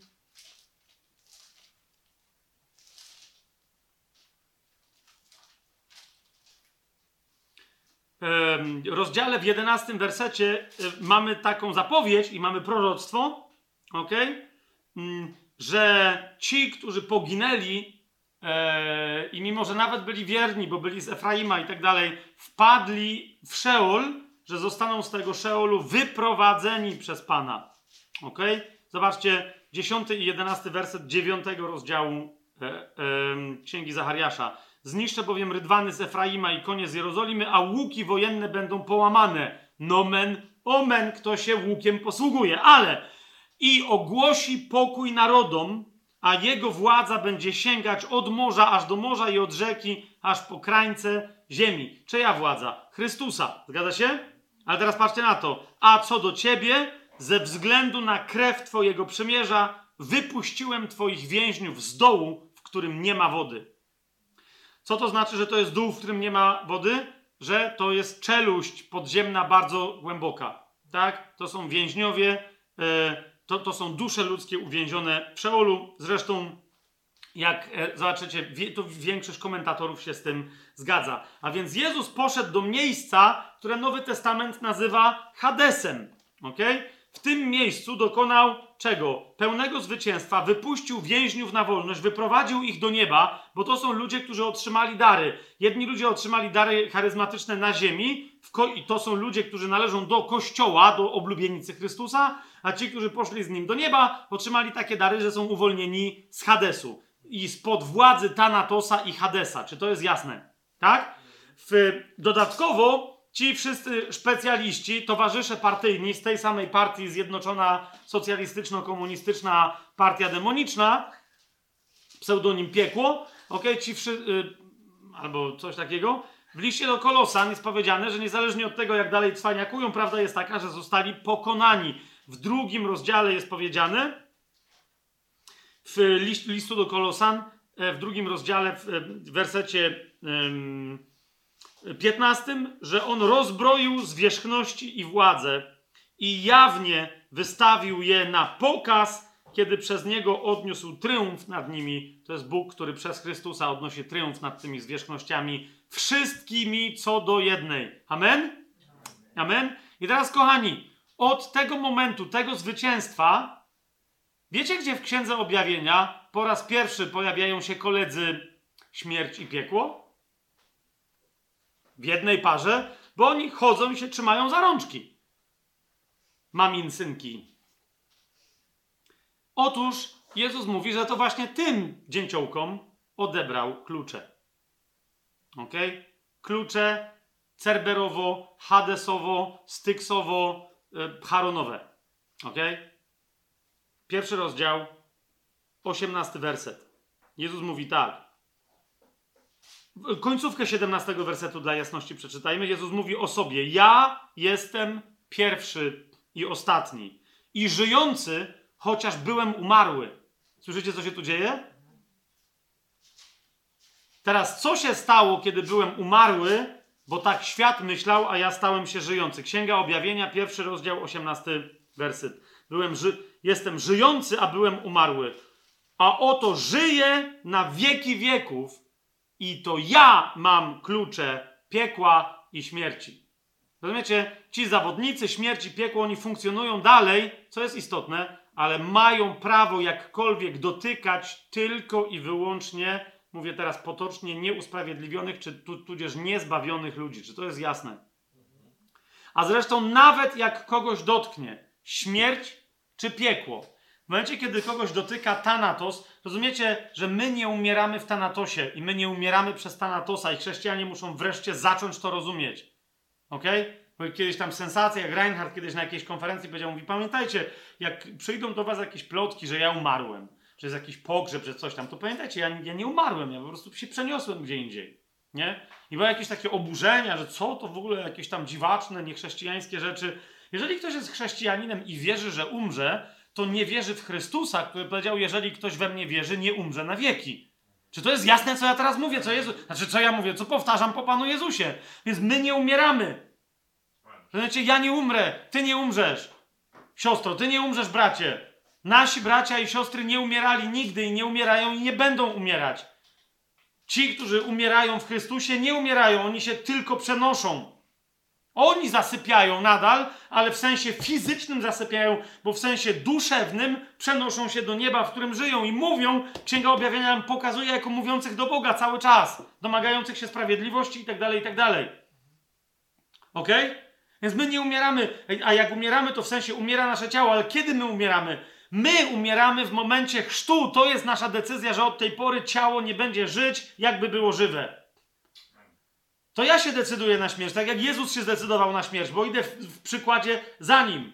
Czemu ja mogę to zrobić? Bo on ma moc, jak siebie wyprowadził ze śmierci, tak i mnie wyprowadzić do nowego wiecznego życia w ciele. Czy to jest jasne? To jest to. Thanatos nas nie, nie.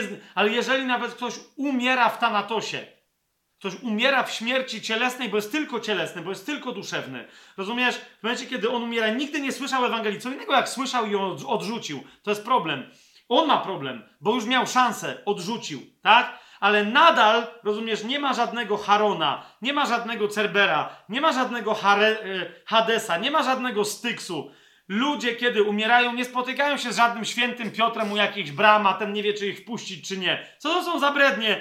Ludzie spotykają się z tym, który ma klucze otchłani, który ma klucze Hadesu, który ma klucze piekła i śmierci samej w sobie. Ludzie, kiedy umierają, muszą się spotkać z Jezusem i muszą się od niego dowiedzieć. Ja osobiście wierzę, że wtedy, zwłaszcza ci, którzy nie, nie, nie, nie usłyszeli wcześniej Ewangelii, rozumiecie? Dzieci na przykład zabite, ym, pozbawione życia z różnych powodów w łonie matki, tak? Yy, w ogóle dzieci, yy, które umarły z różnych powodów, niekoniecznie przez aborcję czy coś tam, bo to jakby są różne rzeczy. Ludzie, którzy mieszkali w jakichś tam miejscach, mieszkają dalej, jeszcze nie słyszeli Ewangelii. Czy słyszycie to, co ja gadam? Ci wszyscy ludzie umierają od momentu śmierci i zmartwychwstania Jezusa. Ziemia jest w pełni odkupiona. Tak? Ona jest w pełni odkupiona. I ci ludzie, kiedy umierali, umierają, jeszcze będą umierać, nawet kiedy nie usłyszeli pół słowa Ewangelii. Oni się spotkają z Ewangelią we własnej osobie, którą jest Jezus, nasz Pan, który jest Chrystusem, który jest Mesjaszem. Rozumiecie? I nie pójdą, nie, oni nie wejdą.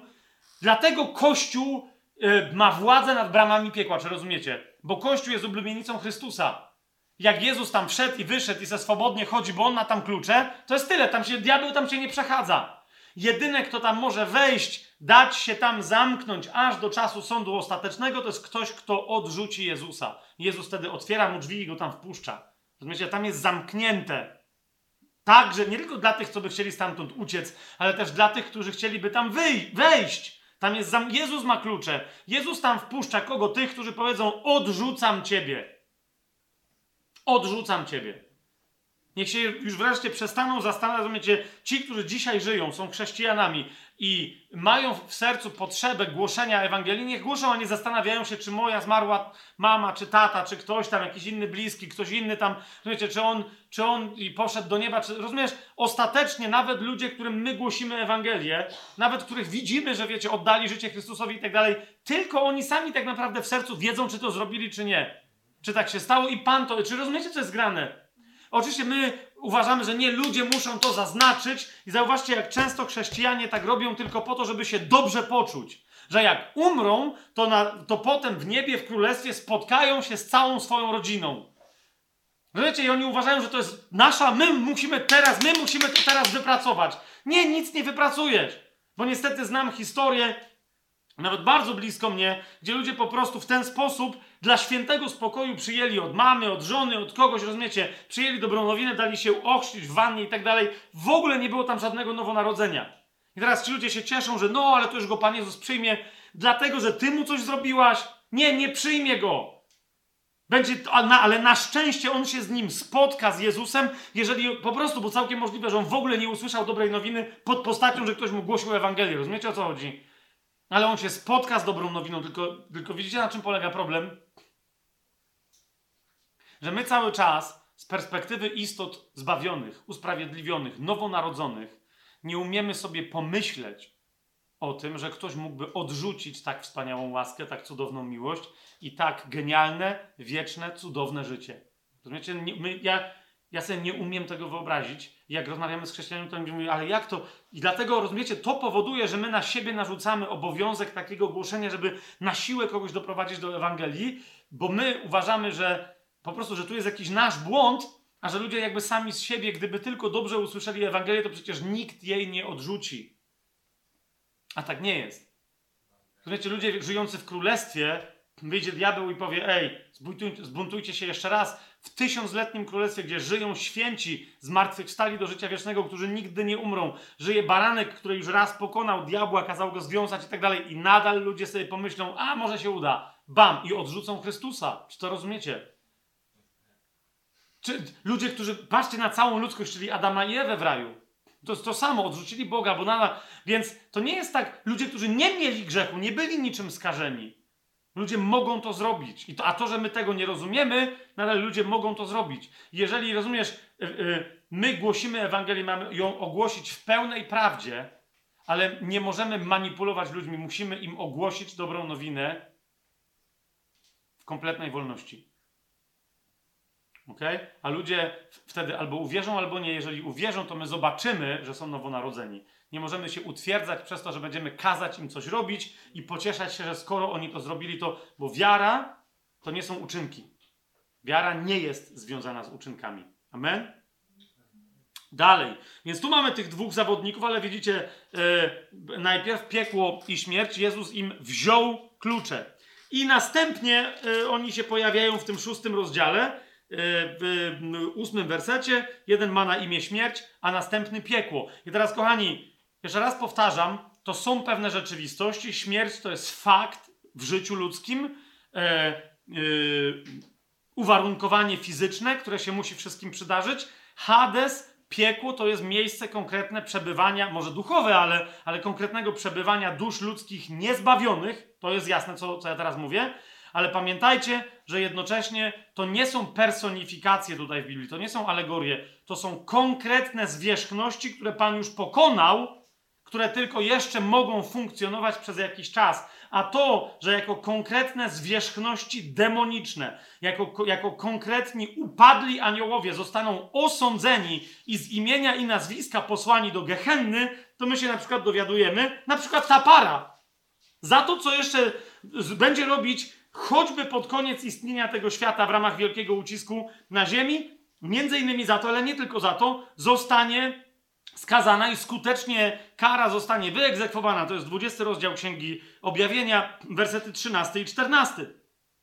Swoją drogą zwróćcie uwagę, jakie inne zwierzchności nam ciekawe tu się pojawiają, bo mamy napisane i wydało morze umarłych, którzy w nim byli, również śmierć, w domyśle wydała umarłych, którzy w niej byli, i Hades wydał umarłych, którzy w nim byli i zostali osądzeni, każdy według swoich uczynków. Z tych, którzy wyszli, te dusze, które wyszły z morza, z Tanatosa i z Hadesu. Ja nie chcę teraz Posejdona tu jeszcze dodawać, wiecie o co mi chodzi, i jeszcze zjawisk z nim związanych, ale jeszcze raz, zauważcie, że e, e, Biblia tu zasugerowała, że istnieje e, również pewna dziedzina śmierci tych, którzy są niepochowani. Czy to jest jasne, co ja teraz mówię? Nie? I, to, I to jest nazwane tutaj, ta zwierzchność jest nazwana morzem. Natomiast zauważcie, że Thanatos, teraz tu być może, że jest to pewien symbol, bo tu nie ma żadnej personifikacji, tak? Ale zdecydowanie Thanatos i Hades widać wyraźnie, że, są, że to nie są personifikacje, to są konkretne istoty, które są osądzone i ukarane tak samo jak diabeł, jak wcześniej antychryst i tak dalej. Mianowicie śmierć i piekło zostały wrzucone do jeziora ognia. To jest śmierć druga. I ona się tyczy wszystkich istot, które żyją na sposób duchowy lub duszewny. Czy to jest jasne? Nie może trafić do jeziora ognia personifikacja. Podobnie jak do jeziora ognia nie trafi katedra Notre Dame, ani nie trafi gra komputerowa jakaś, no wiecie o co mi chodzi, czy jakaś książka po prostu, tam nie trafią rzeczy martwe, tak? Nie trafi rzeźba, która przedstawia papieża Leona XIII, czy i tak dalej. Tam trafią tylko istoty, istoty ludzkie, chociaż nie dla nich jest przeznaczona Gehenna, ale dla istot demonicznych. Czy to jest jasne? Tak? Pierwsi, którzy, yy, którzy tam trafią, to jest 19 rozdział Księgi Objawienia, 20 werset. To jest bestia, czyli antychryst właściwy i towarzyszący mu fałszywy prorok. Oni, yy, obydwie te istoty zostaną żywcem wrzucone do jeziora ognia płonącego siarką. To jest 19 rozdział, 20 werset. Do, tam y, również trafi diabeł we własnej osobie, ale tam też trafiają, jak widzicie, śmierć i piekło. A więc, dlaczego to jest istotne? Ponieważ, y, kochani, za tymi wszystkimi zjawiskami światowymi, masowymi śmierciami, chorobami, y, promieniowaniem, truciznami, które się rozsypią w powietrzu i w wodzie, y, za wojnami wszelkimi, za y, biedą, głodem itd., itd., pamiętajcie, nie stoją ludzie. Okay? Ostatecznie, koniec końców, zawsze za każdym tym zjawiskiem stoi zwierzchność demoniczna i y, dopóki tego nie zrozumieją, będą szukać ratunku w innych zwierzchnościach demonicznych, którym to zwierzchnością demonicznym tamte demony tych ludzi napędzają. Czyli demon wojny napędza ludzi, żeby szli do królowej pokoju jakiegoś rodzaju demonicznej, żeby ona może im wyjednała pokój u jakiegoś Jowisza. Wiecie o co mi chodzi? Najwyższego z bogów i tak dalej, i tak dalej, yy, i tak dalej. My, jako wierzący, mamy, mamy yy, możemy się uwolnić od wpływu yy, tych. Bo, I teraz rozumiecie, chodzi o to, że nawet jak ktoś jest zbawiony, to on jak umrze, yy, usprawiedliwiony, jak umrze, to się inaczej spotka w ogóle się nie spotka z Thanatosem, czy nawet z Hadesem. Jasne? Ale jak żyje, to Thanatos i Hades mogą mu napędzić stracha. A jak mu napędzą stracha, to taki ktoś stanie się podatny na rzeczy, którymi Hades z Thanatosem straszą. Rozumiecie, co ja mówię? I dlatego naszą odpowiedzią może być tylko brak lęku, i yy, yy, to, będzie moja pierwsza rzecz. Ja już mówiłem o tym wielokrotnie, więc się nie będę, nie będę powtarzać ale y, ten brak lęku ma się wyrażać.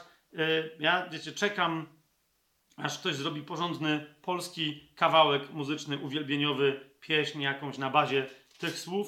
To jest pierwszy list do Koryntian, zwłaszcza, że w pierwszym liście do Koryntian wygląda na to, 15 rozdział, że ten fragment, tu, który wam mm, zacytuję, też był pieśnią, był hymnem chrześcijańskim, więc czas najwyższy, żebyśmy go może nie odtworzyli, ale na nowo sobie napisali.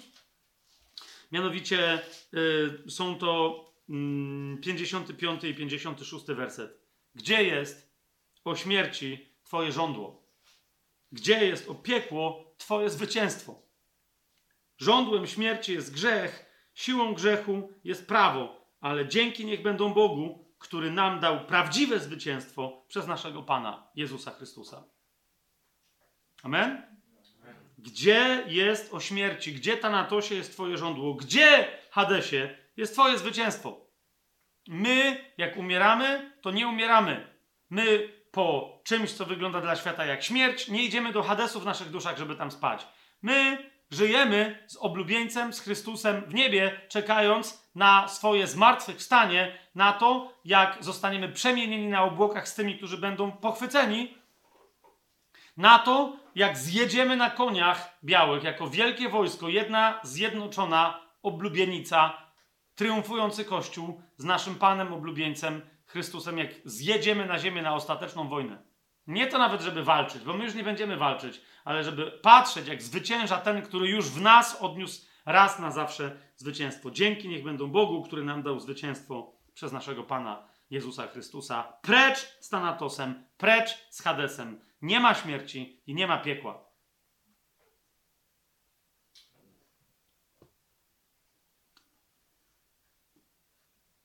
Teraz,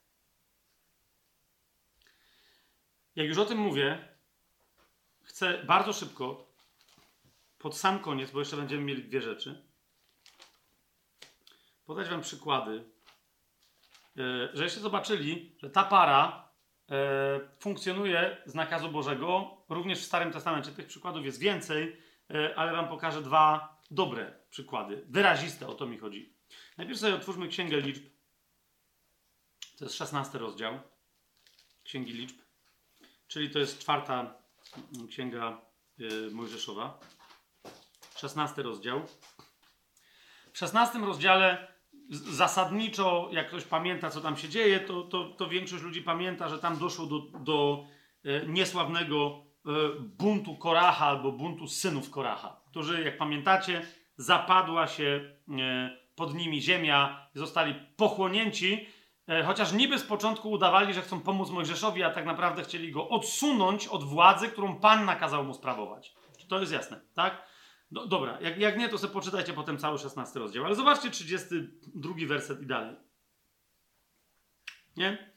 E, Bo, bo tu historia się dalej rozwija. Ziemia otworzyła swoją paszczę i pochłonęła ich oraz ich domy i wszystkich ludzi, którzy byli przy Korachu i cały ich dobytek. I zstąpili oni razem ze wszystkim, co mieli, żywcem do piekła do niższych obszarów ziemi. Nie tylko do grobu. Oni stąpili, rozumiecie, do, Sze- do Szeolu, ale przyjął ich Hades we własnej osobie. Tak? I ziemia ich okryła, tak zginęli spośród zgromadzenia. Ale czytamy dalej. Wszyscy zaś Izraelici, którzy stali wokół nich, uciekli na ich krzyk, bo mówili, by i nas ziemia nie pochłonęła. Wyszedł też ogień od Pana, pochłonął tych 250 mężczyzn, którzy ofiarowali kadzidło, bo oni tam coś próbowali cudować. Ale potem Pan bo dalej tam się zrobiły jakieś, rozumiecie, nerwy i, i dalej zgromadzenie jakby nie dość widziało, zaczęło się y, y, rzucać. 42 werset czytamy, zgromadzenie zbierało się przeciw Mojżeszowi i Aaronowi. Spojrzeli w stronę namiotu zgromadzenia, a oto okrył go obłok i ukazała się chwała Jahwe. Wtedy Mojżesz z Aaronem przyszli przed namiot zgromadzenia i Jahwe powiedział do Mojżesza, wyjdźcie spośród tego zgromadzenia, a zniszczę je w mgnieniu oka, a oni upadli na to na twarz. Potem Mojżesz powiedział do Aarona: Weź kadzielnicę, włóż w nią ogień z ołtarza, nałóż też kadzidła i pójdź szybko do zgromadzenia i zrób przebłaganie za nich, bo już wyszedł gniew od Jahwe i już zaczęła się plaga. A? Widzicie to? Czyli kto? tu się pojawił. Aaron wziął kadzielnicę, jak mu rozkazał Mojżesz, i pobiegł w środek zgromadzenia, a oto już zaczęła się plaga wśród ludzi. Był Hades, pojawił się na miejscu we własnej osobie, to się pojawił i Thanatos em, zaczęła się plaga wśród ludzi. Nałożył kadzidła i dokon- zaczął dokonywać przebłagania za lud. I Aaron stał między umarłymi i żywymi, bo już niektórzy zaczęli mrzeć, rozumiecie? Jeden od drugiego, jeden od drugiego. I plaga została powstrzymana.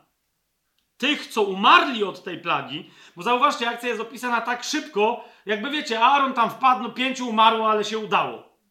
Tych, co umarli od tej plagi, było 14 700 osób, oprócz tych, którzy umarli w związku ze sprawą Koracha. Więc to nie jest łączna liczba. 14 tysięcy ludzi. Rozumiecie już, jak działa Thanatos? Teraz powiedzcie mi, że nie jest to, tu nie ma zatrucia i tu nie ma choroby.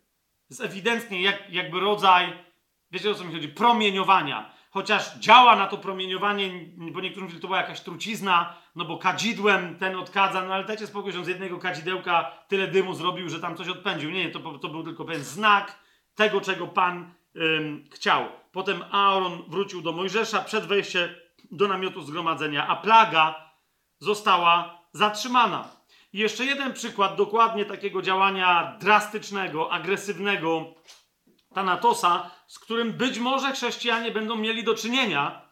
I rozumiesz, jak będziesz widzieć, jak ludzie, rozumiesz, idzie fala uderzeniowa, cokolwiek, że na twoich oczach zbliża się fala, rozumiesz, stoją ludzie i widzisz, jak oni się przewracają, a to idzie w twoją stronę i już się nie podnoszą żywi. Kapujesz?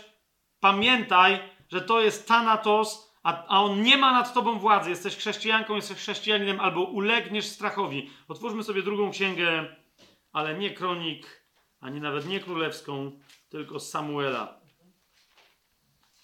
Otwórzmy sobie drugą księgę Samuela. W tejże drugiej księdze Samuela, w absolutnie ostatnim rozdziale, tak się druga księga Samuela kończy. Tam Dawid zgrzeszył w 24 rozdziale, w pierwszym wersecie się dowiemy, że zapłonął gniew Jahwe przeciwko Izraelowi. Kiedy to e, szatan pobudził Dawida, przeciwko nim, mówiąc: idź, policz Izraela i Judę. Być może pamiętacie takie kontrowersyjne, bo tam są dwa różne, tam miała dwóch różnych opisów, e, że niby nie wiadomo, kto pobudził Dawida i tak dalej, i tak dalej. To jest po prostu niezrozumienie greckiej, e, nie greckiej, tylko hebrajskiej gramatyki, a wręcz nawet e, słownika hebrajskiego, bo, bo, bo szatan w języku hebrajskim to nie jest imię własne przeciwnika Boga, tylko oznacza każdego przeciwnika czegoś, tak? E, tak jak nie każdy anioł jest istotą duchową, e, w Biblii nie każdy malak to jest po prostu posłaniec, tak nie każdy szatan e, jest tym szatanem, tak? Tylko to jest każdy przeciwnik czegoś innego, oponent, adwersarz i tak dalej, i tak dalej. Więc tam to, to Dawid był przeciwnikiem Bożym, ale nieważne. W każdym razie od 11 wersetu czytamy, gdy Dawid wstał rano, oto słowo Jahwe doszło do proroka Gada, który był widzącym Dawida, prorokiem widzącym Dawida. To jest 11 werset w 24 e, rozdziale. Idź i powiedz Dawidowi tak, mówi Jahwe. Trzy rzeczy daję ci do wyboru, wybierz jedną z nich, abym ci ją uczynił. Przyszedł więc Gad do Dawida, oznajmił mu i powiedział, czy ma nastać siedem lat głodu w twojej ziemi, czy chcesz uciekać przez trzy miesiące przed swoimi wrogami, którzy będą cię ścigać? Słowem, widzicie, jakie jest pytanie? Czy ma być głód? Czy ma być miecz? Czy ma być zaraza? Widzicie to? Czy ma być thanatos? Czy też w twojej ziemi ma być przez trzy dni zaraza? Zastanów się teraz i rozważ, co mam odpowiedzieć temu, który mnie posłał. Dawid odpowiedział Gadowi, jestem w udręce. Wpadnijmy wszakże raczej w rękę Jachwę, gdyż wielkie jest jego miłosierdzie. Niech nie wpadnę w rękę człowieka. Jachwę zesłał więc na Izraela zarazę, a od rana do ustalonego czasu. Od rana do ustalonego czasu. Umarło z ludu od Dan do Berszeby 70 tysięcy mężczyzn. Rozumiecie? I po prostu ta plaga szła. Najwyraźniej nie umierały kobiety ani dzieci. Umierali ci, którzy byli pod bronią Dawida. Ci, którzy byli mu posłuszni, e, którzy musieli mu być posłuszni, ale też mieli prawo, żeby mu zwrócić uwagę i tego nie zrobili, kiedy powiedział, żeby policzyć Izraela. Czy to jest jasne? Nie były temu winne kobiety, dzieci i tak dalej. To byli mężczyźni.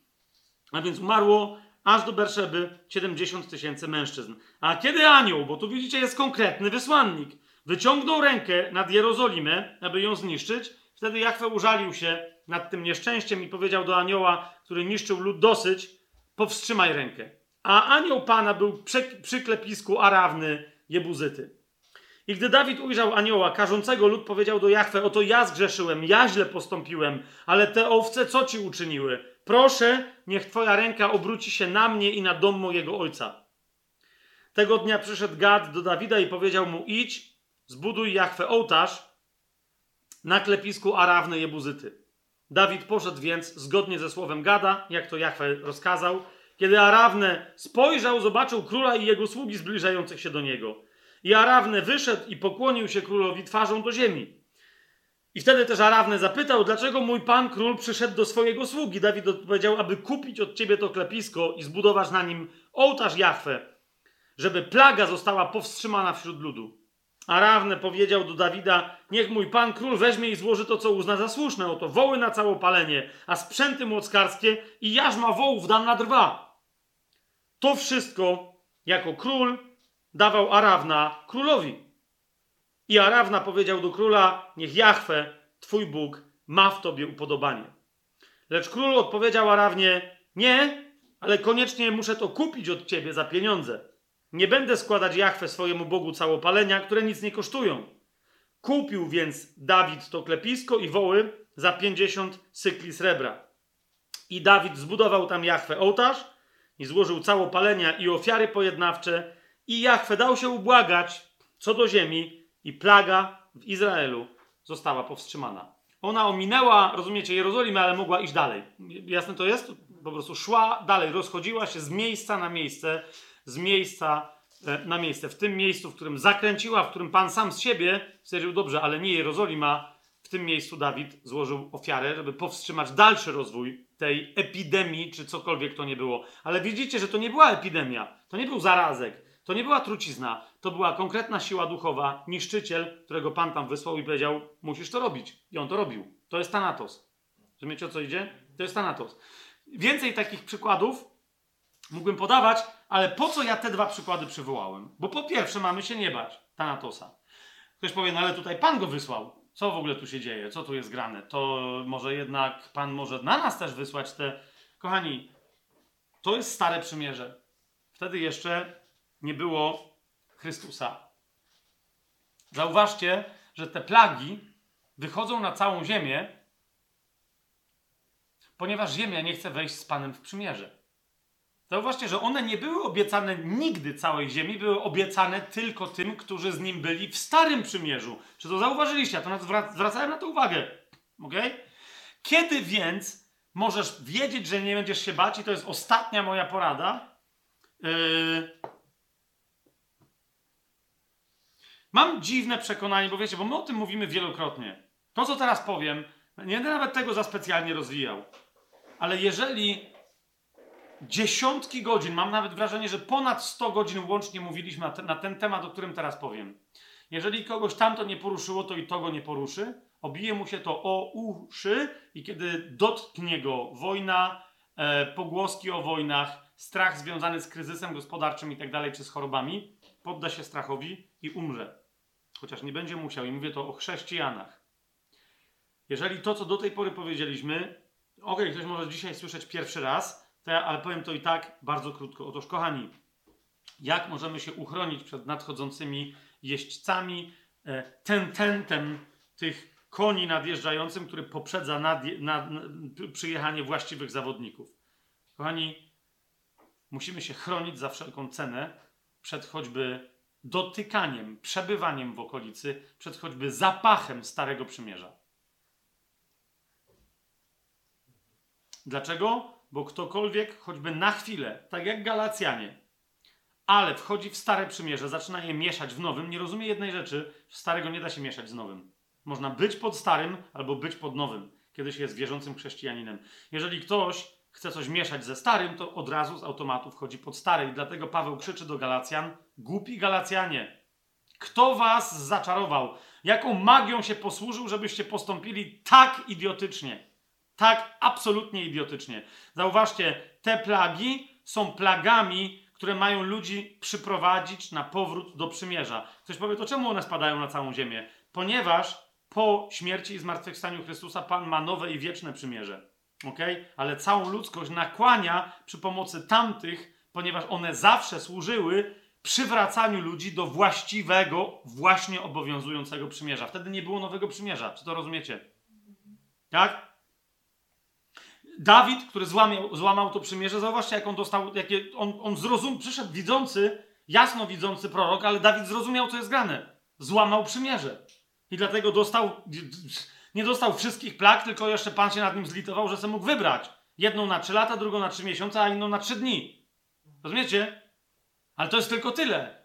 To wynikało, te przekleństwa wynikały z prawa. Księga liczb, co czytaliśmy? Księga kapłańska, co czytaliśmy? To jest cały czas. Jeżeli złamiecie przymierze, po co to zrobię? Nie, żeby was karać. Kary są inne za złamanie przymierza. Żeby was nakłonić do powrotu do przymierza.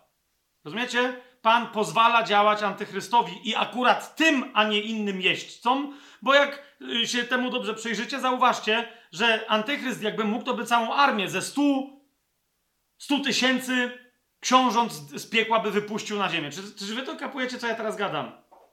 Ale może ze sobą wziąć tylko trzech. Dlaczego? Bo ten, który powiódł ich w triumfie, tylko tym trzem pozwoli działać. Rozumiecie, co jest grane? Oni nie, to nie Pan każe im to robić. Oni robią to, co należy do ich natury, tak? Buntowniczej. Ale Pan im na to pozwala. Po co? Ponieważ normalnej Ewangelii albo już nikt nie głosi na ziemi, bo Kościół jest pochwycony, albo jest go za mało na ziemi, albo, bo zauważcie, jest armia baranka, 144 tysiące małych żydziątek, tak? Dwóch świadków. Cała reszta, jeżeli nie przyjmie znamienia bestii, będzie wycinana. Oni siedzą w więzieniach i są mordowani. I, i rozumiecie, i idą do nieba. Więc oni nie. Kto głosi? Jeden anioł co lata po niebie, ale kto go słucha? Jak rozumiecie, to jest taki sam głos, jak głos świadków na ziemi. Ludzie ich nienawidzą, tych dwóch. Do samego końca. Oni nie chcą słuchać dobrej nowiny. Więc Pan mówi, no to może jeszcze te plagi, które, które bywało, że sprowadzały ludzi do przymierza, może was teraz sprowadzą do przymierza. Ale rozumiecie, kiedy jest nowe przymierze, zachowywanie starego spowoduje, że my z automatu możemy podpaść pod tamte plagi. Rozumiecie? Bo one wynikają ze starego, a starego nikt nie może zachować. Starego nikt nie może zachować. Zwłaszcza kiedy nie, rozumiecie, zwłaszcza kiedy, kiedy stare prawo Jezus skończył i udowodnił, że od tej pory już nikt nie będzie mógł zachowywać, bo jest nowe przymierze. Tak? A zatem, kochani, trwać w nowym przymierzu, ponieważ podpadnięcie dla wierzących pod zarazę, pod głodowanie, pod, pod inne rzeczy, rozumiecie, wynika tylko i wyłącznie z flirtu ze Starym Przymierzem. Flirt ze Starym Przymierzem wywołuje w nas flirt z grzechem, a grzech przywraca nas do świata. I łazimy jak zombie, którzy się potem skarżą, że ciało działa. Otwórzmy sobie Księgę Powtórzonego Prawa, czyli ostatnią księgę pięcioksięgu, czyli piątą księgę y, mojżeszową. Prawie, że sam koniec tej księgi, czyli 28 rozdział. W 28 rozdziale od 15, ym, od 15 wersetu czytamy: Jeżeli nie będziesz słuchać głosu Jahwe, swojego Boga, by przestrzegać wszystkich Jego przykazań i ustaw, które Ci dziś nakazuje i wypełniać je, to spadną na Ciebie wszystkie te przekleństwa i Cię dosięgną. Przeklęty będziesz w mieście, przeklęty będziesz na polu. Przeklęty będzie Twój kosz i Twoja dzieża. Przeklęty będzie owoc Twojego łona, owoc Twojej ziemi, przyrost Twojego bydła oraz trzody Twoich owiec. Przeklęty będziesz, kiedy będziesz wchodził i przeklęty, kiedy będziesz wychodził. Jachwę ześlę na ciebie przekleństwo, trwogę i karę we wszystkim, do czego wyciągniesz swoją rękę i co czynić będziesz, aż zostaniesz zniszczony i szybko zginiesz z powodu niegodziwości swoich czynów, przez które mnie opuściłeś. Pan sprawi, że przylgnie do ciebie zaraza, aż cię wyniszczy z ziemi, do której idziesz, aby ją posiąść. Pan uderzy cię suchotami, febrą, zapaleniem, silną gorączką, mieczem, suszą i pleśnią, które będą cię prześladować, aż zginiesz.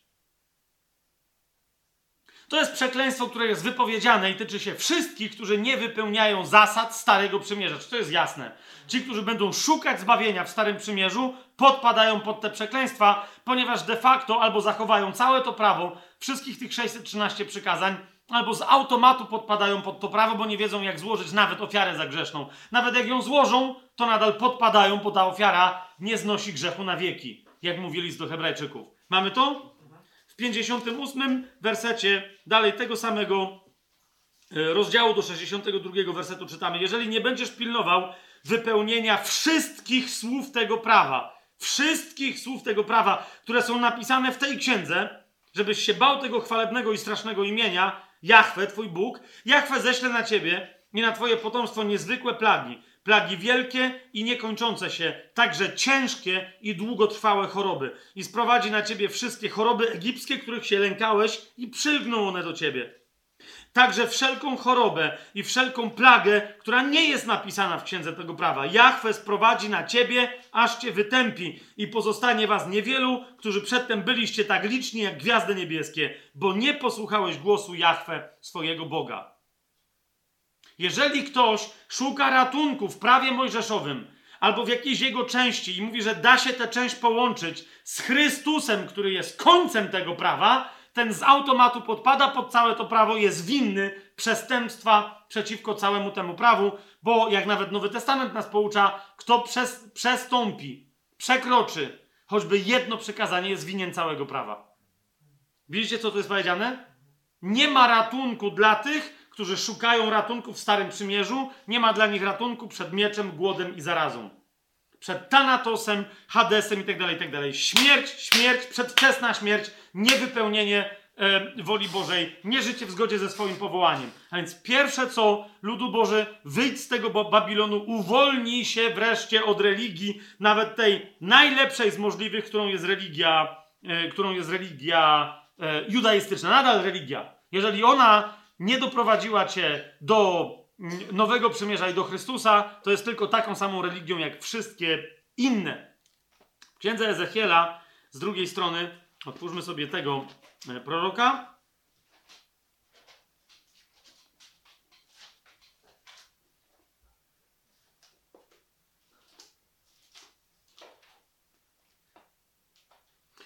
Chcę wam pokazać, e, że kiedy dojdzie do ostatecznej bitwy, zauważcie e, to, co mówię, że mimo, że oryginalnie te plagi były pomyślane tych trzech jeźdźców głównie były, były pomyślane dla tych, którzy odpadli od przymierza, żeby ich przywrócić, to na końcu to nie są plagi przeznaczone ludziom wierzącym w ogóle. Natomiast to są plagi przeznaczone wszystkim, którzy sobie pomyśleli, e, że, że nie, zawią- nie wejdą w przymierze z Bogiem, ale wręcz, że przeciwstawią się Bogu. Tak? To będą ci, którzy się zjednoczą z Gogiem, włącznie z Antychrystem, w wojnie, e, w koalicji Goga-Magoga, w wojnie e, na wyżynie, na równinie nie, Har Megido, czyli pod Armagedonem. Tak? W 38 rozdziale księgi Ezechiela, w 18 wersecie i dalej zobaczcie, co, co czytamy. To jest koniec czasów, to jest Armagedon. E, zauważcie, przeciwko komu koniec końców, przeciwko jakim ludziom wystąpi tych trzech jeźdźców, o których czytaliśmy. Oni nie mogą tknąć oznaczonych przez Pana. Oni, antychryst może ich tk- tknąć, może strzelić swoją strzałą do tych, którzy nie przyjmą, nie oddadzą mu pokłonu i zabije i on może myśleć, że wygrał, ale to będzie jego przegrana. Natomiast ci jeźdźcy, kogo będą dotykać? Zobaczcie, od 18 wersetu czytajmy. W dniu, w którym Gog nadciągnie przeciwko ziemi Izraela, Wiecie, co to są za rozdziały 38-39? Koalo- Koalicja Goga Magoga, zjednoczenie się wszystkich wojsk ziemi przeciwko nadciągającemu z nieba Chrystusowi. No odlot. W dniu, w którym Gog nadciągnie przeciwko ziemi Izraela, mówi Pan Jahwe, wzmoże się zapalczywość mojego gniewu. To mówi Pan Jahwe. Powiedziałem bowiem w swojej gorliwości i w ogniu swojego gniewu, zaprawdę w tym dniu będzie wielkie trzęsienie ziemi w Izraelu i zadrżą przede mną ryby morskie i ptactwo niebieskie, zwierzęta polne i wszelkie zwierzęta pełzające po ziemi, a także wszyscy ludzie, którzy będą wtedy na powierzchni ziemi. Rozpadną się góry, upadną wysokie wieże i każdy mur runie na ziemię. Widzicie te różne trąby, czasze wylewane na ziemię i tak dalej, jeżeli, pamiętacie opisy konkretne z Księgi Objawienia. Ale tych trzech jeźdźców widzimy, że oni dalej szaleją bo oni są wypuszczeni przede wszystkim na czas wielkiego ucisku. I Przywołam miecz przeciwko niemu. Przeciwko komu? Przeciwko Gogowi Magogowi. Bo to o nim jest mowa. 18 werset. W dniu, w którym Gog nadciągnie przeciwko Izraelowi. Tak? Przywołam miecz przeciwko niemu po wszystkich moich górach, mówi Pan Jachwę. Miecz każdego zwróci się przeciwko swojemu bratu. Pamiętacie, jak jest opisany tamten jeździec? Że on odbierze ludziom pokój, ludzie będą się nawzajem zabijać. A oni tam, rozumiecie, chcą zwalczyć z Chrystusem, zaczną siebie nawzajem mordować, bo stwierdzą, o, w sumie dobra okazja.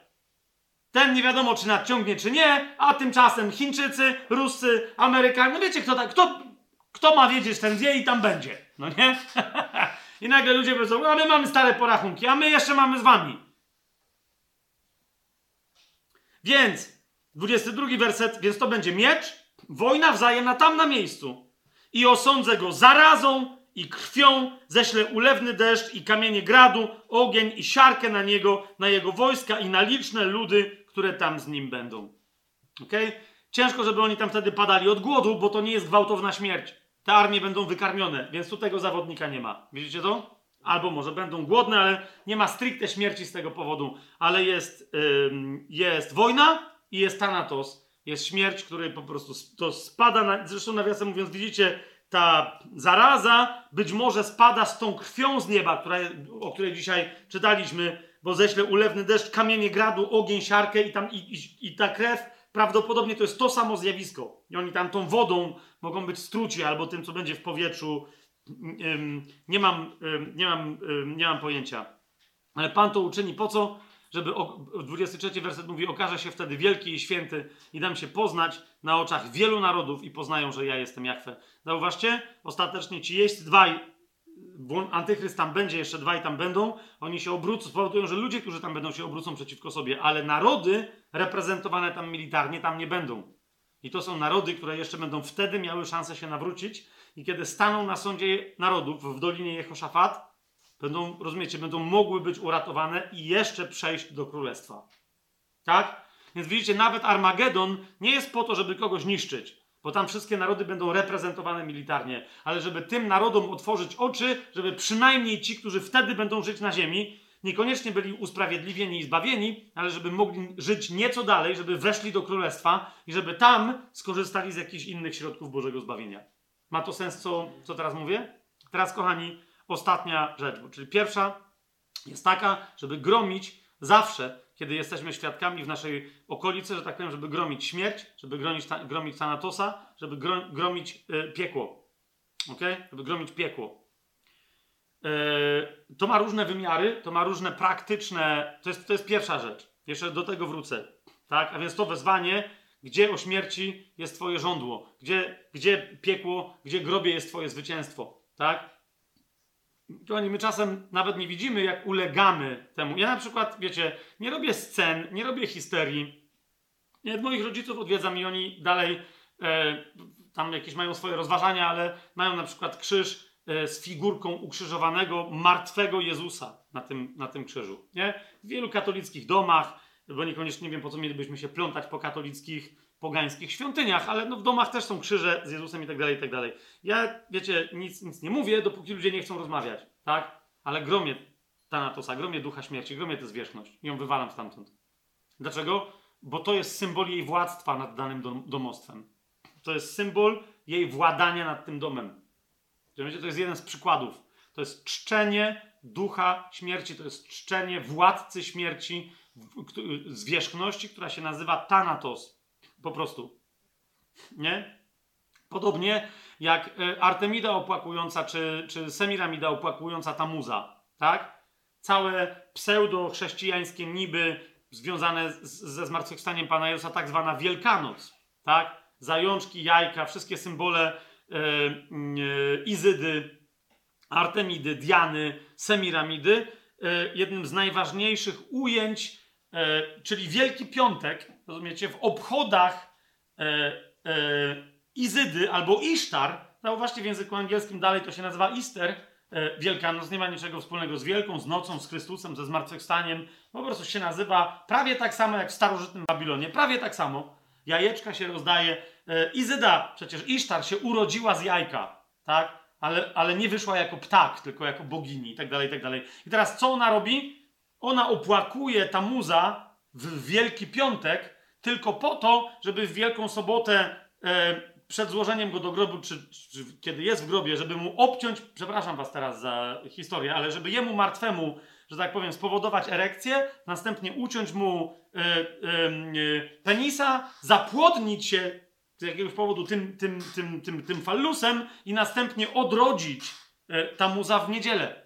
Tam, jak wiecie, nie ma żadnych trzech dni, to jest świętowanie od piątku wieczorem do niedzieli rano. Jedyny smutny dzień zapłodnienia e, to jest dzień e, i stąd potem te zające są wychodzące, nowe życie i tak dalej, i tak dalej, cała wiosna, te wszystkie historie. To jest, to jest, tamta staroży, to jest tamten starożytny mit, rozumiecie? I od tamtej pory Isztar zawsze e, jakby wzruszająca Isztar to jest ta, która trzyma swojego kochanka, swojego syna. Teraz zauważcie, jeżeli on jest ojcem kościoła, to ona oczywiście jest matką kościoła. To się nie dziwcie w związku z tym, wiecie, że jaka jest interpretacja tego, co Jezus zrobił na krzyżu i co on mówił do Jana i co on mówił do niej. Gdy normalnie po prostu zapewnił jej opiekę kogoś, kto nie był nim. Jeżeli on był uznany za zbrodniarza w oczach Rzymu, to ona następnie mogła zginąć. Czy rozumiecie, co jest grane? Jeżeli on mówi, to jest twoja matka, to jest twój syn, prawnie dał jej, rozumiecie, umył jej ręce przed Rzymem, bo Rzym mógłby powiedzieć, czy ty urodziłaś króla żydowskiego, to możesz urodzić następnego,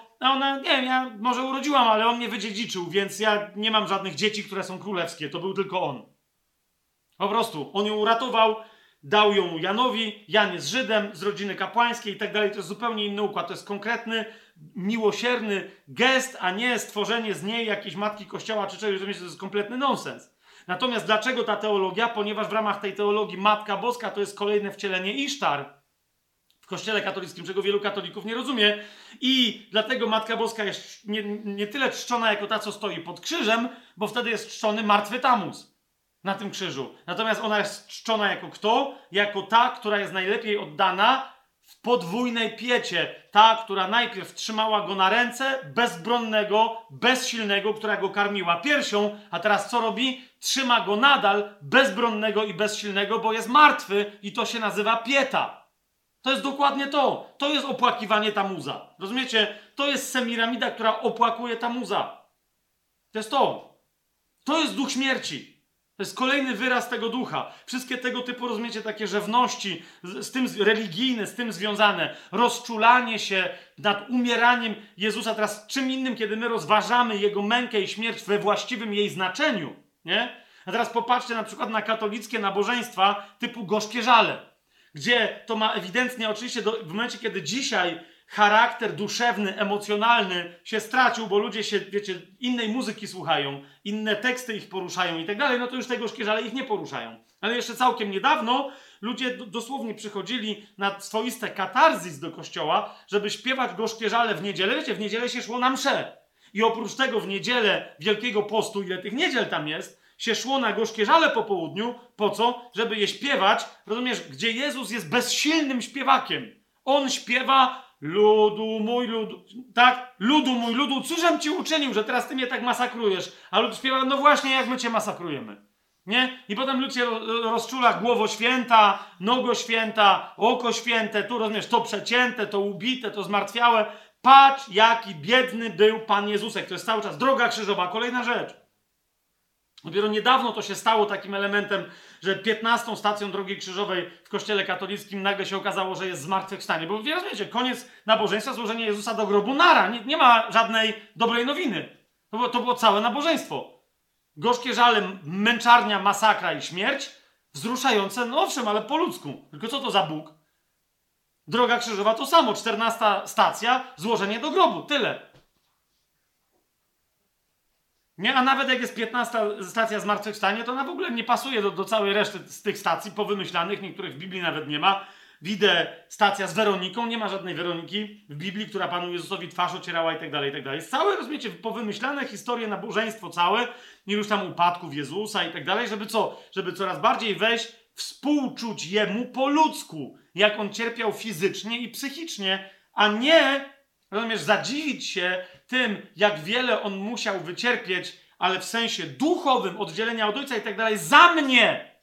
A nie ja, rozumiesz, mam się teraz koncentrować na tym, jaki on był, bo takich bohaterów to my znajdziemy więcej. Są ludzie, którzy byli torturowani, wiecie, e, w więzieniach KGB czy e, NKWD i tak dalej, miesiącami czy latami.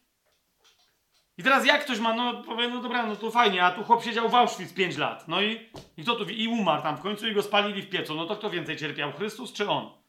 Nie potem, a no bo wiesz o co chodzi. To było znacznie większe cierpienie, ale jego wymiar musi być zrozumiany poza, kiedy wyjdziemy tyl, tylko poza wymiar cielesny i duszewny, bo one wręcz w porównaniu z wymiarem duchowym były zaledwie prawie, że tylko symboliczne, nie wiem czy rozumiecie.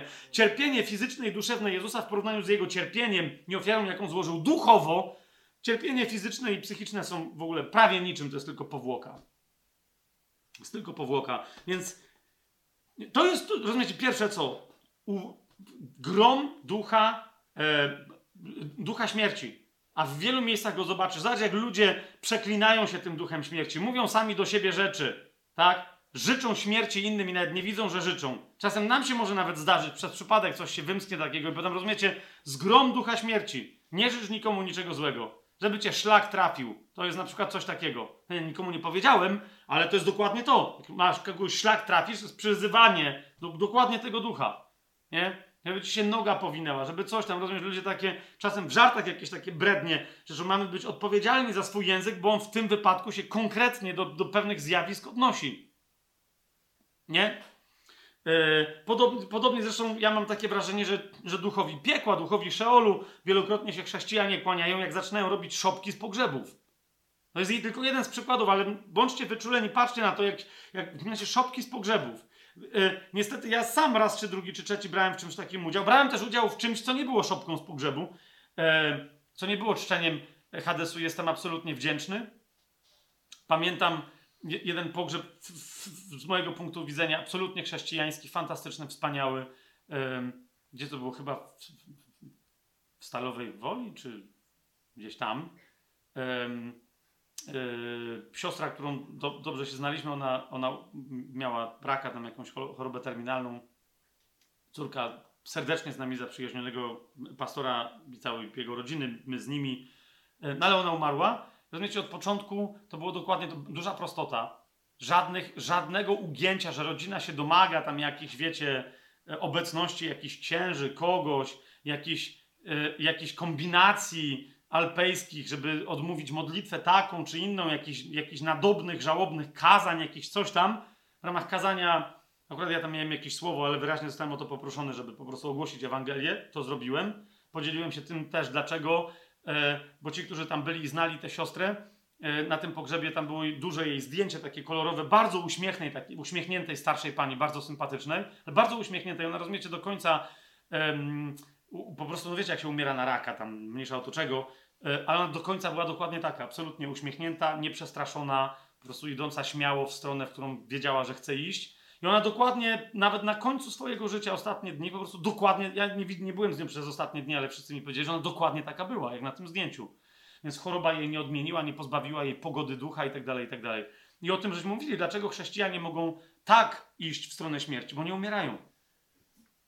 To było to. Rozumiecie, ten, ten pastor, on tam grał pieśni, które były jej, rozumiecie, one były jej uwiel, u, ulubionymi pieśniami, o które ona zresztą poprosiła, że mają być zagrane na pogrzebie.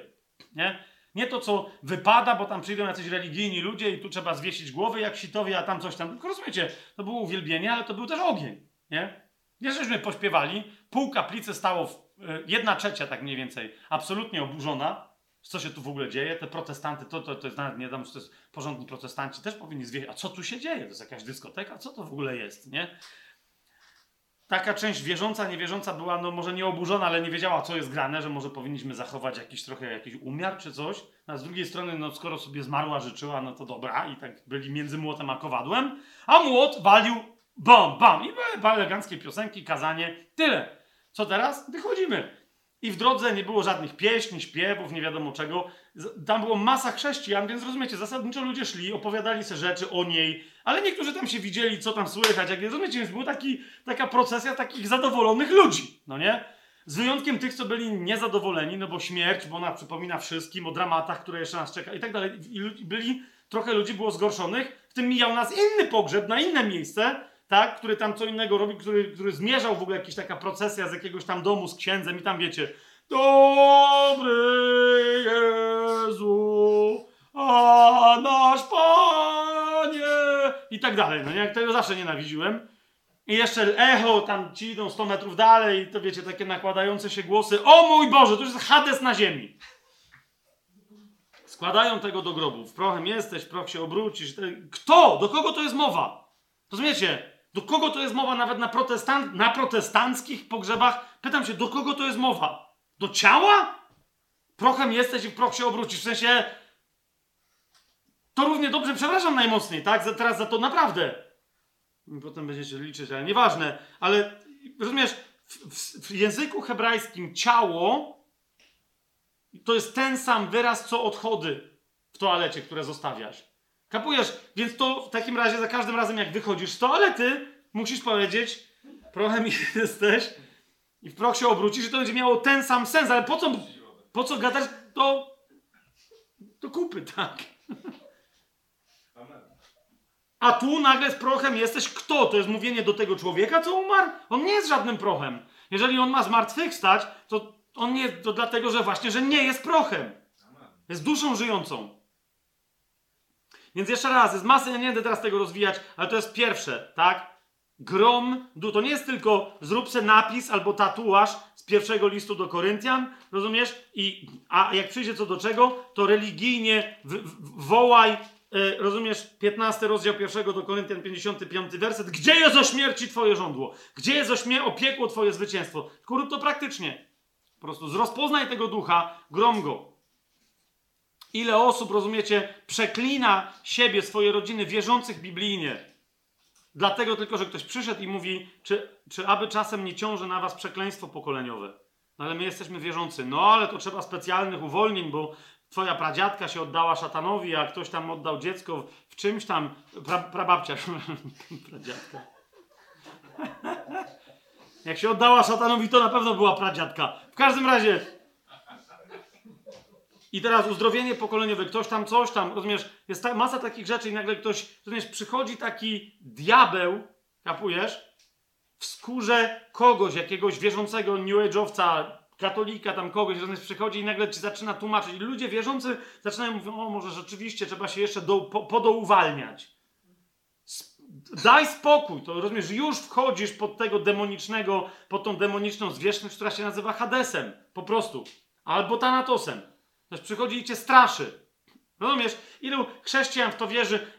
Na przykład jest jak, jakieś wydarzenie mamy. No, myślę, że u nas to się już skończyło, ale pamiętacie, że jeszcze wciąż są ludzie, którzy z nami współpracują, a przynajmniej byli, gdzie nawet myśmy, nie nagle było jest jakieś wydarzenie, jedziemy na jakąś konferencję, coś mamy robić, głosimy i nagle jest takie, nie, musimy się ochronić, wzywać krwi Chrystusa, bo teraz przyjdzie diabeł i on dotknie, jak nie ciebie, to twoje dziecko, rozwali ci jakiś demon samochód, coś tam, żeby cię powstrzymać, żeby gdzieś nie jechać. Wiecie o co mi chodzi?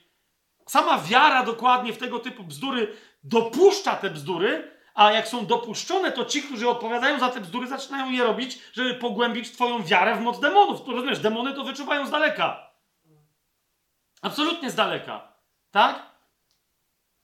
No tu od razu mi się też nasuwa, gdzie rozumiecie, gdzie się pojawiła reakcja, napomnienie jakieś zdrowe i tak dalej. Ja nie znam tych ludzi, tak? Bo nie znam, nie poznaliśmy się nigdy osobiście, niezależnie od tego, co ktoś sobie myśli. Nigdy się nie poznaliśmy. Nie powiem teraz żadnego imienia i nazwiska, ale w pewnym momencie, jak, rozumiecie, była pandemia, było, było coś tam, było pewne takie środowisko w Polsce cały czas, które miało wszystkich pouzdrawiać.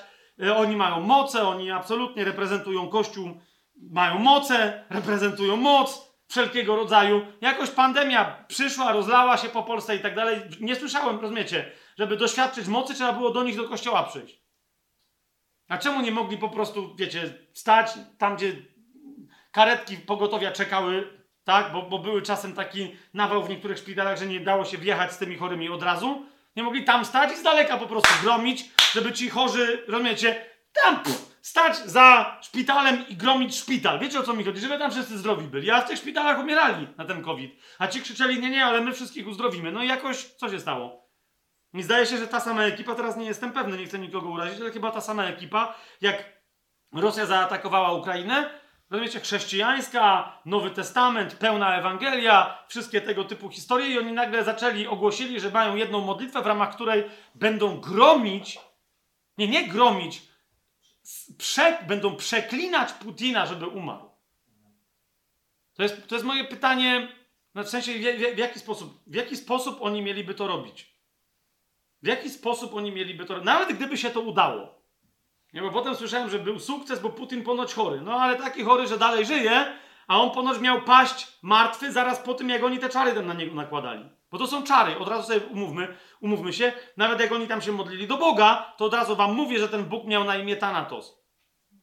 Dlaczego? Ponieważ nasz Pan nie chce śmierci grzesznika, ale żeby on żył.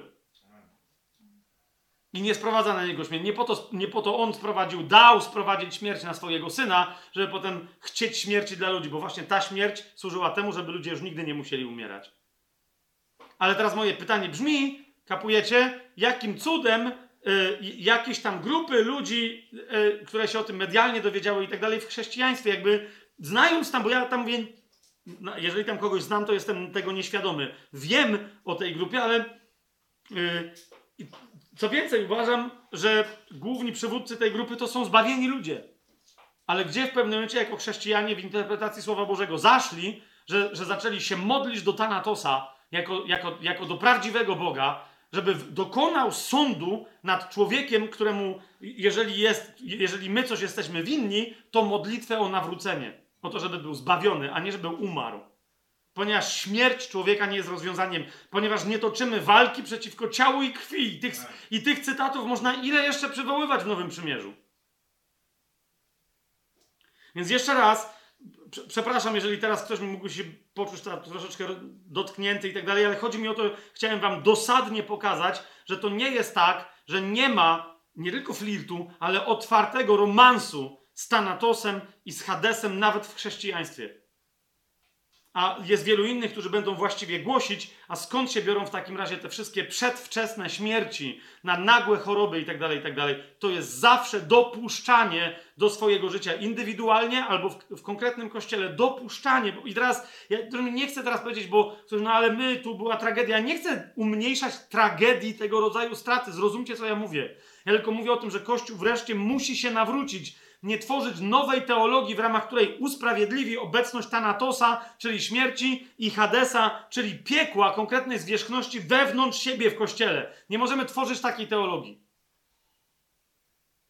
Ale musimy zrozumieć, że my mamy być wolni, nie tylko mamy głosić tę wolność, ale mamy żyć w pełnej wolności od dotyku tych diabelskich macek.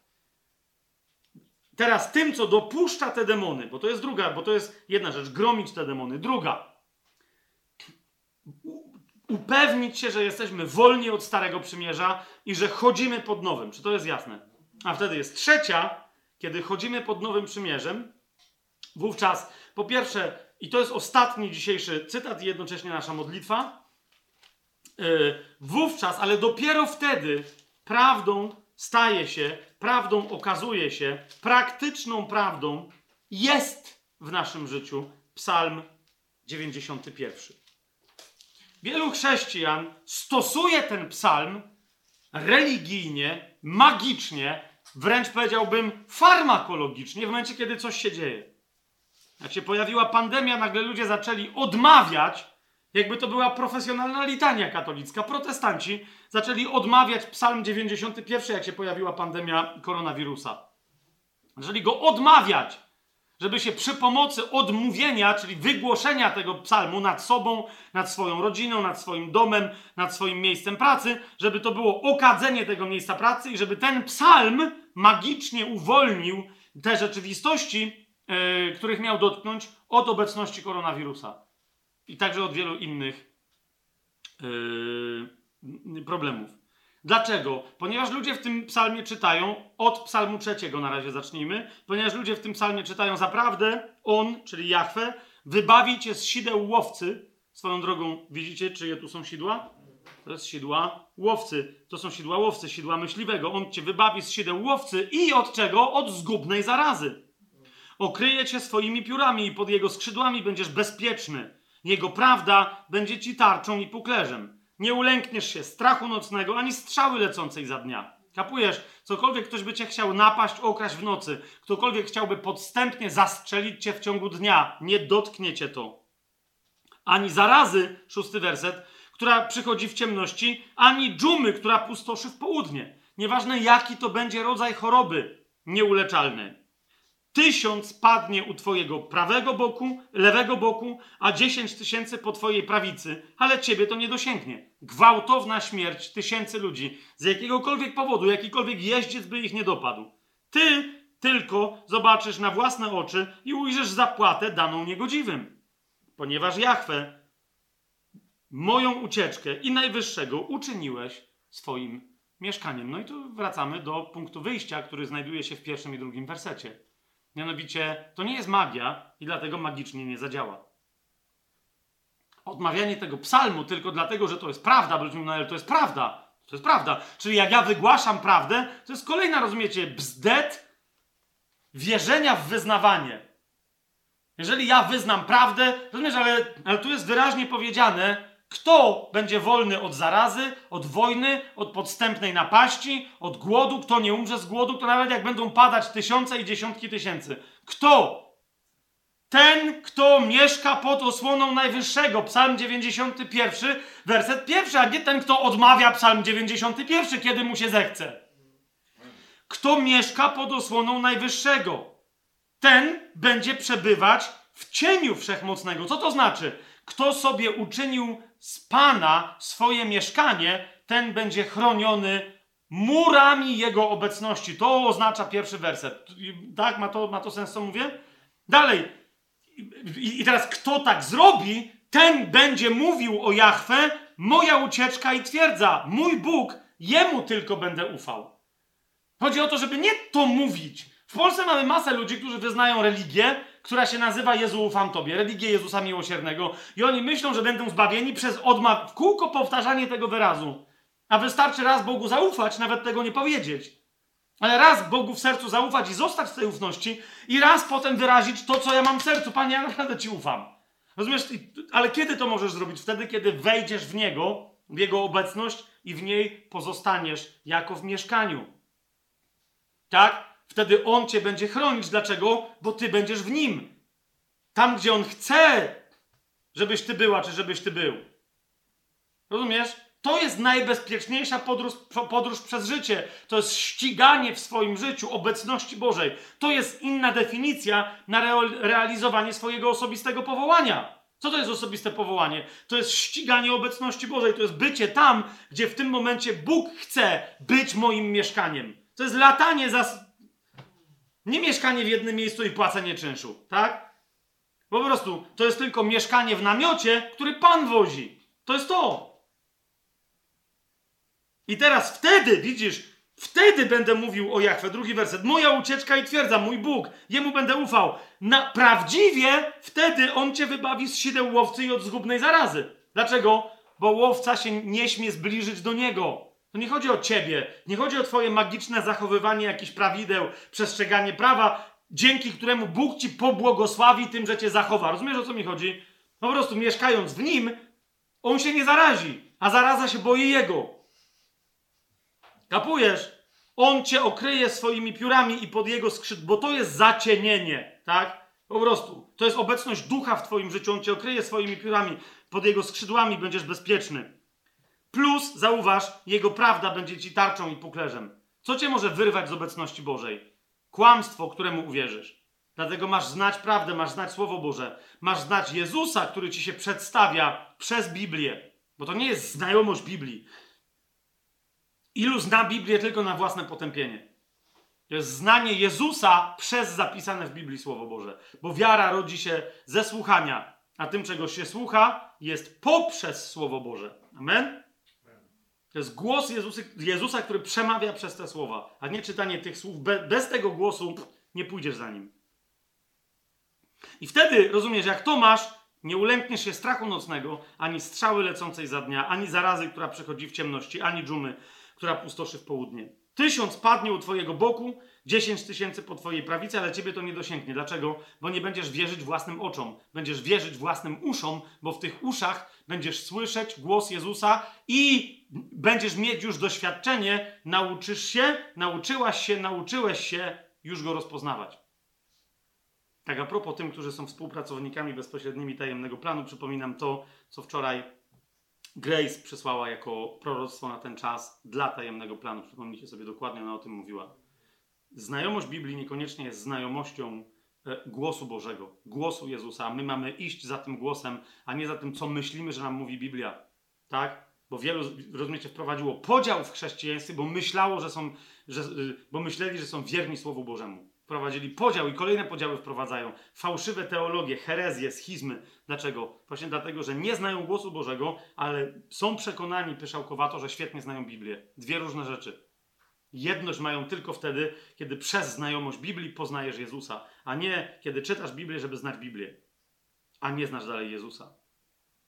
Wtedy nie wierzysz temu, co się dzieje obok ciebie, nie wierzysz własnym oczom, ale wierzysz swoim uszom. Jak Pan ci mówi, teraz cię wezmę, luz, nie? Ale jak padają dookoła ciebie, a Pan mówi spokojnie, ty zrób dwa kroki do przodu. Robisz dwa kroki do przodu. Dlaczego? Bo Pan ci mówi, zrób dwa kroki do przodu, wszystko będzie dobrze. Idziesz dalej.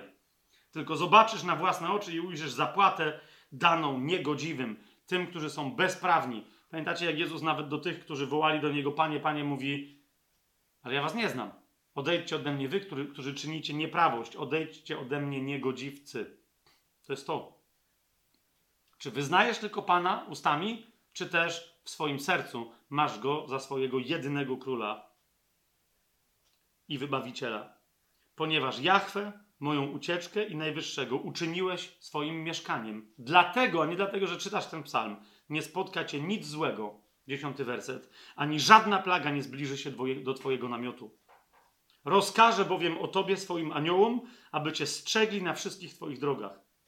Na rękach będą cię nosić. Są zwierzchności anielskie, aniołowie upadli, zwierzchności demoniczne, które będą szaleć po tej ziemi. Ok?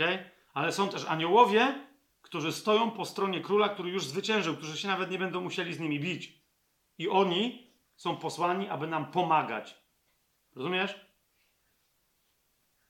Na rękach cię będą nosić, żebyś przypadkiem nie uderzył swojej nogi o kamień. Będziesz stąpać po lwie i po żmii, lwiątko i smoka podepczesz. Już wiesz jaką mocą? Wybawię go, bo mnie umiłował, wywyższę go, bo poznał moje imię. W tym miejscu się pojawia głos samego Boga. Będzie mnie wzywał, a ja go wysłucham. Będę z nim w utrapieniu, wyrwę go i otoczę chwałą. Długimi dniami go nasycę i ukażę mu moje zbawienie. A zatem, kochani, gromimy, gromimy duchy wszędzie, nawet najdrobniejsze przejawy ducha. Jeszcze raz, nie atakujemy ludzi, tylko gromimy duchy, tak? Śmierci i piekła, Tanatosa i Hadesa. Po drugie, e, chronimy się przed chociażby dotknięciem Starego Przymierza. Miejmy za punkt absolutnej ambicji duchowej i honoru trwanie tylko i wyłącznie w Nowym Przymierzu. Jak gdzieś nie masz pewności, rozumiesz, czy to, co robisz, czy czasem nie jest religią, to po prostu to przestań to robić. Jak czegoś nie robisz, być może z powodów religijnych, to zacznij to robić. Ja niestety przyczyniłem się do tego, że ostatnio ktoś, jak to ode mnie usłyszał, to mówi mi, no i fajnie, Fabian, zacząłem znowu przez ciebie palić. No, okej, przeze mnie palić, tak? A, a dlaczego przestałeś? On mówi, no bo, y, no właśnie, dlaczego przestał palić? Żeby się przypodobać Panu. Bo się okazało, że ma chore dziecko. I uznał, że jak on w ten sposób zrobi sobie post od palenia i się będzie modlił o to dziecko, to Pan coś zrobi z jego dzieckiem. Rozumiecie, o co mi chodzi? Ja mu powiedziałem, że tak, to, że tak to nie działa, to tak nie zadziała. I on przyszedł i mówi, no to przez ciebie zacząłem z powrotem palić. Że jakby rozumiecie, było nadal, robiłem coś dobrego, no ale teraz jak już mnie zwolniłeś, że to i tak nie zadziała, a to walić, to palę dalej. Nie? W pierwszej kolejności to było, po co ty palisz, co, co, do czego to prowadzi? Pan, rozumiesz, pan, pan, jeżeli ty sam siebie zabijasz, potem się okaże, że ty masz raka czy coś, no to, no to wiesz, nie miej pretensji wtedy do Pana, ale może nie będziesz mieć raka, nie? Ja znam jeden czy drugi przypadek człowieka, który umarł dlatego, że przestał palić, nie dlatego, że palił, no nie? Pił, palił, przestał, bo mu powiedzieli, że niezdrowo i umarł, no i tyle. Bardzo szybko zaraz po tym. Nie? Jest, nie, nie, nie mówię, ale jeżeli to jest, no pewnie to jest bardzo niezdrowe. Ja nie palę. Nie piję. Nie, nie, nie, nie że jestem kompletnym abstynentem, ale prawie w ogóle.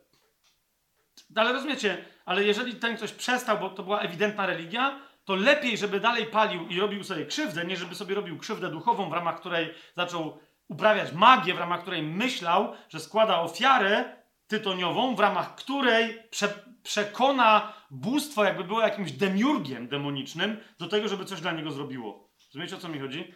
Więc jeszcze raz to samo powtórzę. Tak, to niech nawet ktoś wróci do swojego złego zachowania, niż by miał wykonywać dobre, ale tylko po to, żeby wpaść w sidła religii. Po prostu. Ponieważ w Panu jest wolność. Jeżeli ktoś zna prawdziwego Chrystusa i na przykład palenie czy jakieś inne nałogi i tak dalej stanowią problem, bo stanowią, no umówmy się, to Pan naprawdę jest również wolnością od tego. Jak, Krzyż i sztylet Davida Wilkersona, ale cała masa, masa, masa, masa, masa, masa wielu innych świadectw. Nie tylko chodzi mi o to, że cudownie ludzie przez cud są uwalniani od ciężkich nałogów, ale także przez pracę, którą zaczynają podejmować, ponieważ kiedy sobie uświadamiają wolność, jaką mają w Chrystusie. To jest nowe przymierze. Że to nie, jest, to nie są same cuda, kompletnie bez pracy z naszej strony. Rozumiecie, o co mi chodzi? To jest praca z naszej strony, ale wiemy, że ona jest możliwa. Dlaczego? Bo Pan nam ją umożliwia, a nie religia. Jasne? To jest, to, jest, to jest to wolność od Starego Przymierza, wolność od religii i trwanie w Nowym Przymierzu. A, a to się zawsze testuje, bo nowy, nie da się trwać w Nowym Przymierzu, nie mając bliskości intymnej z Panem. Tak? Nie będąc cały czas y, świadomym y, y, i bycia Jego dzieckiem. Więc niezależnie od tego, nawet jak jakąś złą rzecz zrobisz, grzeszną, obrzydliwą, głupią, rozumiesz? To, to musisz to wiedzieć zawsze, jak na ciebie patrzy Pan. Chrystus by nigdy czegoś takiego nie zrobił ale to nie może cię obciążyć poczuciem winy. Chodzi tylko o to, że on nadal na ciebie patrzy, bo, bo ty rozumiesz, bo to zrobiło twoje ciało, a nie twój duch. On nad, nadal patrzy na twojego ducha, który będzie wieczny i który będzie podstawą twojego życia w przyszłym ciele. A nie na to ciało, którego przeznaczeniem jest śmierć, która jest już postanowiona w naszym chrzcie wodnym. Amen? Dlatego więcej, więcej nic nie powiem. Więcej nic nie powiem. E, tylko moja propozycja jest taka, żeby więc w związku z tym rzeczywiście codziennie czytać sobie ten psalm ale zamieniać go na modlitwę taką, jaką ona w danym momencie naprawdę dla ciebie brzmi. Okay? Jeżeli, rozumiesz, y, ten psalm się zaczyna, kto mieszka pod osłoną Najwyższego, w cieniu Wszechmocnego przebywać będzie, a ty nie czujesz się komfortowo w obecności Boga. Nie, nie masz przekonania, że ja też nie wiem, w jakim kto domu mieszka, czy i tak dalej. My na przykład nie mamy swojego domu, tylko go wynajmujemy, ale dosyć dobrze się tam czujemy z Madzią. Nie? Chociaż tu się też dobrze czujemy, w paru innych domach się dobrze czujemy. Ale idzie mi o to, że, że jak wracam tam, gdzie jest Madzia, gdzie jest Felix, to na pewno jest mój dom. Wiecie o co mi Nie tylko, ale, ale przede wszystkim. Więc jak ja dzisiaj będę wracać do domu, się będę czuć dobrze. Teraz jest pytanie, czy jak na przykład wchodzisz w modlitwę, zaczynasz czytać Biblię, czy w ogóle, nie wiem, sobie gdzieś jedziesz, coś robisz i tak dalej, ale w momencie, kiedy sobie chcesz uświadomić, że czy to robisz z Bogiem, czy się zaczynasz w tej myśli, w tym przypomnieniu sobie o obecności Bożej czuć komfortowo, chociaż tak, jak u siebie w domu. Jeżeli się tam czujesz komfortowo, o to mi chodzi. Bo jeżeli nie, to jest jakiś problem. Nie z tym, że ty się czujesz komfortowo w domu, tylko z twoją relacją z Bogiem. To znaczy, że ona nie jest oparta na Nowym Przymierzu. Ona nie jest oparta na jedynej zasłudze Chrystusowej śmierci, Chrystusowego krzyża i Chrystusowej krwi. To jest oparte na jakichś twoich zasługach. Czy jest jasne to, to, to, to, to co mówię? Więc jeżeli nie ma w tobie głodu takiego, żeby, wiesz, bo czasem są zajęte dni i, i masz czas tylko, nie wiem, pół godziny, żeby poczytać Biblię, pół godziny, żeby jakiejś ciszy, żeby z Panem porozmawiać, pół godziny, żeby się pomodlić z braćmi i siostrami. I nie ma w tobie takiego głodu, żeby może, nie wiem, zrobić sobie jakiś wolniejszy dzień, żeby wtedy więcej czasu z nim poprzebywać. Niekoniecznie od razu, wiesz, świeczka, trumna, leżysz tam, o, i tam jakieś cuda odprawiasz, tylko nie wiem, no nie, bo są ludzie, którzy wtedy wychodzą do lasu na 7 godzin i cały czas to jest modlitwa. Wiecie o co mi chodzi? Tylko przed, wychodzą tam nie po to, żeby się przejść i przy okazji pomodlić, tylko idą tam, żeby się modlić, a to, że oni się akurat najlepiej modlą, jak chodzą, to jest inna sprawa, tak? Ja tak nie mam. Ja sobie muszę siąść spokojnie, chociaż czasem też muszę się przejść. Więc jak tak nie masz, to nie od, odmawiaj, kto mieszka pod osłoną i tak dalej, i tak dalej. Ja znam ludzi, co na pamięć ten, ten psalm znają, tak? Tylko dostosuj go do tego, czyli Panie, chcę przebywać w Twoim cieniu, Ciebie jako wszechmocnego. Chcę mieć taką relację z Tobą, żebym wiedział, że Ty jesteś moim mieszkaniem, że ja w Tobie mieszkam. Rozumiecie, o co mi chodzi? Niech to się zamieni w prośbę. Chcę, żeby moje wyznanie, mój Pan jest moją ucieczką i moją twierdzą, jest moim Bogiem, tylko Jemu będę ufał, żeby to była prawda w moim życiu, żeby to nie były puste słowa. Wiecie, o co mi chodzi? Żeby, to, to jest to. Żeby to była prawdziwa modlitwa e, na bazie tych słów żeby to twoja modlitwa była, ta, nawet jeżeli to będzie ustna modlitwa, ma to sens, to gadam, że, żeby wynikała z tego tekstu, żeby była twoją medytacją nad tym tekstem, tak? Ale być może warto sobie siąść i każdy z wersetów tego psalmu rozważyć wers po wersecie, nie? Wyobrazić sobie pewne rzeczy. Nie? No, typu, kto mieszka pod osłoną Najwyższego, w sensie, jeżeli on ma być twoim mieszkaniem, jak to sobie to wyobrażasz, to, to mieszkanie? Nie? Kiedyś z jedną siostrą mówiłam, ja, ja mieszkam pod osłoną Najwyższego, rozmawiałem i tak dalej, i tak dalej. Poprosiłem, poprosiłem ją, żeby mi opisała, jak to jest, kiedy z nim rozmawiam. To była siostra zakonna, katolicka. I ona mi powiedziała, słyszę, że ona miała dar proroczy naprawdę bardzo mocny i tak dalej. I ona naprawdę, rozumiecie, potrafiła zamknąć oczy i wejść w obecność Pana, także ona gadała z Jezusem w sobie. Nie to, że miała jakieś tam wizje, ale gadała. I, ale ją zapytałem, jak, jakby, jaka jest ta przestrzeń nie, tego twojego zamieszkania? Bo ona mówi, że wchodzi w siebie i ona mówi, że po prostu to jest taki stary, obdarty namiot, nie? Że po prostu Pan Jezus zawsze siedzi na tle, dosłownie i są dziury, i ona widzi przez te dziury jakąś pustynię, jakby zawsze słońce tam na zewnątrz, ale jakby ona nawet nie wie, jak wygląda reszta tego, mówi, to rozejrzyj się, nie? On mówi, nie wiem, bo tu mówi, nie, jak się rozejrzała, to jakiś stary garnek, zepsute jakieś jedzenie i tak dalej, i tak dalej. Mówię, serio, to jest jakby, to, to jest twoja dusza. A mówi, no, a to gdzie ja mam mieszkać pod osłoną Najwyższego? Hello! To On ma być Twoim mieszkaniem. To jest mieszkanie, które On Ci przygotowuje już w duchu. To jest wizja Jego mieszkania dla Ciebie. Stary, obdarty namiot ze starą patelnią na jakimś palenisku, cały syf. Ona mówi, że nawet nie bardzo wie, jakby tam miała mieszkać, gdzie by miała spać, bo nie było miejsca do leżenia. Znaczy było, ale nie było posłania, w tym o to mi chodzi, nie? Rozumiecie, o co mi idzie? Jak wygląda Twoje mieszkanie z Panem? jaką Ty masz rezydencję, nie? Ja ja nie znam całej swojej. Ja, inna rzecz, że ja jestem przekonany, teraz dopiero powiem dziwną rzecz, ale jestem przekonany, że w momencie, kiedy ktoś poprosi o taką modlitwę, nie ma dwóch takich samych zamieszkiwań w Panu. Rozumiecie? Prawda jest taka, że w momencie, kiedy, kiedy ty na tej modlitwie poprosisz Ducha Świętego, żeby cię pokazał, rozumiesz, że gdyby on naprawdę był twoim domem, jakby on wyglądał, to ty to zobaczysz. Rozumiesz, on się posłuży Twoją wyobraźnią, poprowadzi Cię, doświadczysz niesłychanego pokoju, zobaczysz to. Natomiast moje osobiste przekonanie, potwierdzone paroma fragmentami biblijnymi, ale nie mamy dzisiaj czasu, żeby to rozważać, jest takie, że to, co on Ci pokaże, to jest tak czy siak pewna reprezentacja wyobrażeniowa tutaj Twojego prawdziwego domu, który jest dla Ciebie przygotowany w niebie.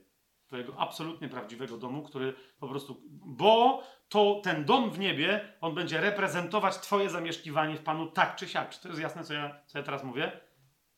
Więc, więc zrób sobie taki eksperyment. Ja na przykład wiem, że cały mój dom, e, moje zamieszkiwanie w Panu, czyli mój dom w niebie, po prostu mówiąc krótko, jest cały e, w, w jakby takim drewnie, ale które jest żywe, ale które ma, które ma ciemno-oliwkowy kolor, nie? I ma też inne takie jakby żyły, żyjące, tętniące, nie wiem jak to nazwać, mm, jakby czymś żyjącym w środku, sokami, ale one są ze złota. Nie? Jest też heban, jest też, jest też normalne takie drewno, takie jak wy tu macie, tylko znacznie ciemniejsze. Trochę, trochę takie jak to, e, ładniejsze. E, to znaczy to nie jest drewno, ale te, chodzi mi o kolor. Więc na zewnątrz tak to wygląda. Rozumiesz? Na, na zewnątrz ten dom są ludzie, którzy mają tam domy, mają ze złota, z czegoś inni mają z jakichś kwiatów, z rozmaitych rzeczy. Jak wygląda twój dom? To jest dokładnie, jak ty tego nie wiesz, to nie oszukuj się, że, że, że wiesz o co chodzi w psalmie 91. Naprawdę. Jaki, niektórzy mówią, że nie potrafią sobie tego wyobrazić, nawet że niekoniecznie chcą, ale jaka jest atmosfera w, tą, w twoim domu? Wiecie, o co mi idzie, jak się wraca, na przykład jak masz jeszcze żyjących rodziców i się do nich wraca, nie? Oni te same tam, y, y, tam posiłki gotują i tak dalej, i tak Tam jest taki sam zapach w tym domu, taki sam klimat, nie? Tak, telewizor na, zawsze na tym samym kanale chodzi i tak dalej, i tak dalej, nie? Do ciebie jak się wchodzi do domu, jaki jest klimat? Wiecie, tu jak jesteśmy, jesteśmy przyjęci, znaczy jaki tu jest? To jest zawsze, nie? Wiadomo, przez kogo narzucony klimat. Nie? Bo przecież nie przez.